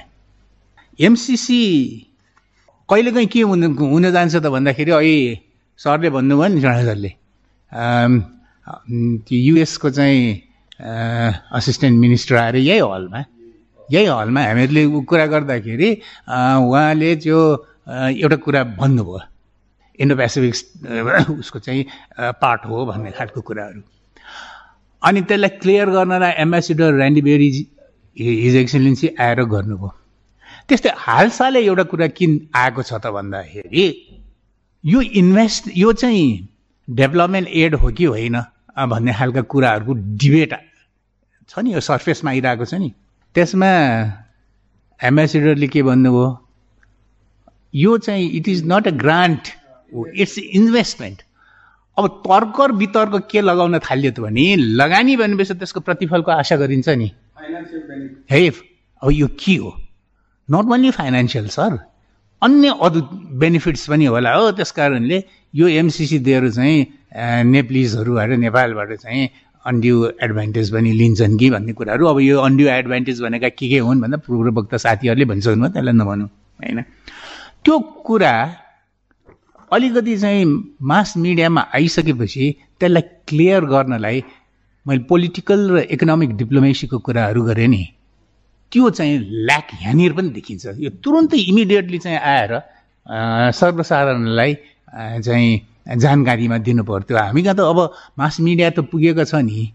कुना कुनामा पनि पुगिसकेका छ अथवा गर्नु पऱ्यो संयन्त्रहरू क्रिएट गर्नु पऱ्यो अब इकोनोमिक ग्रान्टलाई डोमेस्टिक पोलिटिक्स पोलिटिकल स्ट्राटेजी बनाइयो कि? पोलिटिसाइज गरियो है त्यसले गर्दाखेरि इकोनोमिक डेभलपमेन्टतिर चाहिँ केन्द्रित नभएको हो कि आर्थिक वृद्धि मुखले मात्रै भनेर त आउँदैन नि। आर्थिक वृद्धि हासिल गर्ने एउटा कडीको रूपमा यो एमसिसी प्रोजेक्ट पनि हुन्थ्यो होला। कति राष्ट्रहरूले लिएर चाहिँ प्रोजेक्ट कम्प्लिट गरेर इकोनोमिक बेनिफिटहरू लिएर चाहिँ दोस्रो स्टेजमा गइसकेका छन् भने हामीले पनि आफूलाई लागेका डाउट्सहरू कुनै क्लजहरू हामीलाई चित्त बुझ्दैन भने मैले अहिले भने फरेन डिप्लोमेट भने नि मैले बसेर डिप्लोमेसी भने नि बसेर चाहिँ टेबल टक गरेर उहिले मिलाएको भए यो चिजहरू हुन्थेनन् र पब्लिकमा गएको मिसअन्डरस्ट्यान्डिङहरूलाई सम्बन्धित निकायले सम्बन्धित अथोरिटीले क्लियर गरेको भए पनि यो चिज हुन्थेन। अब राष्ट्र निर्माण गर्ने परिप्रेक्ष्यमा आर्थिक वृद्धि होइन सुखी नेपाली बनाउने उसमा यो एउटा थप इँटा हुन सक्ने थियो। त्यसले अब यसको रिपल इफेक्ट्सहरू के के हुन्छन् भन्नेतिर अहिले नजाउँ। जोडा सरले अलिकति त भनिसक्नुपर्छ है। अनि मेरो भनाइ चाहिँ यति नै हो। इट्स नट एज ह्याप्ट यो हाइप जुन आएको छ नि इकोनोमीमा त्यस्तो चाहिँ यो एमसिसी ग्रान्ट्स कम्प्याक्ट त्यो होइन जस्तो मलाई लाग्छ मैले यति भने आफ्नो कुरालाई एकदम सिनप्सिसमा राखेँ। थ्याङ्क यू सर अब यो अन्तिममा गयौँ हामी। दुई तिन मिनट। एउटा चेयर गरेको नाताले आफ्नो प्रोफेसनल एक्जिस्टेन्स जस्टिफाई गर्न मात्रै बोल्दैछु। अब यहाँ कस्तो देखियो भने यो अहिले ओभरअल डिस्कसनलाई हेर्ने हो भने कसैले अलि धेरै बोल्नुभयो कसैले कम बोल्नुभयो तर प्रत्येक व्यक्तिले फरक फरक डाइमेन्सनमा केही न केही कुराहरू इन्ट्रेस्टिङ कुराहरू उहाँको सोचाइका अहिले दिनुभएको छ। हाम्रो विद्वत्ता र हाम्रो इफिसियन्सी चाहिँ नि यसलाई कसरी सिन्थेसाइज गर्ने मिडियामा राख्नको लागि यसलाई सिन्थेसाइज गर्ने हाम्रो एफर्ट र इफिसियन्सीमा भर पर्छ। सुरुको फेजमा मलाई के लागेको थियो भने सबभन्दा ठुलो कन्सर्न हाम्रो अहिले के हुन्छ भने जुन किसिमबाट नेपालमा उन्तिस वर्ष तिस वर्षसम्मको परियोजनाहरू को डिपिआर भइसकेर कतिको परियोजनामा त अब कम्पेन्सेसन पनि लाइनको बाँडिसकेर पनि त्यो स्ट्याटसको स्थितिमा रहेर बजेटमा एलोकेट गरेको पैसा पनि खर्च हुन नसक्ने असक्षमता हाम्रो गभर्नेन्स सिस्टममा भएको यो मुलुक हो। त्यसैले भोलिको दिन हन्ड्रेड थर्टी मिलियन डलर नेपालले जुन खर्च गर्नलाई कतिपय यो एमसिसीमा भएका परियोजनाको लाई आवश्यक पर्ने खर्च नेपालले आफैले गरिसक्यो अहिले। त्यो हरेक वर्ष बजेटमा त्यो रिफ्लेक्ट भइ पनि रहेछ होइन? मलाई चिन्ता के थियो भने यो उन्तिस वर्ष तिस वर्ष त हामीलाई हामीले त त्यो हाम्रो त यो पार्ट अफ द लाइफ भइसक्यो। यो कस्ट टाइम ओभररन हुन्छ कस्ट ओभररन हुन्छ। मलाई याद छ अप्पर तामाङपछि थर्टी सिक्स बिलियन रुपिजको लागतमा सुरुमा एस्टिमेट गरियो। अब एटी प्लस बिलियन रुपिज लागेर चार वर्ष पाँच वर्ष ढिलो हुँदाखेरि अब टाइम ओभररन हुने बित्तिकै कस्ट चाहिँ नि कहाँ पुग्यो कहाँ पुग्यो? यसले गर्दाखेरि मलाई के डर थियो भने by the end of the fifth year कुनै एक पेनी मात्रै पनि अमेरिकन सरकारले यहाँ राख्दैन।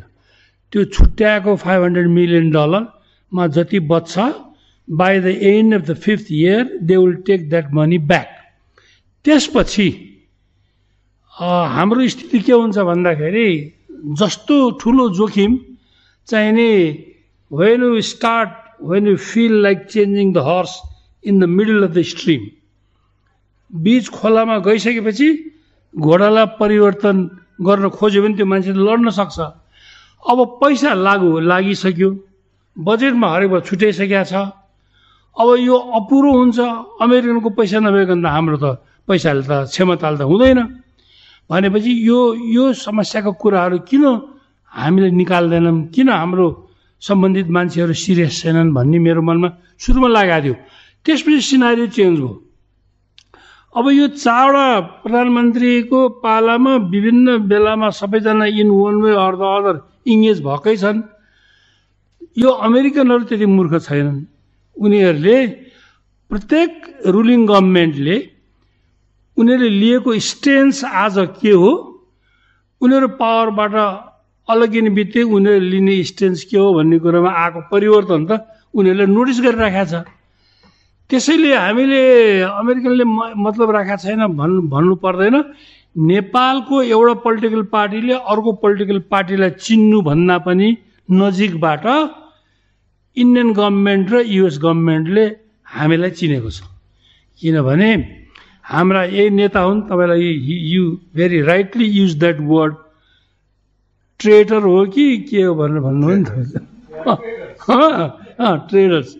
त्यस कारण त्यो स्थितिमा उनीहरूले गएर आफ्नो एक्जिस्टेन्सको लागि जुन अनुनय विनयहरू गर्छन् कतिपय कतिपय पटक मलाई याद छ हामीले पनि जीवनमा आधा शताब्दी प्रोफेसनल करियर बिताइसकेका मान्छेहरू हो हामी।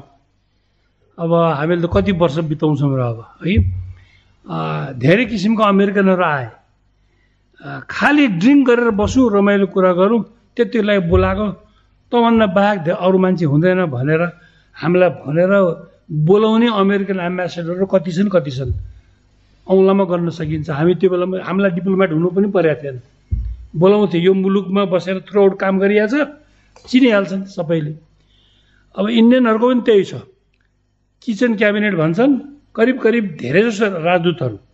हुँदा हुँदा एउटा इक्जाम्पल दिन्छु मै नै हो मलाई बोलाइयो बोलाएर चाहिने हरेकले जति हामीले गरे पनि देखेनन् पोलिटिकल पार्टीका नेताहरूले प्रत्येक पटक आफ्ना छोरा बुहारीहरूलाई पठाउनलाई स्कलरसिपलाई अनुनय विनय गर्छन् बाबुबाजेको नाममा प्रतिष्ठान खोल्या छन् करोड रुपियाँ दिँदाखेरि पनि हामीलाई नै गाली गरेर हिँड्छन्।